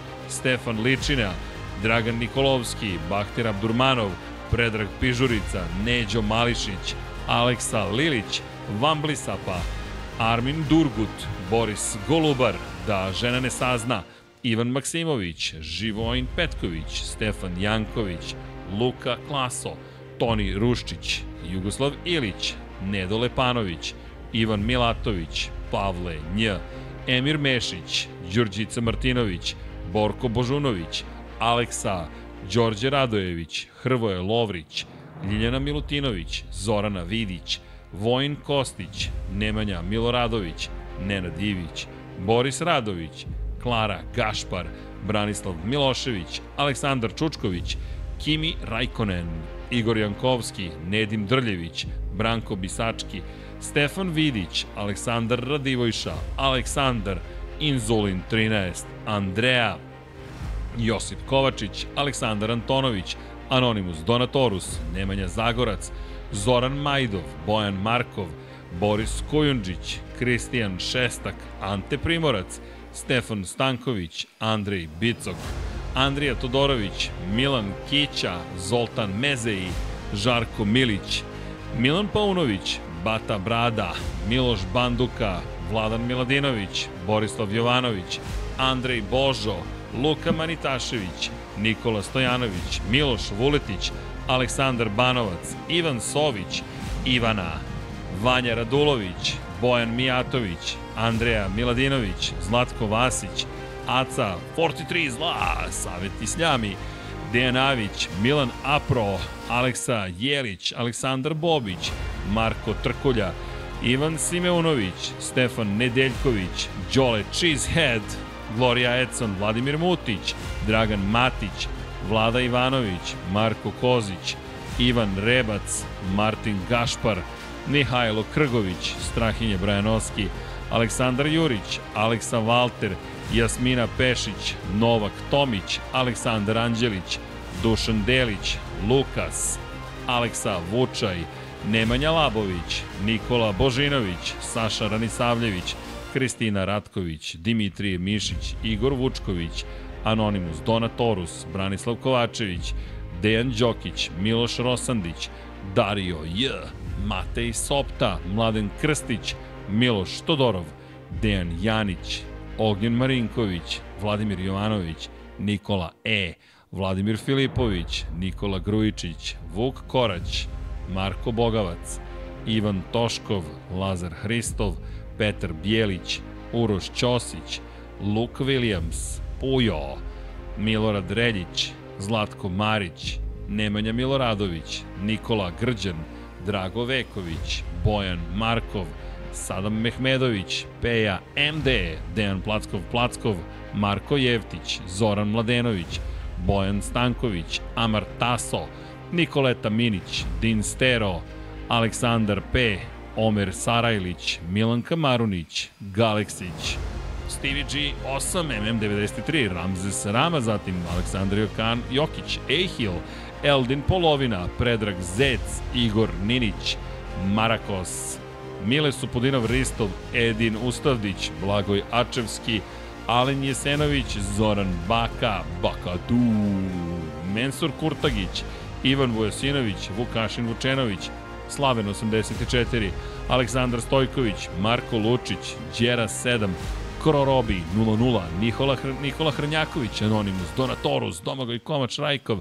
Mateja Nenadović, Toni Soni 76, Ada Sokolović, Mrča, Nikola Vulović, Aleksandar Egerić, Penđer, Nikola Božović, Dejan Janić, Bojan Gitarić, Katarina Stepanović, Lunatic Soul, Kromid, Saša Stevanović, Marko Bogavac, Ljiljana Milutinović, Nikola Adamović, Žika Su, Aleksandar Kockar, Konstantin Linarević, Almedin Ahmetović, Igor Ilić, Vladimir Vujičić, Ivan Božanić, Mađar 007, Almir Vuk, Aleks Vulović, Vojislav Tadić, Nikola Grujičić, Igor Vranić, Miloš Stanimirović, Nemanja, Pavle Lukić, Jovan Bojanić, Nedžad Mrakić, Miloš Zed, LFC, Bruno Jurić, Filip Knežević, Vladimir Subotić, Future Graciano Rossi, Tatjana Lemajić, Nemanja Cimbaljević, Tomić Miloš,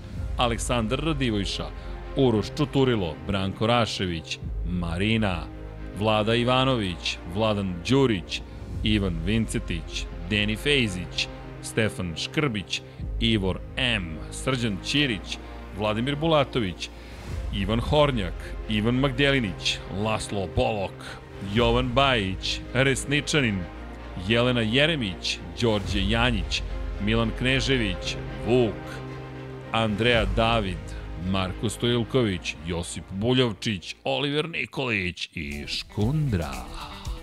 E, momci, znate da se pojavio, hu, pozdrav za sve, aplauz za sve, Patreone i članove. Join patreon.com kroz Infinity Lighthouse, subscription i sve ostale zabavne stvari. Nego, momci, znate da smo se pojavili u seriji. Ne znam da li ste videli to. To je Pera A, otkrio... vidio sam, da, da, vidio A, sam rec. Pera, da, da, vidio Pera sam. otkrio u sred serije tunel na računaru dve nalepnice Lab 76. A, idemo!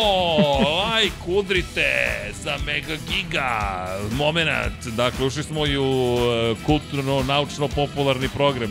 U, u, pe, u prevodu Pero čuvaj imaš mnogo slobodnog vremena, stižeš da gledaš i serije. O, Andreja Zajdel, Andreja Zajdel, ne, ne, ne, ovo je Andreja Stela, sa leve strane dr. Helmut Marko i moja malenkost, ja sam ne znam nija šta, ali vas volimo i želimo vam, hoćemo laku noć.